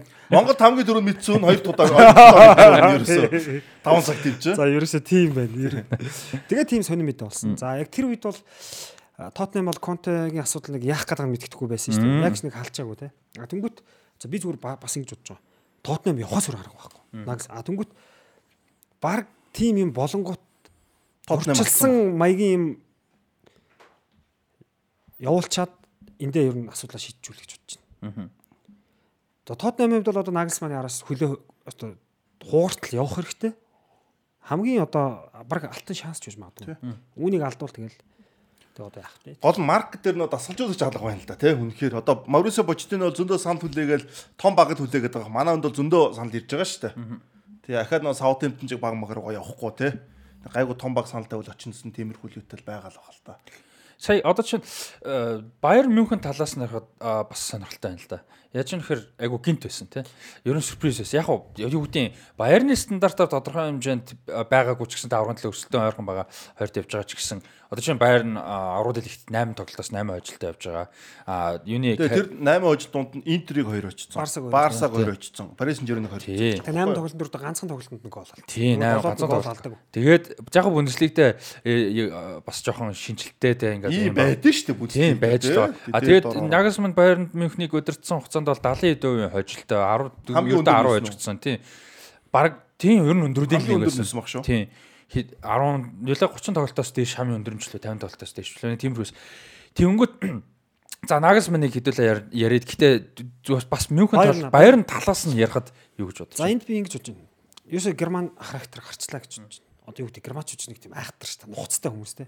Ялангуяа баварч. Тий. Одоо ингээд хожоод тэргүүлээд байв. Одоо ингээд бүнцлийг аврагууд дэлхийд ингээд сайн тоглоод байвал ер нь олон баг тэр хүнийг байлгана шүү. Бус асуудлын төвчээд ч юм уу дараа. Тэгэхэд за аврагуудын лиг бол нэг тусдаа хоёр тусдаа харж байгаа байхгүй. Бүндэслигт бид нар үдэд ингэж олон оноо алдаж болохгүй. Орон гар байна. Нэгдүгürt. За тэгээд бас Нагelsманы хувьд магадгүй клубын захирлуудтай одоо хали Сали Хамижич. Сали Хамажич Кан. Кан зарим тоглогчтой бас ийм байж байх үүсэхгүй. Тэгэхээр энэ ерөөсө Баернд бол болохгүй гэдэг тийм нэг жанжин шугамал барьчлаа гэж би А давхар би юм харсан шүү нэг Нагelsманыг нөө яг баг болгож чадахгүй нэж үтсэн. Одоо Байн Мюнхен өдөртлгүүд нь. Яг одоо бага бүрэлдэхүүн баг. Тэгэхээр одоо нэг үр дүн гэхээс илүү нөгөө яг нэг Уур амьсгал. хөлөнгөний философи бос юм одоо суур тэр юм үндсэн гол юм нь болохгүй байна л гэдэг. Тий. Одоо энэ Байн Мюнхен гэдэг багийг баг болгож чадахгүй байна. Тэгээд жоохон нэг мэрэгжлийн бус юм гарсан. Нагelsманыг найзуудтайгаа нэг санаа баз руу явахт нь өөрт нь хэлээгүй шууд алдсан байлээ шүү дээ. Тэгээд шууд одоо манай хүч бол цанаар гулгах гэж байгаа баг интернет зүү намайг алдсан байл гэдгийг баг харсан. Тиймэрхүү. Бас энэ бол жоохон жоохон тийм жоохон тийм өдөрлгүүд өв жоохон тийм онцгой байсан гэдэг тийм. Наа чин юу яаш шүү. нь Тэр нөгөө мэдэн хөвлөлт гарцсан юм бэл. Тэр нөгөө нэг альбисаар яг гэсэн нөгөө цааны баазд явж хагаад буцаж ирээд тэр чин яасан гэлээ сэтгүүлч залгасан гэлөө дээ. Эсвэл нөгөө өөрийнх нь төлөөлөгч мөлөчтэй холбогдсон ч гэлөө нөгөө нэг тэг ингээд өөр өөр чинь нөгөө байрны мөнхнээс халагдах ингээд мэдээлэл гарсан байна. Тэр талаар сэтгэлээ хэлээж энэ тэр үгүй тийм гарсан юм уу. Харин Тэгээд тийм. Наа чи одоо Баер нь одоо яг ийм байгаа байхгүй. Баерныг одоо Сали Хамажич энэ төр чинь яг го Баер нь тоглож исэн. Эдгэр чи одоо бас яг юу вэ? Зүгээр ингээ яг нарийн харах юм бол шүү дээ. Нарийн нюанс байна. Баер нь үнэхээр хүндэтгэлтэй хүний хүндэтгэлтэй тэнгэр тултал нь хүндлээд явуулж байна. Хүндэтгэхгүй хүнээ яг ингэж энэ Баер нь тийм алдаа гарах баг биш шүү дээ. Ямар ч хүний харилцаанд хүнд нь өөрт нь эхэлж те ярилцаж учрыг нь дуулгаж тэр хүнийг бэлдээд Ямар муудалцсан биш одоо контент монтаж шүү Тийм. Тэгэхгүй тэр хүн чинь өөр хүнээс өөрийнхөө тоо сонсно гэдэг чинь бас жоохон Одоо конте бол өдөр бодож за намайг ерөөхдөө ингээд талчих магадгүй гэдэг яа бодолтой тий. Тэрийг нэг сонсоод нэг мэдээ сонсоод тоохгүй ч юм уу тий. бэлтгэлтэй байсан. Тий, Нагelsmann ч бол тий шал өөр байгаа тоохгүй тэр чинь. Тэгэхээр энэ бол одоо юу гэдэг нь Нагelsмантай клуб асуудалтай байна л гэдгийг бас хэлж байгаа. Энэ дээрээс үес асуудлаас Хэлбэр нь бол яг тийм гардаггүй л байсан юм Тэгээ тий. Нагelsmann-ы юун дээр бас яг хаа ингээд баттай юм бол байхгүй. Одоо юу гэдэг яг ийм юмнаас болсон гэсэн юм бол байхгүй. Тэгэл таамагдан таамаг сурган сураг те. А тэр яг нөгөө нэг таамагч юм уу сурагч юм айл алийг холсон юм юм бол нөгөө бүрэлдэхүүн бас нэм нэгдмэл биш байсан гэсэн юм яригдчих Харин яг байлээ л тэрийг Тэрэн дунд ингээд жоохон хоёр хуваагдцсан. Жоохон залуу. санал нийлэхгүй тэгээ жоохон яг бүр амар хэрүүл уруулал байхгүй. Гэтэ нэг тийм уур амьсгалын хувьд те. Жоохон нэг нийлэхгүй одоо таарахгүй ч юм. Тиймэрхүү нэг хэсэг А тэгээд яг Nagelsmann-ы талд орцсон ингээд Nagelsmann-ы үгэнд орцсон те яг ингээд одоо философинд нь орцсон те яг ингээд болж гинэ гэсэн хит бас байсан. А тэгээд тэр Nagelsmann-тай бол яг Nagelsmann-ыг ирснээс хойш бол хамгийн дэмжиж хамгийн бүр ингээд одоо ойртод нь ажиллаж исэн хүмүүсийн нэг нь бол бүрэлдэхүүний хувьцаал хүрээнд бол хамгийн том лидерүүдийн нэг Кимих а тэр донд байсан л гэж бас мэдээ чи ер нь бол зүгээр Ахмад залуу байхгүй. Юу гэхээр Нагelsман ч залуу. Бараг Нойр энэ ч ах байлуу те. Ноёр баг авах шүү. Ноёр бол авах шүү. Тэгээ Нойр Мюллер Левандовски энэ ч угаасаа хим бэлээ те. Заг гацсан хүмүүс байгаа шүү дээ. Тэд нар бол том хүн л. Тэгэхээр Нагelsман бас өөрөө бас хурцгаа байхгүй залуу. Айгуу тийм одоо мэдээч хүн өөрийнхөө байж болно. Гэтэ бас хүнийг хүндлэх хэрэгтэй тий. Бас нэг ингээд гэтэл нөгөө нэг нөгөө ч бас хүндлэл яаж байгаа вэ? Одоо нэгтгэл болсон хүмүүс шүү дээ. Тэгээ эндээс ерөөсөө юм эхэлсэн гэж байгаа. Ерөөсөө. Яг энэ бол сүулт гарсан гэдэг биш. Анх Нагelsманыг очоод тэр үед им үесэл гардаг байсан. Тэгээ Нагelsманыг хэн зөвшөөрсөн гэхээр энэ бол залуучууд. Харин ер нь залуучууд нь илүү тэгээ нөгөө үед гидийсэн одоо нөгөө мүүдэр зүдрэг хитэн тоглолт тоглоулдаггүй барьдаггүй гэдэг чинь бас тийм шүү дээ. яг Мюллерээс бол хоёр ах юм байна. Ер нь а, 87 оных юм байна шүү дээ. Ноёроос дүү юм байна. Тэгээ ноёроос л дүү юм. Ер нь ноёроос ах ч бодоорой 100 шүү дээ. Нөхдүүд бол ер нь Чигээл явчих. Тэгээ ядж хахт нөгөө нэг мэдээж карьертаа амжилт гаргасан хийсэн барьсан юм нь арай өөр болгоч тэгээд жоохон өөр болчихсон. одоо ингээд бодоход Нагelsман бол Баернд очиж арай л түрхтчихтэй л гэж. би харин яг би яг та хоёрыг ярьж дуусаа тэгж хэлэх гээд би бол Nagelsmann-ыг Hoffenheim, Leipzig гээд Dortmund-д нэг одоо Dortmund заавал Dortmund байх хэрэгтэй тийм зүгээр Dortmund чиг хэмжээ тий одоо Tottenham ч юм уу яг ингээд заавал шууд топ руу биш дахиад нэг германчууд чинь байсан германда явдаг байхгүй. Тэгэхээр нөгөө Дортмунд нь хүн байгаад идэг. харин тэнгууд шууд л явцсан тэнгууд та. наа чи бас санхүүгийн асуудал гарч байгаа. Bayern München Юлиан Нагelsманыг Лайпцигаас авахын тулд гэрээгээ туслахаж 25 сая евро төлсөн. Хамгийн өндөр. А, Сая сүлд Гранд Поттер л хэлсэн баг тий. А тийм баг. Потер хоёр ч орчлоо. А, Хоёр тэр явцсан хоёр тий. давх шүү тий. Тэгээд 25 сая. Дээрэс нь юу яаж байгаа? Жилийн 8 сая еврог цалингээд 5 жилийн гэрээ байгуулахаар 40 сая болж байгаа. 65 сая еврог Нагelsманд ерөнхийдөө ингээ зарцуулж Одоо нөхөн төлбөр гаргаж байгаа. Одоо нөхөн төлбөр нь гэрээ нь ямар байгаа? Бараг бүгдийн нэг таарна. Өгөн өгөн. Яг бол тохиролцоогүй. Тохиролцсон бол одоо Конте Тотнамаар тохиролцсон гэж байна. Харилцсан тохиролцсны үндсэн дээр одоо Йоо гэж юм тий. Одоо жишээлбэл Конте шууд халлаах 4 сая паунд ч юм уу хөөж. А тэнгүүт за ингэ тохироод Та хоёр дээр тохир. за энэ хоёр дээр ч юм уу гэдэг ч юм уу, тий. 1.5 дээр ч юм уу тий. За ингэ ингэ энэ бол байж болж байна. Юу тал явж тохироохгүй. Одоо мань хүн бол цалингаа авна шүү дээ. Яг юугаар дагуу, л бариа сууж шүү дээ. Тий. Тэгэхээр энэ бол Nagelsmann-ы нэр төр нэг асуудалтай юм бол байхгүй. Угаасаа мундаг тасалжуулагч, угаасаа залуухан ирээдүй зөндөө байна. Тэгээд Харин сайн туршлага хуримтлууллаа тийм туршлагач гоё Том багт болчихлоо. очиж үзлээ. Том тоглогчтой ажиллаж үзлээ. Бас эн чинь дараагийн удаа өөр хүмүүстэй харсад арай нэг өөр хоёроос асуу. Реал Парисенжерен Тоттенхэм бол манай айлын сонгоход Яг гоо мань хүний амбиц юу ах бол би бол залуу хүн болохоор Яахгүй. Тотнам ер нь бол Реал ч бол Баярнаас ч томдоо явчих шүү. Тэгин тэгин тэгээд Реал очоод манай хүн забай юу гэдэг бараг юу. Одоо хэл уус муус тий. хэцүү хэцүү. Парисенжермен эвгүй тэр олон Тэр олон яах байгааг нь мэддэггүй. Миний одоо мэдхээр- одоо байгаа шүү дээ. Миний мэдхээр Nagelsmann англи хэлтэй. Ямар ч байсан. Миний германчууд англи хэлтэй угсаа. Германчууд ихний англи байж болно шүү дээ. Тийм, угаасаа англи хэлтэй. Зүгээр би Франц, Испани хэлтэйг сайн мэдэхгүй байна. Тийм. За Тэгэхээр би бол Тоттенхэм манай хүний юунд айгүй цохрох болоо гэж боддог. Тоттенхэмд ч амар тохирно. А тэгээд бас нэг ийм Парисенжерен бол тохирохгүй шүү. Почтино очлоо. А чинь бүгд л очлоо. Неймар, Мбаппе, Месси гэсэн гурван том Түүхэл очсон те. Paris Saint-Germain-д одоо тэгээд ер нь Симеоне өөрөө дийлээгүй л явсан шүү дээ. түүхэл дэлэг байсан шүү дээ. Одоо Симеоне юм хин юм бэ? Яах юм бэ? Одоо Paris Saint-Germain яах юм бэ? Шийдэж. Анчлот л тохирно доо те. Яг нэг тийм арга юм болсон те. За тэгээд Bayern München талаас бас нэг юм ярьжсэн нөгөө нэг. За ингээд ерөнхийдөө амар том асуудал одоо байхгүйгээр халчлаа шүү дээ. Ерөнхийдөө том асуудал бол байхгүй. Тэгээ юу гэдэг Герман зам Тийм. уусаа тий. Тэнгүүд зүгээр яг. Тэрний шалтгаануудын нэг нь юу вэ гэсэн чинь за нэгдүгээр том асуудал ингээд байхгүй ч гэсэн бас нэг юм болохгүй байна те ерөнхийдөө мэдээж Голоод халж. Тийм болохгүй тийм мэдээж. Одоо бидний хардаг шиг том асуудал гэж гисэн. А тэгвэл бас нэг шалтгааныг нөгөө Томас Түхэл гэж бас юу яасан. Яг тэр бэлэн хүн байна. Тийм яг яг нөгөө бэлэн хүн байхаас илүү Томас Түхэл бэлэн байна гэсэн утгаар. Яаж юм хэрэг нэг Харин тийм. Тийм сайн нэг хин Нагelsманыг халах гэдэг яриа бүр файнал одоо шийдвэр нь гараагүй байхад Томас Түхэл яригдаад биш ээ яригдаад эхэлсэн шүү дээ. Нагelsман халж магадгүй Түхэл орж Түгэл магадгүй. угаасаа халагдсанаас хойш л яригдаад байсан шүү. тийм. Тэнгүүд яаж юм гэхээр угаасаа анханасаа Томас Түүхлийг авчрах нь одоо Нагelsmann болохгүй байна. Нагelsmann-ыг халаад уучраа олёдоо биш Түүхлийг авчирья гэдэг нь бас нэг том шалтгаан биш. гол тийм тийм. Надад хоёр хүн байгаа ч гэсэн энд нэг дөрөв хүн байгаа даа шүү дээ. Бодсон шүү тийм. А тэгээд 100 хүртэл хэрвээ хүлээх юм бол магадгүй. одоо Реал ч юм уу юу ч байдیں۔ тийм ингээд алдчих гад байна гэсэн юм байсан байж магадгүй гэж. Одоо энэ Тоттенхэм ч авна Одоо одоо ингээд муу шиг тоглож байлаа. Би ингээд навших хэрэг боллоо. Надаа нэг тамга байгаад байна. Эсвэл хүзэр байгаад байна. Гэхдээ энд би ууланд хүзрийн түүц байгааг би харцсан саяга. Тэгээд одоо нэг хүзрээ навшаач гэсэн тэрийг авна өстэй. Би би мошд голдог болоо мэдэхгүй байх юм уу? Ер нь тийм л юм байна. Тийм гинэ. э, одоо юу ахгүй да нэг одоо юу шалтан оюутай нэг баахан тамгатай тий тэгээд тамга оюутай тамгатай Манай болж айгу дээ. Тэнгүүл тэр газарт байгаа гарт байгаа тэр тамгануудаа хаяад тэндээс нэг ганц байхгүй Тий, тий. юу? Одоо юу одоо юу байгаа чиний гараад би бол ерөөсө моошгийн дээр бас муу муу. А чи мундаг байсан шүү. Оюутан багтлын хаяад байгаа юм шүү дээ. Амар завтай ч шүү. За тэгээд за Томас Түхэл ингээд Байер Мюнхенд ирэхээр боллоо тий 3 жилийн гэрээ биш 2 жилийн гэрээ явах шиг байсан. За түүхэл болж байгаа хоо. Түхэл хэр удах вэ? Одоо Түхэл ч өөрөө бас яг конт шиг бүр ингэж амар сүртэй болдоггүй ч гэсэн ер нь байсан бас л ер нь чанга харагдтай тэгээд удирдлагуудаа дандаа л асуудалтай байсан шүү. Германд гайгүй хоо. Түүхлийн давуу тал юу гэхээр дээ. түүхэл Дортмунд тэгсэн шүү дээ. түүхэл бол багийг маш богино хугацаанд босгож чаддаг. Тэрийг бол харуулсан. Челсид хамгийн сүүлд харуулсан шүү дээ. А түүхэл бол авир бол эвгүй. Гэхдээ Баер. Баер. Баерн ч тэр үнтэй бүр ам өчгөө заа зуугүй ингээд зурцсан асуудал. Асуудалгүй. Ер нь бол 2 жилээс илүү явна. За, энэ тэгвэл- хэрэг бол дуусах. За энэ үйлрэлт тэгвэл а Томас Түхэл ирсэн нь аврагын лиг болон Боруссия Дортмундтай өрсөлдөж байгаа аврагын төлөө өрсөлдөөнд хэр нөлөөлөх вэ? Ер нь хэр одоо ер нь юу Юу түүхэл чинь Гвардиолага аргалцдаг хүн шүү дээ. Одоо Сититэд харж байгаа шүү дээ баян чи зүв билүү? Юу лээ? Тийм шүү дээ. Тийм билүү. 10 дэд дээр Сити. Тийм Сити тийм шүү дээ. Тийм Сити Гвардиола дэр дерби. Гвардиолага ерөнхийдөө аргалцдаг хүн шүү дээ түүхэл чинь тий. Яг тэрэг ч бол бодолцоогүй л авах л та. Тэр бол нөгөө тэрийг бас бодож байгаа. Бас Бас байгаа. лиг Яг тийм. Одоо Ситигээ давчвал ер нь явах гэдэг шүү дээ. Тэгтээ нэг жилиг тэр чинь бол яг нэг 100-аас нэг 20% л байгаа шүү дээ. А тийм ээ ер нь бол тогтвортой байдал ч гэдэг юм одоо нөгөө яг тэр юм гол юм л байгаа л да. Гэтэ надад бол Нагelsmann-ыг одоо тэр дотоод асуудал байсан болохоос амжилтын үед л аврагууд лиг 100 амжилттай Тийм. явж байна. Германы лиг Борусsia Дортмундт нэг оногийн зөрүүдэд дээр дор авч явах тохиол байж л байдэн шүү дээ. Тийм шүү дээ. Тий, энэ бол нэг тийм амар тийм халах асуудал. Энэ тэгэхээр амжилтын асуудал тэр цаана байгаа тэр асуудлыг харахгүй. Тийм бай тээ.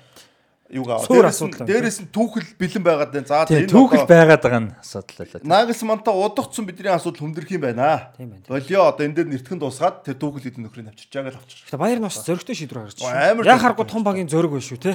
Реал ийм байдэн шүү дээ ер нь бол те. Түс тас идэл шууд ингэдэг. Тийм. За тэгэнгүүт Тотнемд одоо Нагelsmann айгуу гой сонголт болж байна. За мөнгө нь бол байгаа. Тотнем яг тасалжуулагчийг авах мөнгө Байхгүйсэн ч байх байлгах шүү. байлган тийм одоо Жо Лүвисхийн хоёр Даниэл хоёр одоо байлгахаас гарахгүй болно.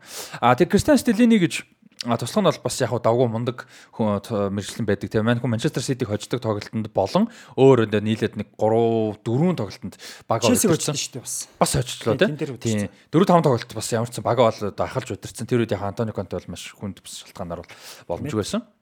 Аа тийм байсан. Тэг Кристиан Стелини бол яг яг одоогийн байдлаар бол үргэлжлүүлнэ гэж байгаа. Гэхдээ улирал дуустал энэ төр гэж бол зарласан юм байхгүй. Яг одоогийн байдлаар гэж байгаа. Аа тэгээд яг энэ хэдийн хоногтоо шигшээд багсын цугларалт байгаа нь бас айгуу таарсан. Нагelsмантай холбогдож байгаа байх. Тэг өдөр болгомс мэдээлэл гаргах Facebook дээр бидэд бас мэдээлэл байвал хүргэе гэж бодож байгаа. Тэгээд бас сонирхолтой сонголт тийм. Тий дээрэс нь герман сонсчдоор ерөөхдөө англиар үл явт юм дөө. Тэнд очиод угаасаа ер нь дажгүй ч л тээ. Одоо Австри герман шинийг гэлтэн шүү дээ. Одоо тэр Саутдемпны Тий. а Хайзен Хьютл гэж байгаа шүү дээ. Тий. Тэр чинь Халагдсан, бол- тий. халагдсан. Тэгтээ тэр чинь бол сайн ажилласан шүү дээ. энэ бол. А тэр Австри Сайн, давгүй ажилласан бохгүй. Red Bull Бүлээс school. тухай ийцэн шүү дээ. Red Bull школх шүү дээ. Ганц явганд нөө мараг рангник л баг шүү дээ. Рангник ч одоо хамаг том инфлюенстэй нөхөр мөртлөө өөрөө тэгээд Тий, яа. Тэгээс бол яг герман сонсчдоор ширхлээд англид бас гайгүй очдог. Очихоор бас гайгүй амжилтанд хүрдэг те. Германд ажиллаж исэн хүмүүс нэг бол одоо. Тийм байна те. Одоо хиний хэдүүлээ бас нөлөөгөр одоо юу мөг ярил бас нэг гой шүү. Ер нь Раф Рангникийн тал нөлөө мөлөө Red Bull хөлбөл хөлбөмбөгийн нөлөөг ярил бас. Одоо энэ Klopp, Tuchel, Хаасан Хөтөл, Ади Хөтер өөр нилээд хүн байгаа. Бараг 10-аад хүн байгаа шүү. Ер нь яг Рангникийн удирдлагаас гарч ирсэн топ класс тасалжуулагчтай айгүй олон байгаа. Хүн гаргаж ирдэг хүмүүс шүү. Тусдаа байт юм л та те. Одоо Яг Klopp бол тэр чигээр таньдаг. ганц биш шүү. Гэхдээ ер нь бол хүн сайн таньдаг те, заадаг те, зөвлөдөг те. Тэнгүүл тэр чинь тусад нь бас яг нэг баг өдөрдөг хүн байна. Бодлого өдөрдөг гэж юм байна те. Амар олон хүмүүсийн ялгаа байна. л. Одоо түүхэл бол шийдвэл бодлого гэсэн илүү яг нэг өөрөө яг дасгалжуулагч байхгүй. Яг менежер ихээс илүү бүр дасгалжуулагч. Тийм, Яг коуч. Яг хэдүүлээ ярьж бүр яг коуч. Бусад ямиг бол Хамаагүй. Ер нь энэ ажиллаж хийх туфта тийм. Яг коуч өгөхгүй одоо шил. Бичиг бажаагч өмсөхгүй тийм. Яа сайхан бэлтгэлийн усаа дургаа нөхрөөж тийм. Хүмүүс нөө ялгаа байдаг. Тэгэхээр рангник ямар ялгаатай гэхээр би болохоор илүү нөө тийм хүн гарч ирдэг. Илүү бодгот юм болоод байхгүй тийм. Манайх одоо Роналдо явахтаа нэг амар үг хэлсэн тийм дасгалжуулагч авчираагүй. Техникийн захирал авчирсан гэх тийм. Рангникийг. За техникийн захирал гэдэг зүйл бол э, хөлөн өдөр маш их одоо хүмүүс сонссон баг. Яг юу хийдэг юм бэ? Техникийн дасгалжуулагч бодлогын хүн сургалт дасгалжуулалт арга зүйг бий болгодог хүн. Аа Дасгалжуулагчийн дасгалжуулагчийг техникийн захирлагддаг байхгүй. Тэр хүн тоглогч бэлддэг биш. Дасгалжуулагчийг гаргаж арга зүг нь бэлдэж гаргадаг хүн байхгүй. Бүр том гараа байхгүй. А тэнгуү тэр чинь ингээд бас тэр хоёрын дунд завсар гарцаад байна л та тий. Яг нь жоох хөөхтүүд. Тэгээд Манчестер Юнайтед очоо өөрөө хил амтай баг тэнгуү тэр чинь айгүй удаан хугацааны юм хийж байгаа хүн чинь тэр хил амыг дарж чадахгүй тэгээд асуудал яччихлээ л та. Одоо бол Тоттенхэмд очил ер нь зөв ганц хинч гэлтгүү. Нагelsmann ч гэлтгэхгүй. Өөр хинч утсан их зүгээр яг гэвэл хүлээлт бага. Тэгээд бужигнаантай тэр багч бас боломж өгөх нь дээ. Тэгээд э, бас юу яах юм шиг санагдаад байгаа. Хэрвээ Nagelsmann Tottenham юм бол за югд утга учиргүй Сауди Араб шиг мөнгө бол байхгүй хаа. Гэхдээ яг өөрийн гараар нэг бүрэлдэхүүнийг босгох яг нэг тийм боломж байгаа. Яг тэгэхээр Tottenham нэлээд шидэлтэй. Ер нь Tottenham бол яг нөгөө Pochettino-го үеэс бүтэн гэж нэг шинчлэгдээгүй.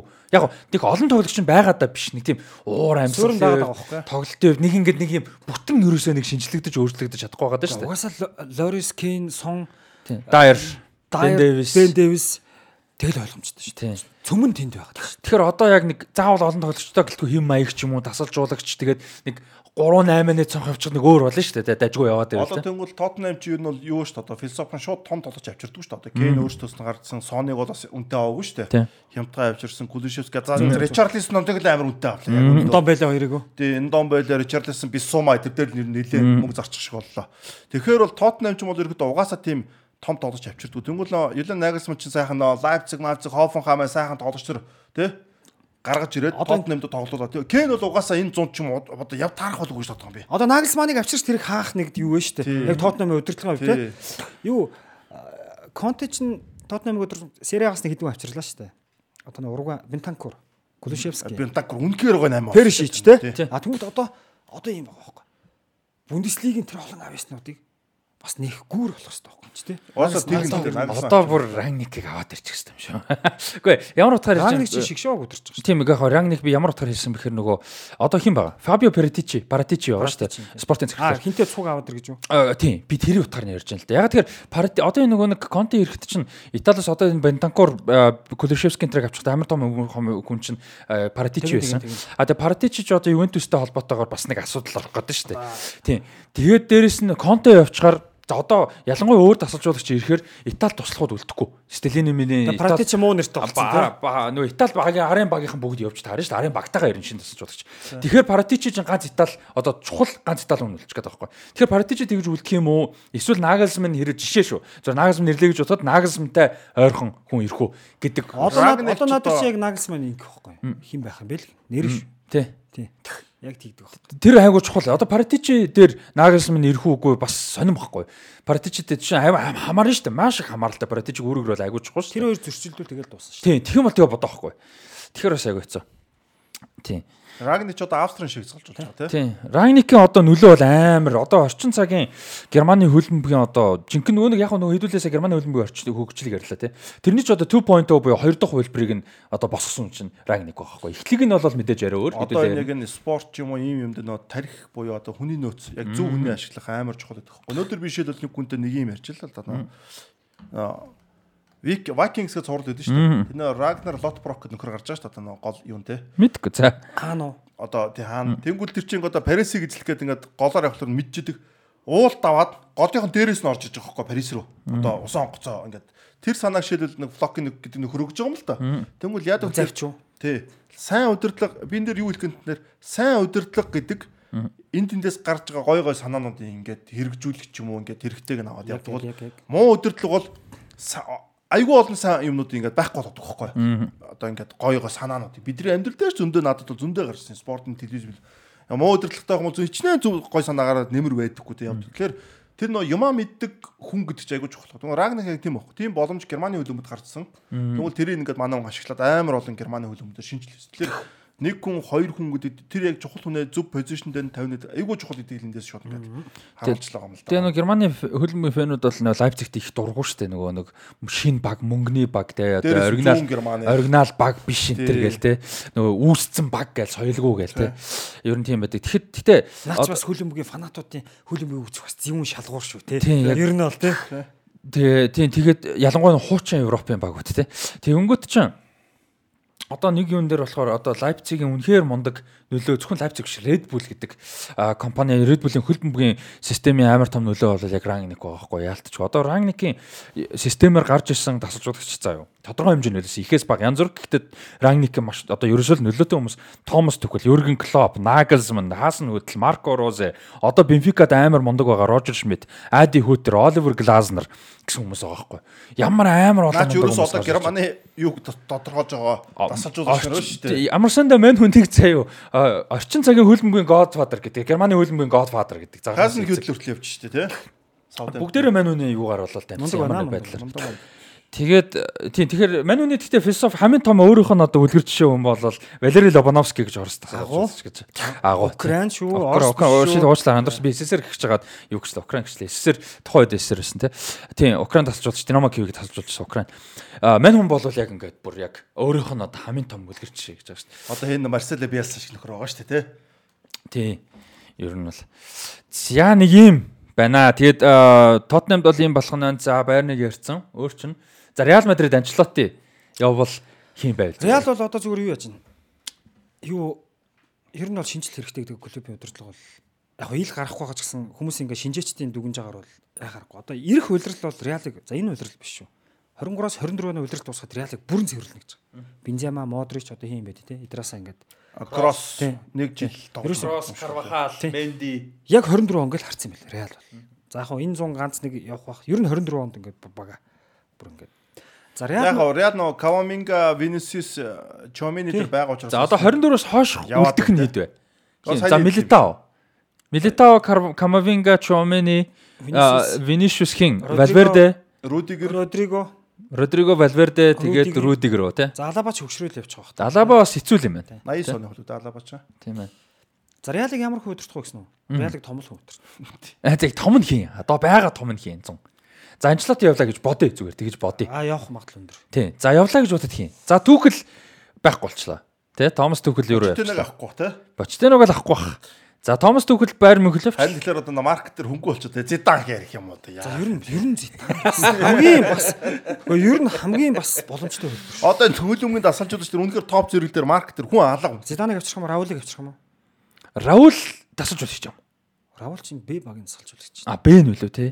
А тэг яг хуу тим. Яг хоо Раулыг бол ер нь явандаа бэлтжил байгаа байх л та. Тий яг хуу тим юу яаж болох юм? А одоо на хийж. Симонио чиртэн нэгтгэхэд гэдэг байхгүй. Дайрал ирэхгүй бах те. Семёны ирэхгүй. Симоноос нөгөө нэг юм үнэч зам байна Тий, Атлетико дуудсан. Үнэч зам дээ. Реал руу шиг тоож харахчгүй л. Одоо Симонио яах гээд энэ айгуу чухал байна. Тий, Семёны хайчгүй гэдэг. Энэ 100 яг явна те. Гэхдээ яг яг албан ёсоор бас үгүй юм шиг байна. Харин тий нэг жил дахиад Тий, нэг жил багадгүй магадгүй гэсэн шүү. Харин би Яг тэр энэ жил бас ингээд 2 дугаар яс айгуу гоё учраа болоод байгаа. тий. Тэгээ ахаад нэг жил үлдчих магадгүй би бас мэдээ хартсан болохоор тэгээд Гэтэ Семёны залуу болохоор за энэ жил биш юм а гэхэд дараа жил бол явах болох. Симеоне яас. Реалд гэхдээ сонголт хэцүү байна. Хэцүү хэцүү хэцүү. Тэ? Симоно Ливерпул дэх юм шүү дээ. Клоп байсан дээр клопыг халахгүй шүү дээ. Клоп ч 26 болохгээрээ сонгоц тэ. Тийм баг. Клоп ер нь юу яах бах те? Ливерпулээс яваад бараг цодог модтой ялах. Үгүй Ажилтгүй.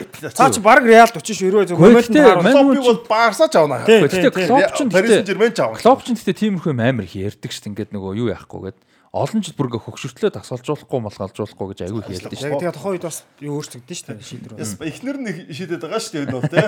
Ливерпул дээр эхнэрээс асууж манай эхнэр Ливерпулээс явмаар гэн хаппи байна гэсэн би гэрээгээ сугана гэд ярьсан шүү дээ. Гэр яг тэг мэдээж гэр бүлийн нөлөө байлгүй байх тийм шээ. Ус хот солино гэдэг чинь шал өөртөө амьдрал нь Тэгэхээр. Испани гэдэг чинь Европын ямар ч хүнд айгуу сайхан сонсдог байхгүй юу? Ялангуяа мөнгөний асуудал бол. Тий, угаас угаас мөнгө нь асуудалгүй шүү дээ, Тий. Испани гэх юм бол ямар ч хүн явъя л гэх юм байхгүй юу? Аа. нэг 2 жил сайхан ачил та. Амьдраа сайхан ажиллаж игээл тий. Клоп бол гэхдээ ер нь юу аашаа Ливерпулээс өөр хизээ нэгэн цагт явна шүү дээ. Явал явах байхгүй тадлаа. За хизээ нэг ер нь Барса Реал нэгэнд очиж шүү. Очно очно. Тэр хоёр угаасаа тэгэл Клоп Баер нэг ч авцсан явчих мэдэн шүү. оо тэр өстой хамгийн магадлалтай баг. Тийм Баерн л Тий. Дортмундаас яваад Тэгээ юм Клоп чинь. сүүлд нь Германы шиг шоуг аваад дууссан шүү. Ер нь бол. Яа бас тийм байж болох юм тий. Гордело ч гэсэн Барсадаа нэг айлг боцож моцож ирээд нэг юмрхан болох бах уу? Гвардиола Ситигээс болоход нэг жил бол брейк авах бах. Гвардиола Мань бол яг тийм. Ер нь л нэг брик жил авахгүй бол ядарн танд. Гвардиола ч өөрөө тэгээд тэгээд хайрцан дорд Гвардиола ч өөрөө ингэ нөө бүх юмд деталд оролцдог гэд нөгөө Анри яг их ярьдэн шүү дээ. Өөрөө сүлдээ одоо надаас хүмүүс Guardiola асуугаа би одоо бүр ярихаасаа бараг залхаж байна гэд. Тэгээ нөгөө тэгээд идэж чинь ингээд нөгөө а 11 онд биш 9 онд Guardiola 10 биш Анри 11 онд байсан явцсан байлоо. 10 онд явсан. 10 онд а тэгвэл 9 оных юм байна. Нөгөө нэг 6 3 тэмцээнд төгсөлж байгаа.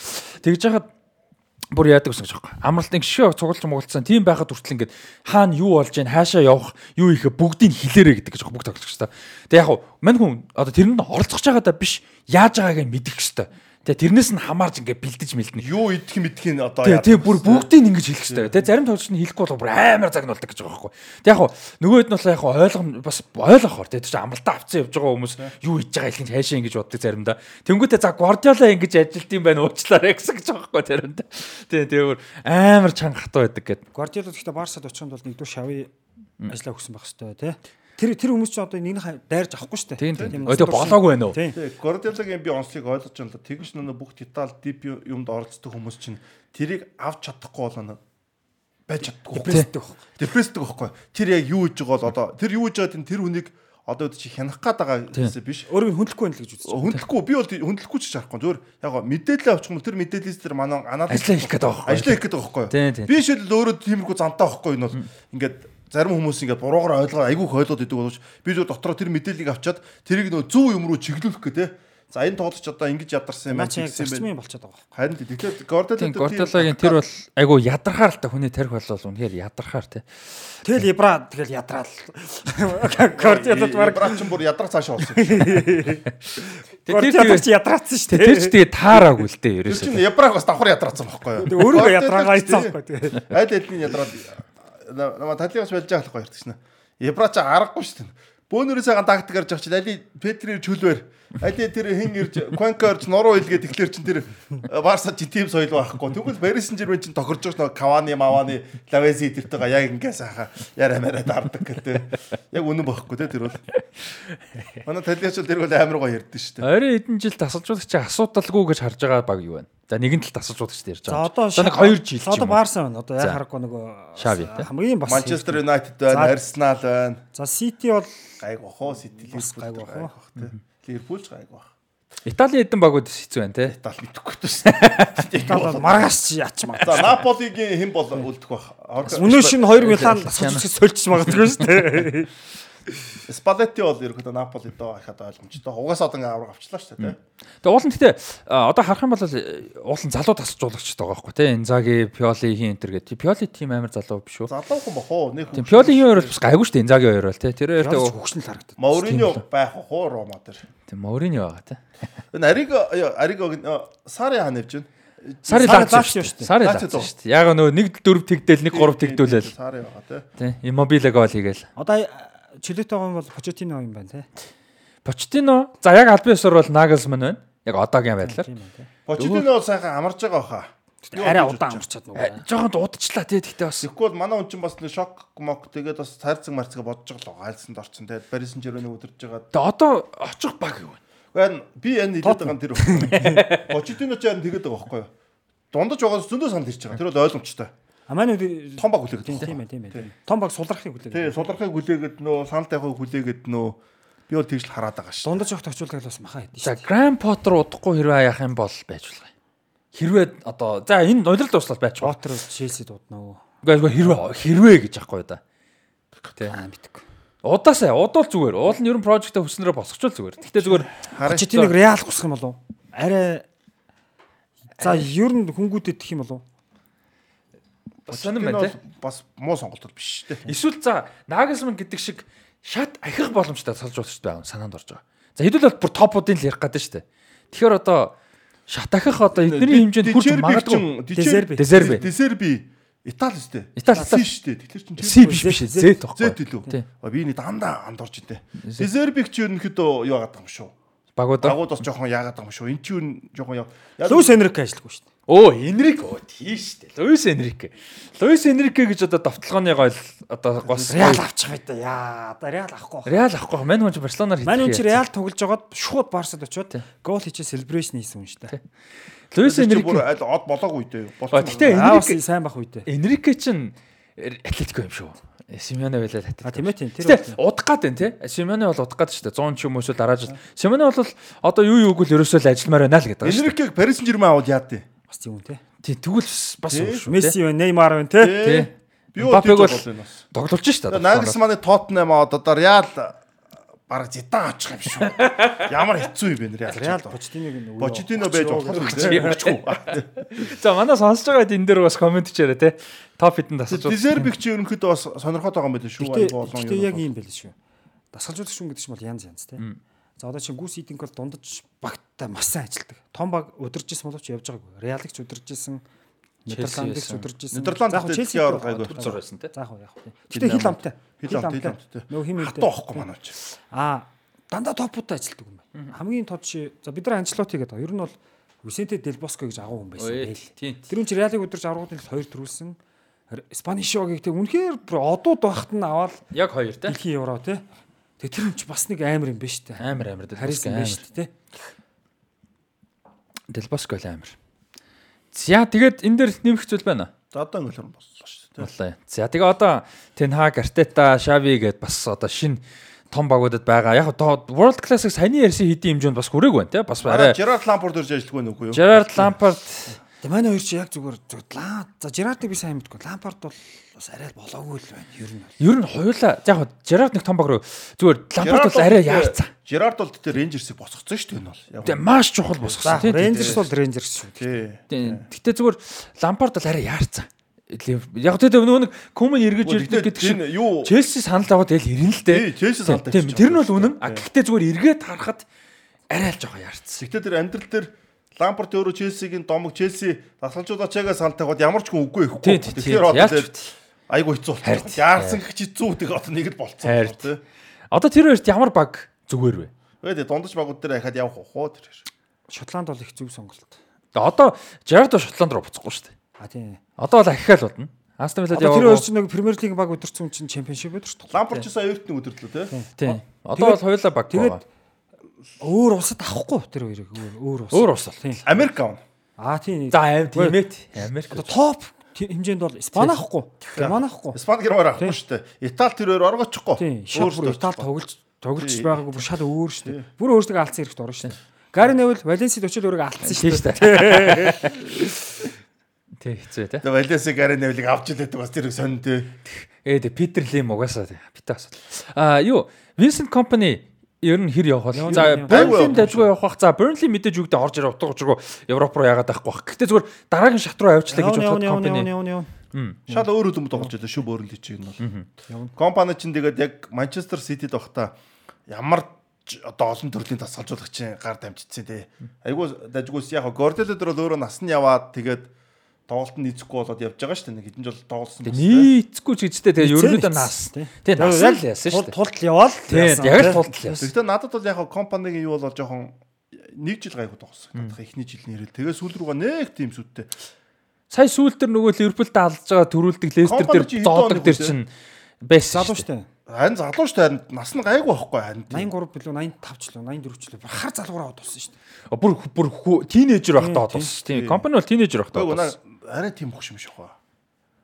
Нил 86 оных юм байна. Тий 86 байхгүй юу? Гайгүй байхгүй юу? Нас мас нь гайгүй. Тий.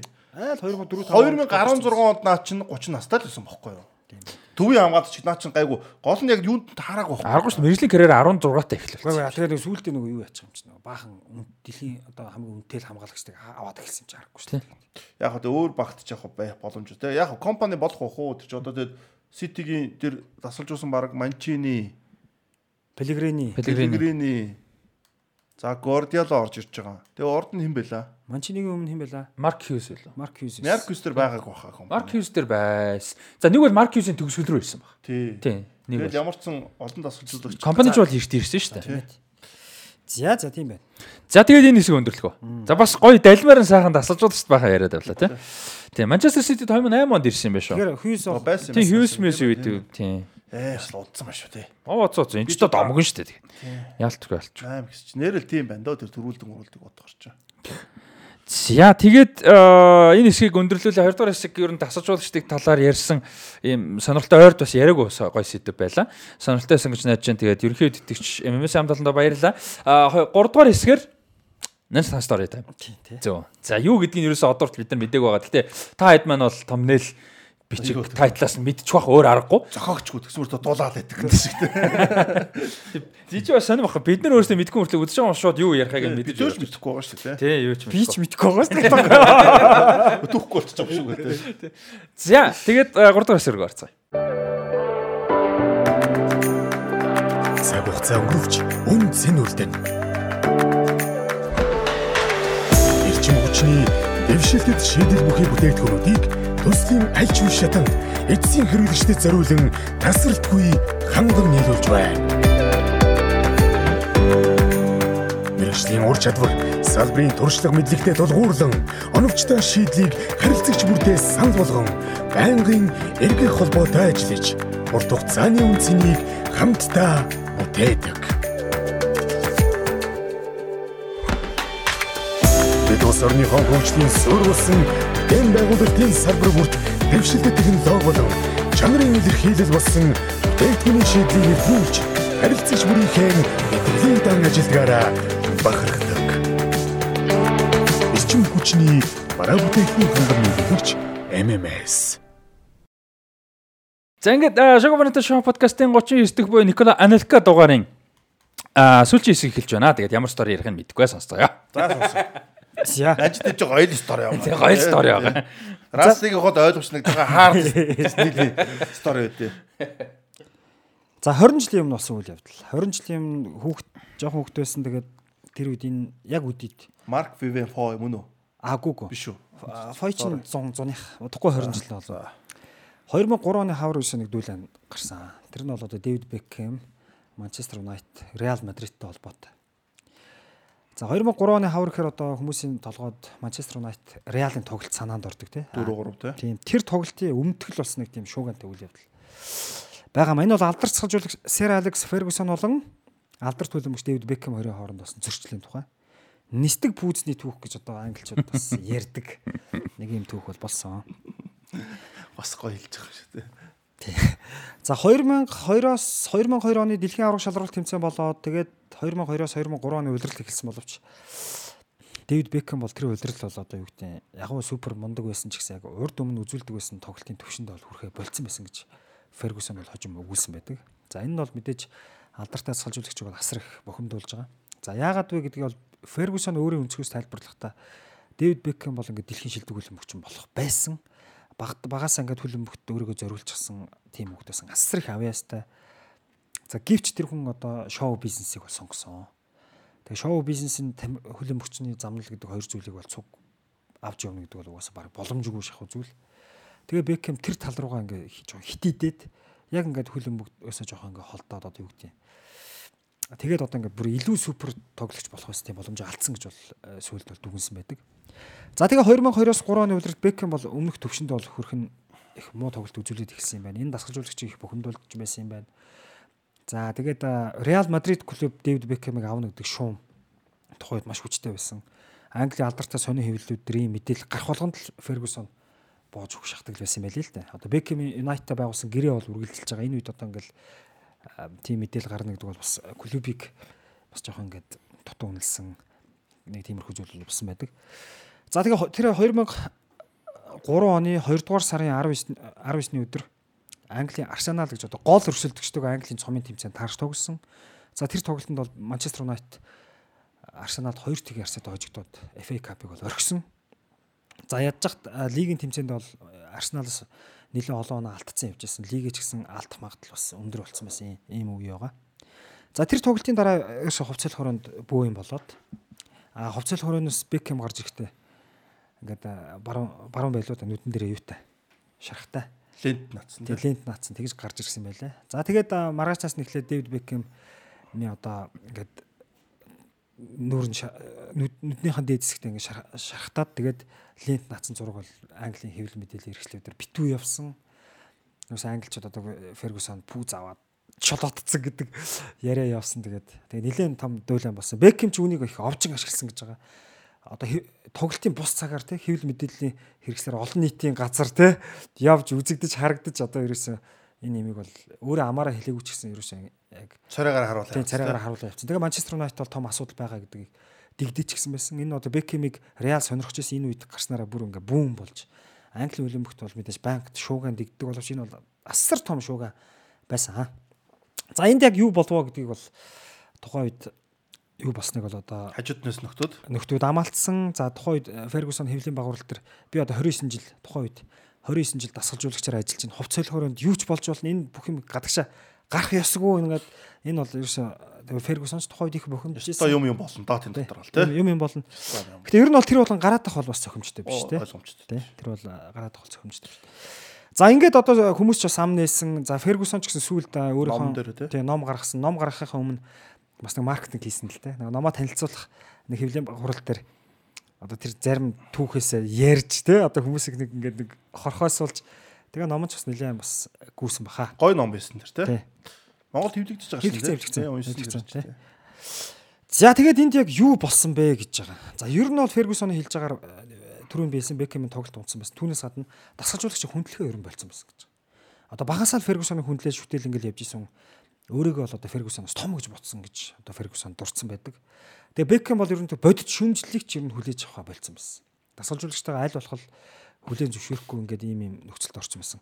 За яг тэр тоглолтод юу байсан бэ? Нэг тэгэр хожигдж явж исэн мэдээж боломж байгаа шүү дээ. Гэтэл хоёр дахь голыг алдахад Бекхэм ерөөсөө залхуурсан юм байна. Хамгаалтанда туслаагүй. Тэгээд Сильван Вилтор ганцаараа сул гарч явж байгаад голын дамжуулт өгсөн юм. Энд нэг нөөчгөө. Бекхэм ч нөө баруун зүрийн хамгаал юу хагас хамгаалагч идэг. Хамгаалтанд амар тусалдаг тусалсан байхгүй хагасаа болчихсон байхгүй. Тий яг зөв. Амар тусалдаг одоо хүмүүс чи Бекхемиг ингэж боддог шүү дээ. Одоо чөлөө цогцолтын мастер тий стандарт цогцолтын мастер гэж гэдгээр нь илүү мэддэг. А гівч Бекхэм чинь тэр 90-ад онд анх гарч ирэх үедээ л ерөөсө багийн талаа бүгдээ зориулдаг өхөн хатан хамгаалтанд тусалдаг. Тийм тоглогч бол байсныг бол хүмүүс анзаардаггүй за тэгээд тэр өдөр ингээд хоёр дэх хожигдоод Фергюсон хувцал хороонд ороод Бекхэм л уурсан юм байна Бекхэм бол өөрөөс нэг 4 м орчим зайтай сууж исэн юм байна Тэгээд ингээ ууралсан чинь Бекхэм өөдөөс нь хийжүүрхэд хэрэлдээд ихсэн байна л да. Тэнгүү тэр өрөөнд ингээд нэг ингээд хөлөмгийн пүүзнүүд те тоглолтын пүүзнүүд ингээд олон байдаг. Тамирчид ингээд таарснаа өмсөд тоглолдог. Тэгсэн чинь Фергюсон өөдөөс нь хидэрлээд тахт нэг ууранда тэр пүүзнүүд өшгөлдсөн чинь нэг пүүз нисч очиод яг Бекхэм нүдийг онцсон юм байна л. Зүүн зүүн хөмсгөн юм байна. Зүүн юм байна. За тэнгууд Бекхэм босоод ирсэн гэж байгаа. Тэнгууд мэдээж тэр тоглогч нар ингээд ингээд тэр юу бол юусаар туйлдаа урсан гэж байгаа. За маргааш нь ингээд бэлтгэл боллоо. Тэгэхэд Фергюсон Бекхэмийг дуудаж байгаа өрөөндөө дуудаж авчираад урч нь одоо өмнөх өдөр нь болсон тоглолтын бичлэгийг үзүүлээд алдааг нь үзүүлчих Бекхэм нэг ч үг дуграагүй гэж байгаа. Бүр нэг ч үг дуграагүй. Тэнгүүт чи намайг өчтөр яагаад Фергюсон арай нэг бас зөөлрж штэ. Чи намайг өчтөр яагаад уураас нэг ойлгож нөхөд Бекхэм юуч дуграагүй гэж байгаа байхгүй. Ингээд нэг тийм. Ерөөсөө л одоо нэг Бекхэмийн хандлага одоо бүх юм бол дасгалжуулагч үйл хүндэлсэн үг нь орохгүй яг л тийм зүйл болсон. За Фергюсон энд бол дасгалжуулагч бас хэцүү. Тамирчд бас ийм тохиол байдаг. Одоо багаас нь ингээд хүүхэд байх үеэс нь өсгөө төмөжүүлээд ингээд ингэсэн хүн чинь бас ингэ нэгдэг бол ер нь эцэг хүнд ч бас хэцүү. Ах хүнд ч хэцүү. Энэ бол ерөөсөө бас нэг тийм. За яг энэ үед Фергюсон юу гэж ботсон бэ гэхээр мэдээж Бекхэм явна гэдэг шуум гарсан байсан. Бекхэмийг авч үлдэхээр боддог байсан бол яг тэр үед клубын удирдлагадаа Бекхэмийг явуулаа гэдэг зүйлийг хэлсэн. Энэ хүний явах цаг болчихжээ. За агуу Фергюсоны философи бол юу гэхээр менежерээс илүү тоглогч гэж байхгүй, клубээс илүү тоглогч гэж байхгүй. Хэрвээ тоглогч өөрийгөө яг тийм тийм гэж бодох юм бол тэр хүн явах цаг нь болжээ гэдэг философитой хүн. Дараа нь Роналдо дээр бас яг юм болсон. Өөрөө ч олон хүнийг явуулсан шүү дээ. Кантоноос өксүүлээл одоо За ингээд ингээд ингээд ингээд Ройкинээс өксүүлээл те. За ингээд ингээд ингээд Дэвид Бекхэмийн шууган бол дигдсэн. За тэгээд энэ одоо юу байсан бэ гэхээр одоо магадгүй ийм зүйл болоог бол юу ч болох байсан. Бекхэм үлдэх байсан юм билүү. Яг энэ үед бол эцсийн тим шийдвэр бол Фергюсон гаргасан гэж гэж бол ярьдаг аа.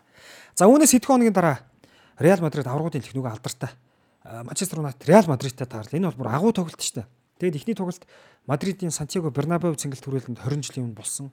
Энд одоо Бекхэм очоод Бекхэм ерөөс ямар ч юм тоглох, тэмцэлдэх зүйл байгаагүй гэж Фергюсон үзэж байгаа байхгүй. Юу гэхээр Бекхэм баруун жигүүр тоглолдог, нөгөө жигүүрт Роберто Карлос тоглолдог.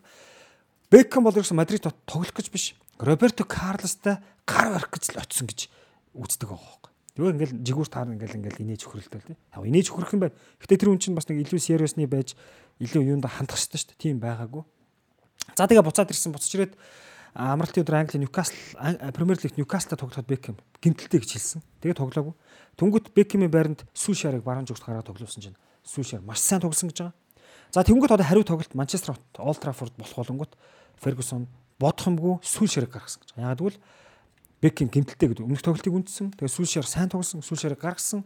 За тэгээд нэг 60 дээр Бекхэмийг гаргадсан шүү дээ. Тэгээ хожигдж явж хат Бекхэм гараа 2 гол хийгээд 4-3-аар Реал хоцсон боловч өмнөх тоглолтод 3-1-ээр хожигдсан байсан болохоор ингээ хоёр тоглолтын нийлбэрээр одоо тэр жилийн аврагууд лигийн баг урьдчилсан гэж хэлж болох шигшээ тоглолтод Реал Мадрид хожиж Манчестер Юнайтед Олд Траффорд сэнгэлт хүрээлэндээ болох шигшээ тоглолтод орох эрхийг бол алдчихсан. Тим нэгэн суута тоглолт бол болж исэн байна. Тэнд нөө Роналдо галзуурчтай барьцлаа. Аа хитрик хийгээч. Гэсэн тий. За тэгээд одоо яг 20 жилийн өмнө бас дэлхийн хөлбөмбөгт маш тийм шуугантай үйл явдал болж исэн. За тэгээд Бекхэм бол үндсэндээ явахын тодорхой болоод За тэр 2003 оны зун Испани Изаны Реал Мадрид клуб жил болгон одоо авдаг байсан. 2000 онд Фигу, 2001 онд Зидан, 2002 онд Роналдо. За тэгээ 2003 онд Бекхэмиг бол тухайд 25 сая фунт стерлингээр Манчестер Юнайтед клубээс авч жинхэнэ Галактик гэдэг төслөө цаашаа өргөжлүүлсэн. За Манчестер Юнайтед бол Бекхэмиг хэдий алдсан ч гэсэн тэр зун Криштиану Роналдог авч 7 дугаарыг өгч ингэж дэлхийн хөлбөмбөгийн түүхэнд бол бас нэг тийм аюу тийм сонин шилжилт хөдөлгөөн бол болж исэн. За энэ хөдөлгөөнийг одоо ингээд эцсийн одоо болгосон цэг нь бол яг тийм ниссэн пүүз байжээ. За ийм нэг тийм сонин түүх Роналдо Бекхэм явгүйсэн чинь Роналдог марг авах байсан баха тий. авах байсан баг тий. Тий, би бол тийж бодоод байдаг шүү дээ. Жон Лапорта тухайн үед дөнгөж сонгогдсон байсан. Барселоны шинэ ерөнхийлөгч Аа залуу. 2003 онд Барсын ерөнхийлөгч сонгуул болох. Ээ, тийм. Бекхэмиг авна гэдэг мөрөө хөтөлбөртөө өршөлдсөн. Гол юм нь тэр байсан. Тэгээ одоо сонирхолтой Жон Лапорта хоёр удаа сонгогдохдоо хоёулангийнхан мөрөө хөтөл би хоёр гоё юм нь гол юм нь хоёулаа бүтээв. Эхнийх дээр Бекхэмиг авчирна гэдэг хамгийн том мөрөө хөтөлбөр нэсэн. Тэгээд ер нь бол хоорондоо тохиролцсон юм бэл. Манчестер Юнайтед Барселона хоёр тохиролцсон.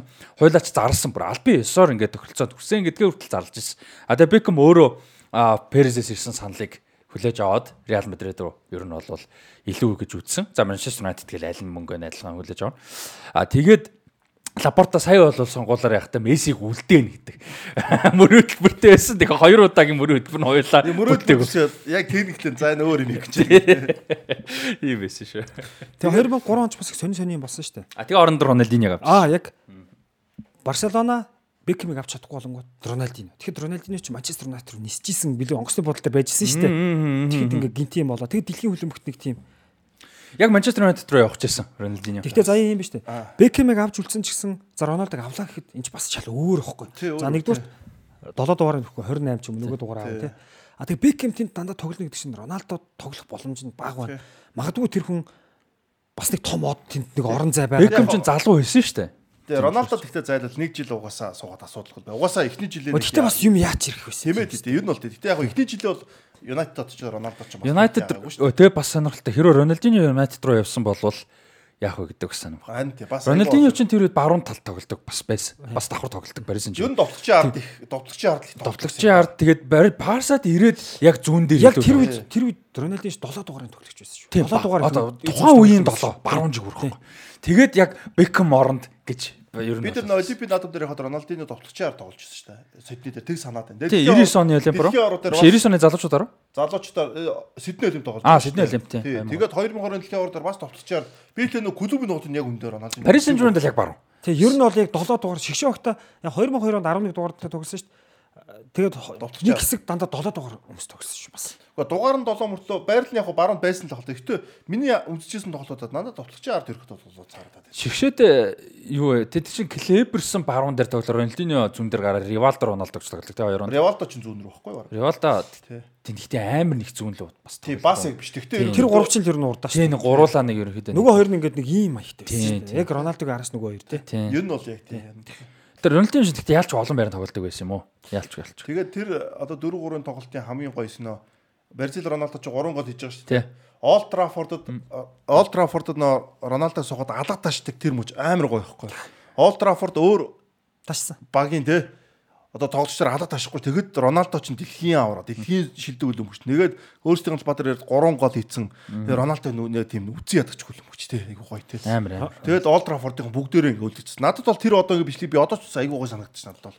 Олтрафолд 2012 онд Атлетик Билбао удажсэн. Европа лигт 32 төлөө 16-д Манчестер Юнайтед хожоод тэгэхэд Олд Траффорд Марсело Биелса болон Атлетик Билбао удажчихсан шүү. Олд Траффорд Олд Траффорд асар соёлтой гоц тий. Хөлбөмбөгийн соёл бол бас За энэ дэр нэг зүйл байгаа. Байгаа шүү Аа, дээ. Аа за байгаа. За. Беккемийн хувьд бол юу ачих вэ? Годоо нэг итрхийн нэг яг тоглож ихээс илүү өөрөө царайлагчийн тэгээд шооны ертөнц юутай яг үндэ бол Од их нэртэй. од их нэртэй гэлхүү. Тэгээд хиний нанжтай хэлдэг үнэн багхгүй Фергус хэлсэн гэж байгаа юм те. Дэлхийн шилдэг хөлбөмбөгч авах боломж байсан уу? Байсан байхгүй манайд. Тэгээд Реалд очиж ч гэсэндээ Реал бас нэг жоохон орон гаранд тоглолцсон шүү дээ. Тасалжуулагч Капелло өдөртөн болсон. Капелло ч баг дээр халагдах жилээ Беккемид олж Беккемийн сайн тоглож яваа. Тэгээд Америк хэдэрлээ явж байгаа. Тэгэхээр Беккем бол одоо 75 оны дамирчин те. Беккем бол 7 сарын 2-нд Летенстаун хотторсон. Тий. Беккемд бол ерөөхдөө ингээд хангалттай хахад олон жил тийм топ төвшөнд бол боломж байсан боловч манай он болно яхав нэ сонирхолтой нь арай өөр. Тасалжууд ч үгэнд орхоод нэг тэр чин хүн болгон Беккем гэж जैन те. Бүр тасарцсан од болцсон те. Хөлөмгийн гадуурх амьдрал нь айгүй юу байгаад байна л да. Их байгаад байна. Анхны ер нь хөлбөмбөгийн анхны яг бодит супер хот шүү дээ. Ер нь бол талбайгаас гаднатаа магадгүй те. Занатаж Крuyff гэдэг шүү. Аа тэг яг Бекхэм шиг байж чадсан. Бекмээс илүү Марадона, Зорадона байгаа шүү байгаа. мэлээ. Гэхдээ гэтээ зүгээр бусад юмд хийсэн юм. Марадона бол хөл бөмбөгөөрөө бодлохгүй. Хөл бөмбөг бэлээ бол одоо чи мэднэ гэвэл бэлээ шүү дээ. Гэтээ ингээд бусад юмд юм хийсэн гэдэг царайлаг марайлаг одоо тэр реклам реклам гэдэг. супер хот гэдэг утгаараа ялч Крuyff-ийг болов шүү дээ тий. Интертеймент алдаа entertainment Крuyff-ийг медиа болоод ирэхээр Шүү, амар байхгүй. Нь Крuyff-ийг л гэж явд юм биш үү. Гэтээ 70-аад онд яг тийм байсан гэж байна. Амар байсан гэж шүү. Яг Марадона бол үнэхээр амар байсан юм. Тийм. Одоо Марадона, Пеле, Крuyff ч од супер одууд шүү дээ. Гэтээ зүгээр яг хөл бөмбөгөөсөө хитрэн гэдэг чинь бас нэг За илүү өөр салбарт гэх юм уу те. Интертеймент талбарт. Тэгээ яаж чад ихнэр нь Spice Girls дуучин те. Дуучин ч ихтэй өгүүлдэг юм уу ярьдаг юм уу ямар нэг те. Одоо Фергюсон хэлсэн байгаа шүү дээ. Миний хувьд хамгийн том асуудал бол тэр Виктория Адамстай гэрэлсэн явдал гэж байгаа. Баг тэгэл буруутсан гэж. Тэр дэлхийн супер хөлбөмбөгч болох зам дээр байсан болооч тэр энэ замыг сонгосон. Майкл Оуэн супер дэлхийн шилдэг авсан шүү дээ те. Европын шилдэг алтан бөмбөг. Тийм, балондор. Балондор авсан шүү дээ. Тий, тий, тий. Балондор тий. Бекхэм ч 2001 онд дэлхийн шилдгийн 3-т орж байгаа. Тийм. Раул Гэхдээ ер нь Фиго бол 99 онд хоёрт. Тэгвэл миний хувьд бол балондор нэрэ том санагдаад байдсан шүү. Илүү нөө шодрог шалгуур нэрэ юу гэдэг учраас би тэгээд дэлгэн шилдэглээ надад шууд балондор орж ирээд байдсан шүү. Нэг тийм За баландор шалгуурууд бас заримдаа дээр үед бол алиа байсныг бас дараа ярина. А, дээр үуч угаасаа тийм л. Яг сүүлд бол бас тэгээ баландор бас томоо том. Ер нь би бол 90 90 тэр дэлхийн шилдэг гэдгийг яг 90 он 91 онд л анх Лотер Матеус энэ анхны авдгийг санаад байна. Тэгээд тэрнээс сүүлд FIFA Балондор гэж яах хүртэл бол бас хуйлаа сонирхолтой гоё л байдаг ус. Ягаад тэгэхээр Балондор нь яг Европ руу илүү чиглэсэн нөгөөх нь яг тухайн жилийнхаа дэлхийн аврах ч юм уу дэлхийн Европын аврах ч юм уу том тэмцээнд илүү яасныг нь илүү өгдөг бас жоохон ялгаатай байдаг байсан юм а. Ер нь бол Ихэнх хичээл таардаг байсан ч гэсэн бас нэг ялгаа гардаг. Зүрхгүй байдаг. Ер нь дажгүй байсан юм а. Надад бол гоё санагдав. Үнэхээр нэг жил хоёуланг нь авцсан бол тархлагц. Тий, тий, бас тэр чинь нэг тийм сонирхолтой байдаг гэсэн байхгүй тий. За, нэмээд өргөжлүүлээрэй. Тэгээ энэ нь яг хав тийм боломж бол зөндөө байсан л да манай онд бол те. Тэгээ Дэвид Бекхэм бол одоо бас юу байл да. Одоо 7 гэдэг дугаарыг бас алдарших. Тий. Гол одоо хүмүүсийн нэг шүү дээ. Тий. 10 бол угаасаа агуу тий хөлбөмбөгийн түүхэнд. 9 агуулсан дараа нь. Тий. Одоо бол ер нь хүүхдүүд бол 10 7 л байгаа шүү. Роналдо тий, дараа нь Кристиано Роналдо болоо тий. Одоо Раул Маул яг нэг өөр кодууд байсан те. Долоод. Яг тэр үед нэг Бекхэмс гадна Фигу, Раул гэдэг яг бах Бекэм ч долоо- бас 23 дугаар гаргаад ирсэн нөхөр шүү дээ. Бас. Жордны дараа. Тий. Тий, 23. Хөлбөмбөгт 23 дугаар өмсдөг юм. За 7 бол ядаж байсан тий, ядаж Мерсер. А Бекхэм бол 23-г бүр үнэхээр хөлбөмбөгт ихлээ. Реал дугаасаа нөгөө Фиго 10, Раул 7.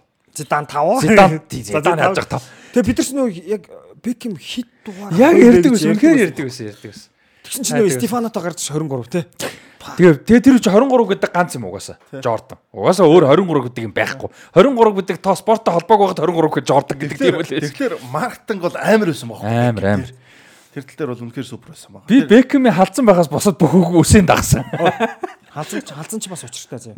Халзан ч бас томогтой. Яг Фергюсон ч бүр аргаа барж байгаа байхгүй юу? Ном дээр ч бичсэн байдаг. Тэр хевлээ урд дээр ч хэлсэн. Юу гэхээр Бекхэм үгэнд орохгүй байсан. Юу гэхээр Бекхэм нэг бэлтгэл дээр дандаа малгай өмсөж гэж байгаа. За тэгээ багаар ингээ хоол идсэн чинь нэг малгай өмсөж өгсөн. Малгайгаа тайл гэж тайл гэж хэлсэн гэж байгаа. Тайлахгүйсэн гэж байгаа. Бид нар хоол чи ядаж хоол идэж байхдаа малгайгаа тайлж гэсэн тайлахгүйсэн гэж байгаа. Тэгээ Фергюсон ч жоохон зүрүүд ингээ гүжүүд босчрээд чи тайл гэж тайлахгүй. Чи одоо тайлахгүй бол би чамайг Лестертийг тоглолт оруулахгүй шүү гэж Бекхэм тайлсан. Аргагүй ихэнд тайлсан чи хав алзан гарчсан. Нөгөө найзууд нь багийнх нь үзээд бүр тэгэд Бекхэмийн зорилго юу байсан бэ гэхээр ингэж байж яг тоглолтын тайлангууд хүмүүс пүү па тийм байсан гэж байгаа наа чи Бекхэм бүр угаасаа тэгж интертеймент руугаа алтарсан байсан. Харин. Тэгэхээр нөө хөлбөмбөгт од толох боломжоо ерөөхдөө манай он болоос жоохон хэсэгцэн л баг. Тэгээ манай хүний хэлдэг үнэн л юм байл да. Виктори Адамстай суугаад нөгөөд нь угаасаа битэн шоу. Тархинд угааж гэж байгаа. Шоуны нөхөр байгаа шүү. Гэтэ угааж байгаа гэж ярьж болохгүй. тийм Одоо мань тийм. хүний карьерийг харалт амар биш шүү дээ. Хөлбөмбөгийн карьер нь дууснаас Аа хойш тийм. юм Тэгэхээр бас ч зүрх юм шиг тийм. амьдралынхаа урт хугацааны суурийг тавьсан. Мэржлийн карьер хөлбөмбөгчний карьер 35 хүрэл дууссан шүү дээ. Тэгэхэд мань хүний одоо бүр алж байгаа байсан дээ. Одоо бүр клубын эзэн болж Тийм байна. клубын эзэн одоо тэгэхээр бол буруут гарга байгаа. Зүгээр буруу яг юм байгаа шүү. Ганц өнцг нь а Фергюсон бол дасгалжуулагч менежер. Тэр хүн тэр тамирчныг од гэхээс илүү хөлбөмбөгч өөр. А тийм тийм. Яг Фергюсоны зүгээс харахад тэр үний зүг. Яг одоо юу гэдэг хөлбөмбөгчний карьер гэж харуул тийм. А Фергюсон одоо ажлынх нь үүрэг чиглэлийн хувьас харуул тэр зүг. Тэгээ тэр нь бол мэдээж тэрнтэй зөрлөж байгаа. Тийм тийм тийм. Яг яг. Тэгээ надад бол ядч нэг хөл өмгөгчин байхдаа өшөө илүү жоохон нэг анхаарсан бол бас нэг жоохон гой боломж байсан л ч. Тэр бол жоохон тэгэл сатаарсан тэгээ зөндөөл юм л байсан л баг л та зайлал. Беким чи бүр ингээд өдөр домш юмнууд айгүйх гардаг өстэй. Бекимийн нэг юу адилхан хүн байдаг. Тэгээ зарим хүлээ авалтан дээр тэрийг явуулцдаг. Яадаг яадаг өөрөөсөө тийм үлгэр домш баг юм биш. Тэгээ Беким Викториарын тэр танилцсан түүх айгүй гоё юм л шүү дээ. Тэр чи ярихгүй юм. Одоо марцчихжээ. Тэр хоёрын танилцсан Мессеж үчилцдэг үстэй. Тэгээ мессеж үтэлцгээс гадна юун дээр нэг ямар арга хэмжээнд дээр лээ. Шууд нөө танилцаад. Тэгээ Бекхэм ч айгүй царилж нүсээ хагалцсан байдаг. Виктори Адамс ч нөө Coast-ын том дуучин. Тэгээ Манчестер United ингээд хөлөн бүшин үзэгчдэр ясч. Бекхэмтэй шууд нөө хөлөн үзэхгүй шүү дээ. Анх харангууд шууд дууралцсан гэсэн нөө Виктори Адамс Бекхэмт. Шууд дуурлаа. Тэгээд юу энэ ямар залуу юм аа лөө. Тэгээ Бекхэм ч гэсэндээ нөө Виктори айгүй таалагдсан. Угаасаа Виктори чиг юу хамтгийн хамгийн дээ. Space Coast-ын 5 гишүүнсээ. Тэгээд тэр өөр чи ингээд мессеж бичээд. Тэгээд 2002 оны дэлхийн орчин Бекхэм орж байгаа дээ. Тэг чин тэр хүүхдгүйсэн шүү Өө дээ. 99 онд болцсон байсан. 99 оны нэг премьер 99 онд гэрсэн. Sorry 98 он. 99 онд би андуурч байна. 98 онд 98 оны дэлхийн ор шүү. 98 оны дэлхийн орд Бекхэм яваад тэгээд Аргентинд очигчод нөө чин бөө ингээд сэтгэл санаар унтсан явж байгаа шүү дээ. Өөрөө улаан уцмаа цаад унт. Тэгээд Америк руу нөө сэтгэл санаагаас нь гэсэн чинь Викторийн Америк түрүү тэргээд Америкт очоод тэгээд юу болсон гэж байхгүй одоо нөө илүү нөө нэг юу болсон гэдэг. дотносон гэж. Илүү дотносоо. Тэгээд 99 онд гэрлээ. Тэгээд Бруклин ч 2000 онд төрдөг А үстэй. 99 оны хаварч шүү дээ. Амар хорин болт. Тийм. Тэгээ Бруклин чин 2000 онд төрдөн шүү дээ. Тэг чин Бекхэм амьдарч кино аахгүй. 2000 онд Бруклин төрсөн чин Боцоны сайтууд матууд нэг баах юм гараа. Тэр үеийн Боцон сайтууд чин бас одооноос өөр байгаа шүү. Тэг чин нэг нөхөр тийм Боцо тавьсан ч аахгүй. Бекхэм Виктория хүү Бруклин гэдэг нэрийг өгсөн. Бруклин 2018 оны дэлхийн ороод оролцсон. Англи төрөөд нь Бруклин финалийн тоглолтын алтан юу шигшээ тоглолтын эцсийн зэгийг 50 байв. Тэгэх юм бол сая доллар болоор очиж чинь давхар тийм нөө гэр бүлийн интертеймент бүр амар тийм бүр боцооны юу гарч ижсэн байхгүй. Тэгэж танилцаад ерөөдөө тэр хоёр танилцахад Виктория илүү ихэлж яасан гэдэг юм байла одоо ихэлсэн гэдэг ч юм уу те. Шууд дууралсан тэгээд Бе- Бекхэмтэй одоо холбогдох ихний юунуудыг яасан гэдэг мессеж бичсэн гэдэг тэгж явд юм байлаа. За одоо ингээд харахад бол Бекхэм бол бас тэр замыг сонгосон нь бол үнэхээр алдаагүй тий. Одоо одоо нөгөө хөлөмөгч эсвэл хамаа одоо бараг л хамгийн од штэ. Од одоо хөрөнгө Бусад мөнгө салбар, тий. олон салбарт ингээ орчихсон. Америк руу Тэгээ Америк явцсан тэр үн чинь Тэр чин Galaxy явдаг чин амар нөлөөтэй. Galaxy явдаг чин зөвхөн өөрийнх нь нөгөө Лос Анжелес ч одоо дэлхийн entertainment одоо бараг л Шоу зингээний төв шүү дээ. Legacy гаралтаа тий. Тийм тийм Холливуд те. Тэнгүүт чин мань хүн тэрэнд амар чухал байсан. А дээрэс нь Америкийн MLS-т амар чухал. Мань хүний чи гэрээ чин цалин бага цал яг их Монголд хэдэн сая еврочлээ доллар. А гэхдээ яг мань хүнд бол амар бага цалин байсан. Гэхдээ гол зорилго нь юу гэхээр олон жилийн гэрээтэй ирээдүйд MLS-т өөрийн франчайзыг эрхэх шинэ франчайз нэг хэрэгтэй гэр байсан байхгүй. Тэгээд- Бүр мань хүн чи ирээдүгөө тэгэж бүр амар харж тэгэж юу Карьераа а, сонголтоо. том одуудаас Америк руу очисон юм бол одоо миний мэдхээр бол хамгийн дээдлийнх нь Пиле байгаа байхгүй тий. Космос очижсэн. Beckenbauer очижсэн дээ. Одоо тий Пиле Тий. дээ Beckenbauer. Эвсебио Тий. Тэнгүүд л одоо Бекхэм чин баг ид үдэ шүү очиж байгаа байхгүй. Тэгээд нөө нэг нилээ гайгүй үедээ тий тий. нилээн гай баг ид шүү дээ тэр чин тийм шүү дээ. Яг ид үе чүт чүт ингээ. Гэтэл нилээ боломж Тий, юм. тэгээд нөө MS нөө Америкийн хөлбөмбөг мөгч нөө урд нь ингээл хөгжүүлэх гээл зөндөө юм ийжсэн те. Одоо давчирж ирсэн дэлхийн авар ингээд зохион байгуулсан. Тэг чи Бекхэм ирэхэд үзэгчт бүр амар өссөн гэж байна. Бол Бекхэм ч өөр entertainment талдаа амар супер од. Тэгээд нөө нэг Лос Анжелес Galaxy-д ч бол Америк хүч нь хөлбөмбөг ингээд сонирхож юм. Америкийн хөлбөмбөгийн нөө Major League чинь босох тэгээ санхүүгүүд босох айгу бас тийм гой гой юмнууд гарч ичсэн. Тэг анхаарал их татсан. Тэгээ манайч анхаарал татна гэдэг нөгөө хөлт бөмбөг талбай дээрээс гадна яг Galaxy-д бас гайгүй олон жил тогсон шүү дээ. 5 жил 20 32 тад очоод 35 6 хүртэл тогсон. 2012 оны 11 дугаар сарын сүүлээр нэг цом аваад тэгээ Тэгээ Парис Тэгээ. Парис дээр.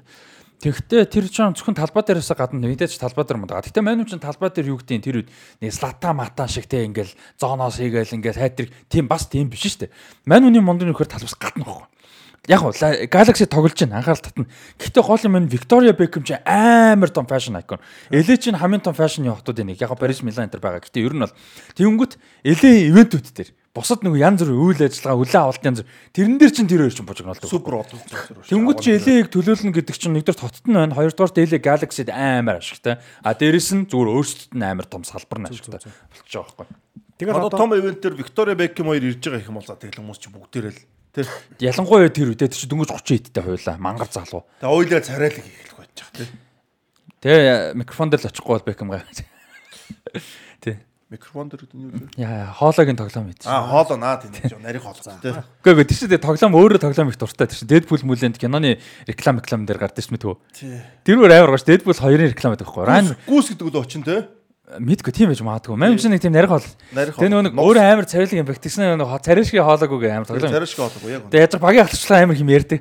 Тэгээ нөгөө тэр нь тоглоом байдаг. Тэгээ би яд ялгаж юм шиг. Тэгээ нөгөө нэг тэр үед амар тэгдэг. Тэгээ тэгсэн чинь сүүл бүр Америк ч угаасаа мань хөө од болцсон. Тэгээд Ryan Reynolds чинь маркетингаараа алдартай. Одоо гарч- клубын эзэн үү? Аа, Rexman эзэн. Тэгсэн чинь ха- хамтран эзэгч эзэмшигч. Тэгсэн чинь Ryan Reynolds чинь Deadpool 2-ын рекламыг хий- хийхдээ хинтээ Дэвид Бекхэмд юу өгж байгаагаар хийдэг байхгүй. Нөгөө нэг юутай юутай шаар гэдэг үлээ нөгөөний хоол нэрийг болгочдөг. Ямар хийгээд азот биш солирч чинь. Ямар хий гэдэг л хелиум гэдэг чинь монголоор юу гэдэг юм? Хелиум гэж хийдэг шүү дээ. Тэг хелиумтай шаарыг ингээд хоол руу сорчоор хогийн нарийнхаа халаад болчихдээ шүү дээ. Тийм шаар ингээд Бекхэмтэй авчиж өгж байгаа жоок гэдэг байхгүй. Тэг Бекхэм тэрнээс нөгөө ёо яга тоглоом хийдэг юм бэ гэсэн чинь маа нэмээд авчих тэгвэл хоолооч бүр гоё олно болно гэдэг. Тэрийн маркетинг хүртэл хийжсэн байхгүй. Тэг мань хүн чинь тэрэндээ ингээд тэрийгэ тоглоом моглоом амар болгож молгодог. Тэр чинь бүх юм нь ерөөсөө эле маркетинг байхгүй. Хочин огоос гүүс гэдэг. Гүүс чи одоо юу штэ монголоор? Галуу шүү дээ. Нугас нуу галуу нуу. Зөөж галуу чинь дог тэгэхээр нугас юм байна. Нугас тий нугас гэдэг. За галуу хөл үү, дак хөл үү? Галуу галуу чинь дог нугас чинь гүс байх. Гэхдээ дак ч нугас шүү дээ. Дак ч нугас нугас. Галуу байхгүй. Галуу ч гүүс байхгүй тий. Галуу ч гүүс байхгүй. Дак ч нөө эрэгтэй ногоо өнгөтэй шүү дээ. Монголд байдаг юунд байдаг. Эмэн бор өнгөтэй. Тэгэд юу н галуу нарай том байхгүй юу? Нугасаас нугас чинь жижигхэн амт шүү дээ. Нугасын мах гэдэг чинь жижигхэн мах тий. Галуу ч том байхгүй. Гүүс. За тэгээ Бекхэм бол одоо дэлхийн одоо их олон байгууллагын нүүр царай. Одоо бүхэл том ивентийн нүүр царай. Аа Интер Майами гэж MLS-ийн шинээр байгуулсан асар том амбицтай клубын эзэн. Эзэн мэт ээ. Эзэн эзэн эзэн. За яг нөгөө нүүр царай нэг эзэн толгоос ганц эзэмшигч нь бол биш. Хүмүүс бас тэрэн дээр андуурдаг. Мань хүн чинь тийм утгагүй баян бас биш. Хитэн тэр бомтон бас биш шүү дээ. Аа тэгээ тийм болохоор яг нүүр царай нь гол нүүр царай нь ерөнхийлөгч нь. Тэгээд яг гол шийдвэрийг гаргадаг хариуцсан. А гэхдээ яг үндсэн нөгөө том хөрөнгө оруулагч ч юм уу том одоо бүтэн эзэн бас биш шүү. Тэгээ олон нөгөө хөрөнгө оруулагч хамтрагчдуудтай. Тэгээ Бекхэм үнэхээр Манай амжилттай. Тий, амар, амар. Долларын тэр бомтон болоогүй шүү дээ. Гүү гүү гүү Тэгээ болоо. долларын тэр бомтон Гэтэ болчихоо хуу наач. Аа бас хэцүү хэцүү. Би тэр бонд юм амар бас. Тэр бол амаргүй юм байна. Одоо яг хоо одоо тэр чин Jordan болж байгаа шүү дээ. Jordan брэнд дэр. Жорж Жордан ч брендер. Тий, брендер. Леброн Леброн карьертаа зүгээр нийт тэр бом гараг олсон гэдэг яг одоогийн хөрөнгө биш. Тийм. Роналдо Криштиано Роналдо ч карьертаа тэр бом гараг олсон. Яг одоо тэр бом биш олсон нь. Тэр бом Интер Майами цөм госол болох юм шүү. Тэр бом амар юм бэлээ. Тэр бом ч Тэр амар бом юм. гэдэг ер нь шал утгагүй юм бэлээ шүү дээ. Ер нь Тийм. яг Долларын долларын тэр бомтой шүү Тийм. Ер нь бол зүгээр ингээд үгүй Монголч гэсэн ер нь тэр бом амар. Тэгэхдээ зүгээр ер нь бид нар тэр бом гэхээр нөгөө тэр бомтой олон байдаг болохоор зүгээр ингээд нэг тийм амархан юм шиг. Тэгсэн чинь хин чин юу лээ нөгөө Матео Фламини ч ер нь мөгтэй айлын хүүхд юм байна. Арсеналд байсан. Ер нь Тэгээд юунд хөрөнгө оруулчлаа тэр чинь. Гэхдээ тэгснэ зодог тайлгахаа өмнөхөн мань ч амар бизнес юутай. Тэгээ ингээд нөгөө биз- их сургууль мургуулда сураа яваадсан юм шүү дээ. Зодог тайлгахаас өмнө мэржлээ дээшүүлж мэржлүүлээд. Тэгэж явж хагаад а зодог тайлгахаа үед юу яасан юм бэ? Инженерийн компанид хөрөнгө оруулалт хийсэн хамт босголцсон юм байна. Тэгээ тэр нь болохоор одоо энэ нөгөө нэг газрын тос ашиглахгүйгээр бодит одоо юм түлш мүш үйлдвэрлэдэг дэлхийн ганц компани. Яг бодит бүр хэрэглэж хэрэглэхэд бүр ингээ боломжтой үйлдвэрлэдэг. Яг гоо тэгтээ нөгөө масс ингэж амар үйлдвэрлэж чадахгүй гэдэг тийм. Тэгээ тэр компани нь бүр амар хідэн тэрбумын чинь үнэлгээтэй. Тэгээ өөрөө гол үндсэн хөрөнгө оруулагчдынх нь одоо эзэдүүдийнх нь нэг тэгээд Матео Фламинигийн одоо үнэлгээ нь хөрөнгө биш нөгөө worth гэж байдаг шүү дээ. Тэр нь 2.4 тэрбум гэсэн. Тэгээд ер нь хөлбөмбөч дундаас хамгийн баян хөлбөмбөчтэй нэг юм лээ. Одоо болж байгаа шүү. Тийм. Тэгсэн чинь нэг Мессигийн хөрөнгийг хэд үржин гэж 30 40 үржин гэж. Наа чин багс 2 7 өмнө тийм мэдээлэл гарсан тийм. Тийм тийм тийм амар юм байна. би харчаад оо за за манай жилийн хамгийн баян хөлбөмбөч болчихж байгаа юм. Оо зөв мэдээгүй мэдээгүй. Тийм яг байгаа хөрөнгөөрөө бол баг үнэлгээгээр бол баг хамгийн үнэтэй хөлбөмбөч юм байна шүү. Бекхэмийн тухай бас нэг хамгийн сүүл за яг 2 3 жилийн өмнө л ковид гараад нэг э, хэцүү байсан. Яг ковидын үед үед өөрийнх нь одоо хідэн сая дагагчтай пэйж хуудас бай. Тэрийг А юнисет төглөө. Юу лээ? юун төглөө нэг эрүү дэлхийн эрүүл мэндийн байгууллага төглөө. Тэр бас баавартай тий. Инстаграм маяга. А Instagram. Инстаграм маяга нэг том ковид үеэр нэг юунд та нар ингээд энүүгээр юу сурчлгээд. Одоо ковид үеэр ингээд хүмүүс. Амар хідэн сая дагагчтай явах гэсэн. Тэгэд бүтэн нэр нь одоо л цаанаас гардаг ш. Дэвид Роберт Жозеф Бекхэм тий. Яста яг яг яг яста яг гардаг. Үнэхээр гардаг. нэр цэшээс гардаггүй нэрхгүй. Яг л чи супер од байсан бидний үе тий. Оо, Амар амар. Йоо Бекхэм. Тэгээд би чинь тайлбарж явахдаа гол оруулаад Дэвид Роберт Жозеф Бекхэмийн гой цохилтой байна тэр гэж мэгж. Яа тэстэй гурван хүүтэй нэг охинтой. Оо Бекхэм амар. Юу Нэг хүн саяхан нэг хаана хөлөмөгч болсон бэ? Ромео Ромео тий. Нэг багтаа гэрээ болсон шүү дээ. Брентфорд. Чим Брентфорд 2 дугаар. 2 дугаар тий, хоёр дугаар. Брентфорд 2 дугаар. 2 дугаар ч болж шүү. Юу болно шүү яах вэ? амар амар амар хэвтэй байгаа шүү. Тэгээд Тийм шүү дээ. нөгөө нэг энэ Талига чи нэг Бекхэмтэй холбоотой хамгийн анхны хоногоо байгаа шүү дээ. Нөгөө 6 дэлхийн орог болж байгаа чинь нөгөө тайм тайлбарлаж ирсэн нөгөө ТV-с дээр нөгөө давталтыг шууд тайлбар. давталтыг тайлбарладаг байсан. Тэгээд манай ч нөгөө шүн үзээгүй шүү дээ. Тоглолт тайлбарлаж ирсэн нөгөө Виктория Бекхэм нөгөө Бруклинтэй суучдаг ш Бруклин ч тухайд 6 настай болцсон тий. Тэгэл тоглолт тайлбарлаж байгаа л тэрүүгээр би анх шийдэл мэддэг. Олон хүн тэрүүгээр мэддэм билээ. Тэгсэн яасан гэж чинь. За энэ Дэвид Бекхэм ихнэр ирсэн байна энэ чинь. За нэг том алдартай хамтын дуудчих гэсэн би ч удаа сайн мэдэхгүй энэ хүүхдүүд мэддэг баг. Энэ хүүхд нь ирсэн байна Бруклин. Өө ямар том болоо вэ гэдэг. Тэрүүгээр нөө нэг хүмүүс амар юу яадаг болцоод байна. Тэр нэг ах тэгэж ярьж байна. Тэгээ би анх өөрөө бас тэрийг сонсчод амар хинээж исэн. Нэг тийм ярьжсэн яг Бекхэмд холбоотой юу байдаг. Тэг хөлбөмбөгийг бас нөгөө нэг одоо бол яг хөө ингээд нөгөө хүний сонирхлоод авах урлаг спорттой ингээд интернет амар их болоод урлаг сонирхлоод дагах боломжтой амар их болцсон байна те.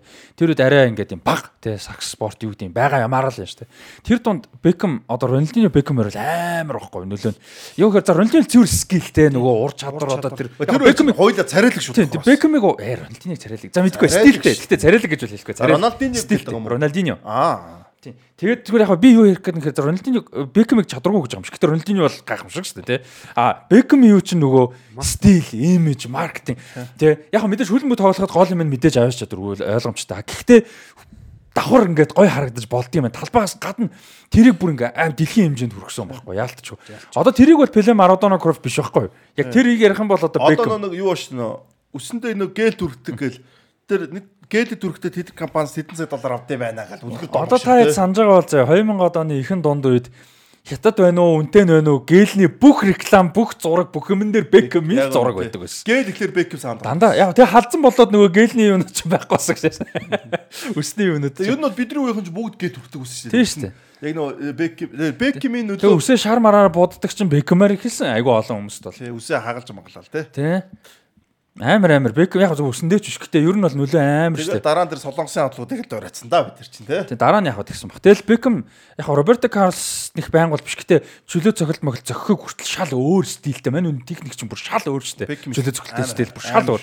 Яг Роберто Карлс тухайд амар өөр байсан. Гэтэ байнг зохитгоо. Тэгээ мань үн чинь нэг тийм од одоо юу гэдэг юм. Роберто Гас зү дэлб байхгүй. тэгээ яг нөө мань үн чинь холоос амар гүдэг. Тэр нь алдтай. Гэтэ Бекхэм их чи бүр ингээд юм шал өөр. Тэгээ нөө мань үн чинь Оног түрүүн чинь сайн байхгүй тийм нөө Гарын савлт хөлийн гарын савлт нөгөө тийм нөө гүүж ирж мэрж шал өөр байхгүй.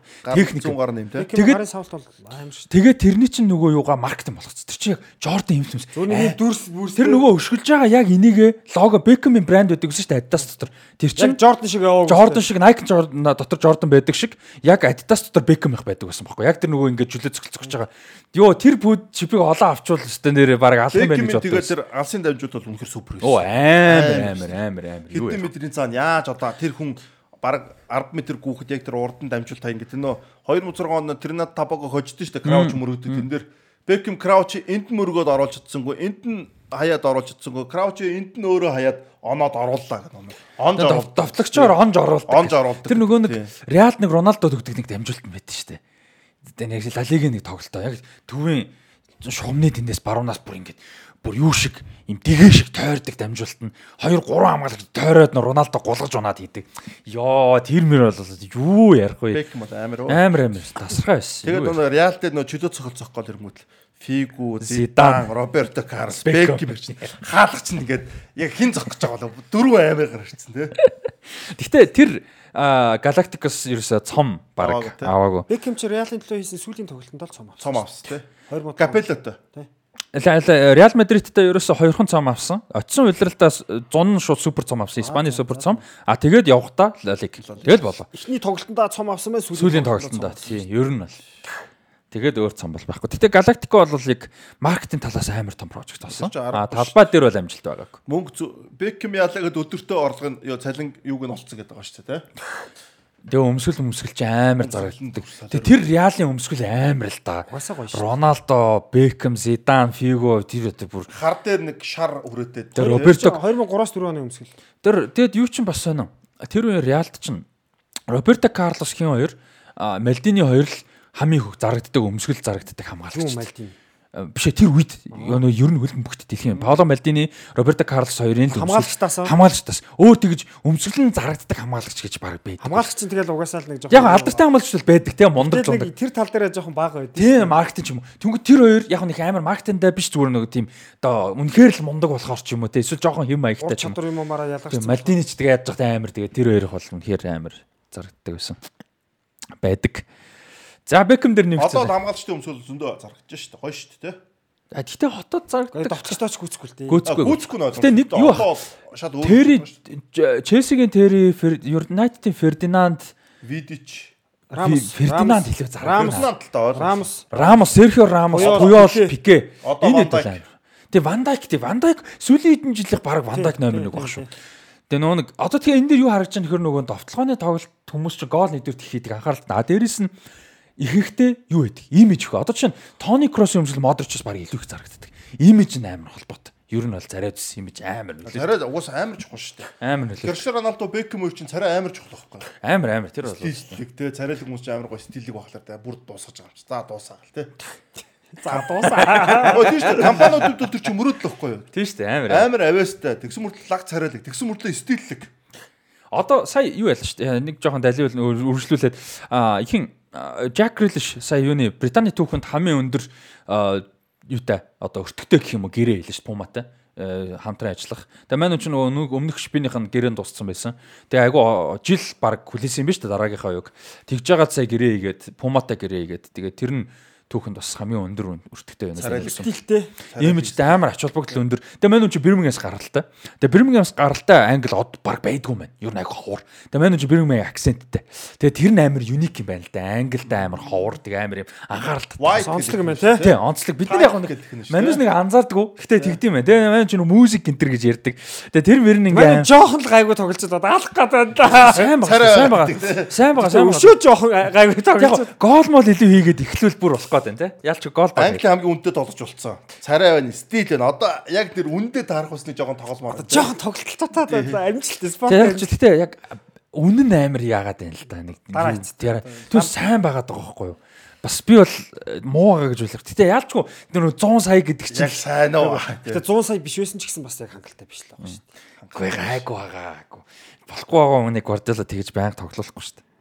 100 саяар авсан болоо л тоглуулаад байгаа шүү дээ. Тэг аим итг. Би мань хүн бол болохгүй байсан бол Гвардиола явуулчихлаа. Дараа чинь Хааланд Махрез Фоднүү гэрэл ш. Сая Фоден ч нэг хэсэг явахгүй байсан. Тэг Грилиш сая байнга тогссон шүү дээ. Нэг хэсэг бол сая байнга тогссон. Фоден нэлээд дандаас илэн сусны хэсэг. Фодн өдрлөө ихэн сайн тоглож жагаад тэгээд нэг жоохон суугаад дэлхийн оргоо хойш бол муу тоглож жаад одоо сүүлийн хэдэн тоо сайн тоглоод байна. Тэг Грилиш гэхдээ юу л да нэг хүмүүсийн ойлголт жоо хуурч байна. Мань хүн вингер болохоо нэг гол ассист гээд нэг хэсэг эсвэл нэг Астон Виллад ялч нэг хэсэг жирсэн болоо. Түүнээс ер нь хизээч тийм их олон голтой олон ассисттэй тоглож угаасаа байгаагүй. Ер нь Астон Виллад анх гарч ирэхдээ тийм угаасаа байгаагүй. Удирдлийн 10 гол хийвэл их юм баггүй. Угаасаа тийм байгаагүй. Тэр хүлээлтэн ч тийм биш. Тэгэд нөгөө Ситигийн авж байгаа амар том юмнууд чинь нэг тэр маркетинг баггүй. Одоо тэр нөгөө Роналдо Реал авдаг А Бекхэм сая ярьж чинь тэр чинь амар том хэсэг маркетинг баггүй. Грилиш чинь. Английнхаа хамгийн маркетабл хүнийг авна гэдэг чинь амар том юм баггүй. Англид царайлаг хүмүүс дуртай. Сити тэгвэл 100 сая олцсон л юм байна. Тий, тий, тэр чинь амар том бас нэг хэсэг нь баггүй. Ер нь. л. За хэдүүлээ бас ойд аа за. Астон Виллад бол алсан. Оо амар байсан, амар байсан. Астон Виллагийн багтар хоёр шүү дээ. удирлаа бол алсан шүү дээ. Тэр нөгөө нэг үе байсан үеийнхэн би сая бас нэг агуу гоё үг уншаад, сториг уншаад нөгөө Dean Smith тасалжуулж исэн. Тэгээд удирлын ихний хагастай нэг орон гараа явж байгаад грилиш гимтээд тэгээд бүр нэлээд унаад 2 сар гинтээд бүр амар муу тоглоод 8 тоглолт хожилгүй яваад. Тэгээд юу чин Астон Вилла ч нөгөө дээшээгээ баг гарах гэж исэн. Гайгүй овоо явж исэн чинь бүр байхгүй болоо. Тэгээ баг дээшээ яваа гарах үгүй нь эргэлзээтэй болоо. Тэгээд тэгжсэн чинь Грилиш эргэж ирээд нэг хоёр тоглолт нэг жоохон нэг ач холбогдолтой яваагүй байжгаад 11 тоглолт төлөө 10 тоглолт дараалж утсан юм бэл Астон Вилла. Тэр нь тэгээ Астон Виллагийн түүхэнд бүр ингээ яригддаг юм байна. гарсан. Тэр нөө гарч ирдэг байлаа л байхгүй. Тэгэл мань хүнээс шууд хамааралтай шүү дээ. Тэр бол угаасаа бүр үнэхээр домогт бидний талаар бүр ингээ нөгөө нэг Грилишээс босоод бүх хүмүүсийн ярьслага байхгүй тийм Дин Смит тэр үдээс Январ Илгази өрхийн ижлээ баахан тоглогч тоо. Тэдний бүгдээр ингээ ярьслага Грилиш ганцаархнаа байхгүй. Тэгээд тэрийг уншсан бүр айгүй гоёс тэ тэр ингээ нөгөө 10 тоглолтын хугацаанд юу юу болсон. Тэгээд ганц Грилиш мэдээж байгаагүй гэхдээ хамгийн чухал нь байсан. Астон Вилла дээшээ гарчхад би өстө учиргүй ярилсан шүү дээ. Гой. Гой гой гой гой. Учиргүй ярилсан. Мартин Онилийн Астон Виллагаас бид нар чи үдцсэн болохоор Тийм шүү дээ. Давид Олиригийн Вилла 2004 5-т орж исэн. Тэгээ Вилла орж исэн. сая Брентфорд агуу гоё гарч ил яг хав түүхийн нэг мэдгүй ч гэсэн гарч ирэх нь гоё байлаа. Виллагийн тэр өнгө бол бас брэнд шүү. Гоё гоё. Тийм шүү дээ. Тийм шүү Одоо тэр Борнлиг гарч дөө яг Астон Вилла шоктой биш ч гэх тий. Яг тэр өнгийг бол Астон Вилла л гэж харж байгаа байхгүй тий. яг ногоон нь арай жоохон дийлэх болохоос шиг заримдаа бол айгүй төстэй шүү дээ. Тийм. За өөр нэмэх зүйл байгаа энэ дээр. За Хөршлөөлөл. Бекхемийн тухай одоо За. сүүлчийн үеийн За. хүлэмж сонирхч хүүхдүүд бас хинбэ байсныг бид нар бас тодорхой хэсгээс нь ч гэсэн бас хилчлээ тий. Нөлөө нь амар амар. Амар амар тий. Одоо Раст чинь хэлж шít халзангаас бусдад бүгдийн дөрөөдөг байсан гэхэлэр чи тий. Цац юм шүү дээ. А зүүн зүү амар зөгтөг те. Ерөөсө Бекхэм шиг тэгэж бүх төрлийн үсэн зөгтөг хүн гэж байдаг. ховцсон юу ч өмсгөө ярагдан тий. Тэ. Амар амар. Бекхэм бол үнэхээр амар. Тэгээ талбай дээр хамгийн гол нь амар ихгүй тэр чинь амар агуу авьяастай хүн байсан. Тэгээ яг хуу сая ярьж шүү дээ. Яалч хөлбөмбөг карьераа нэг авраг авцсан, Англи лигийн аврагыг одоо хэдэн ч удаа авцсан тий. Премьер лиг бол зөндөө. Шигшээ ордаал явсангүй дээ. Шигшээ багийн анхлагч уусан дихтэй тэр чинь. Англи тий, Англи шиг анхлагч уусан шүү дээ. Аадан ширрийн яраас авна гэж баслаа. Адамс авсан. Нэг Адамс. Нэг жил авсан уу?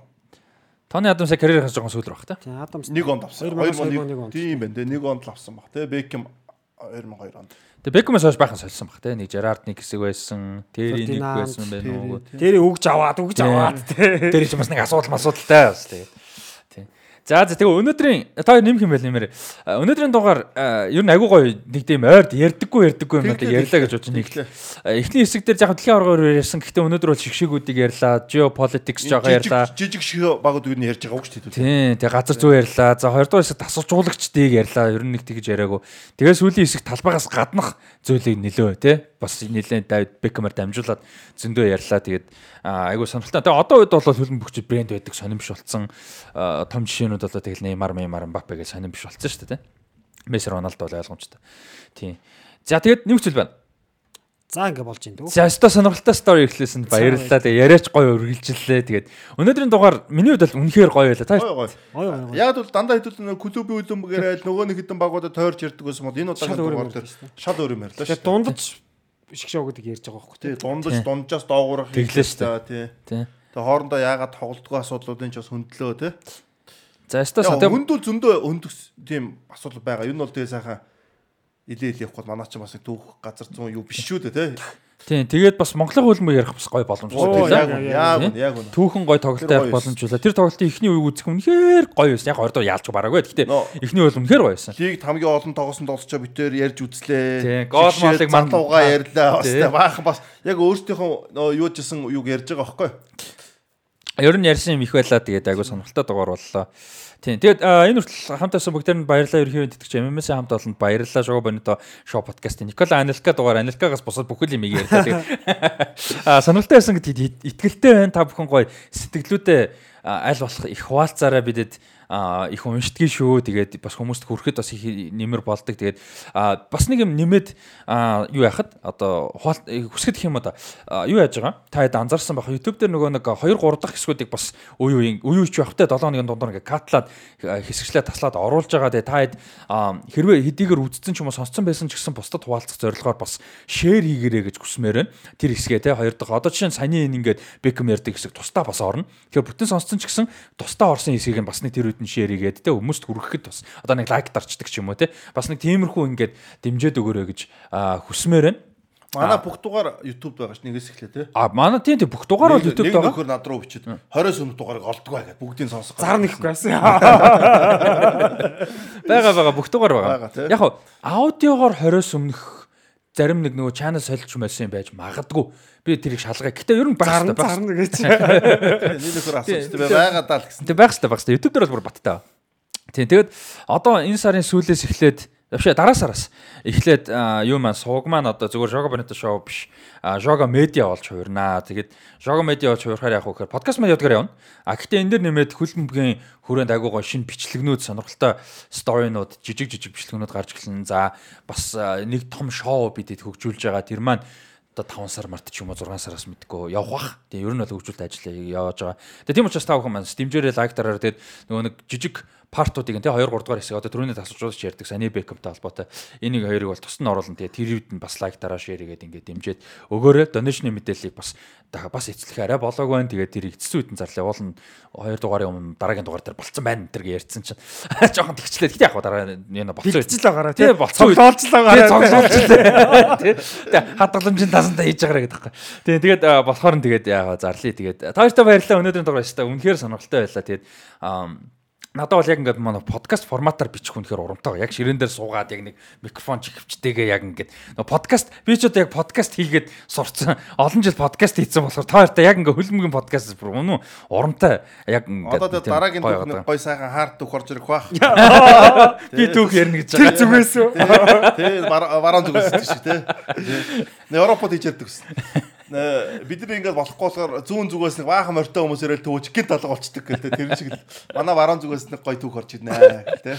За дараа 7 хоногийн дараа дугаарын а, 40 дахь дугаарын юг 40 дахь дугаард мөн тий. Тийм 40 дахь дугаарын түүхийг би ярих нь тэгээд сонирхолтой болно гэж Тэр санаагаа найдаж бэлдээрээ. байна.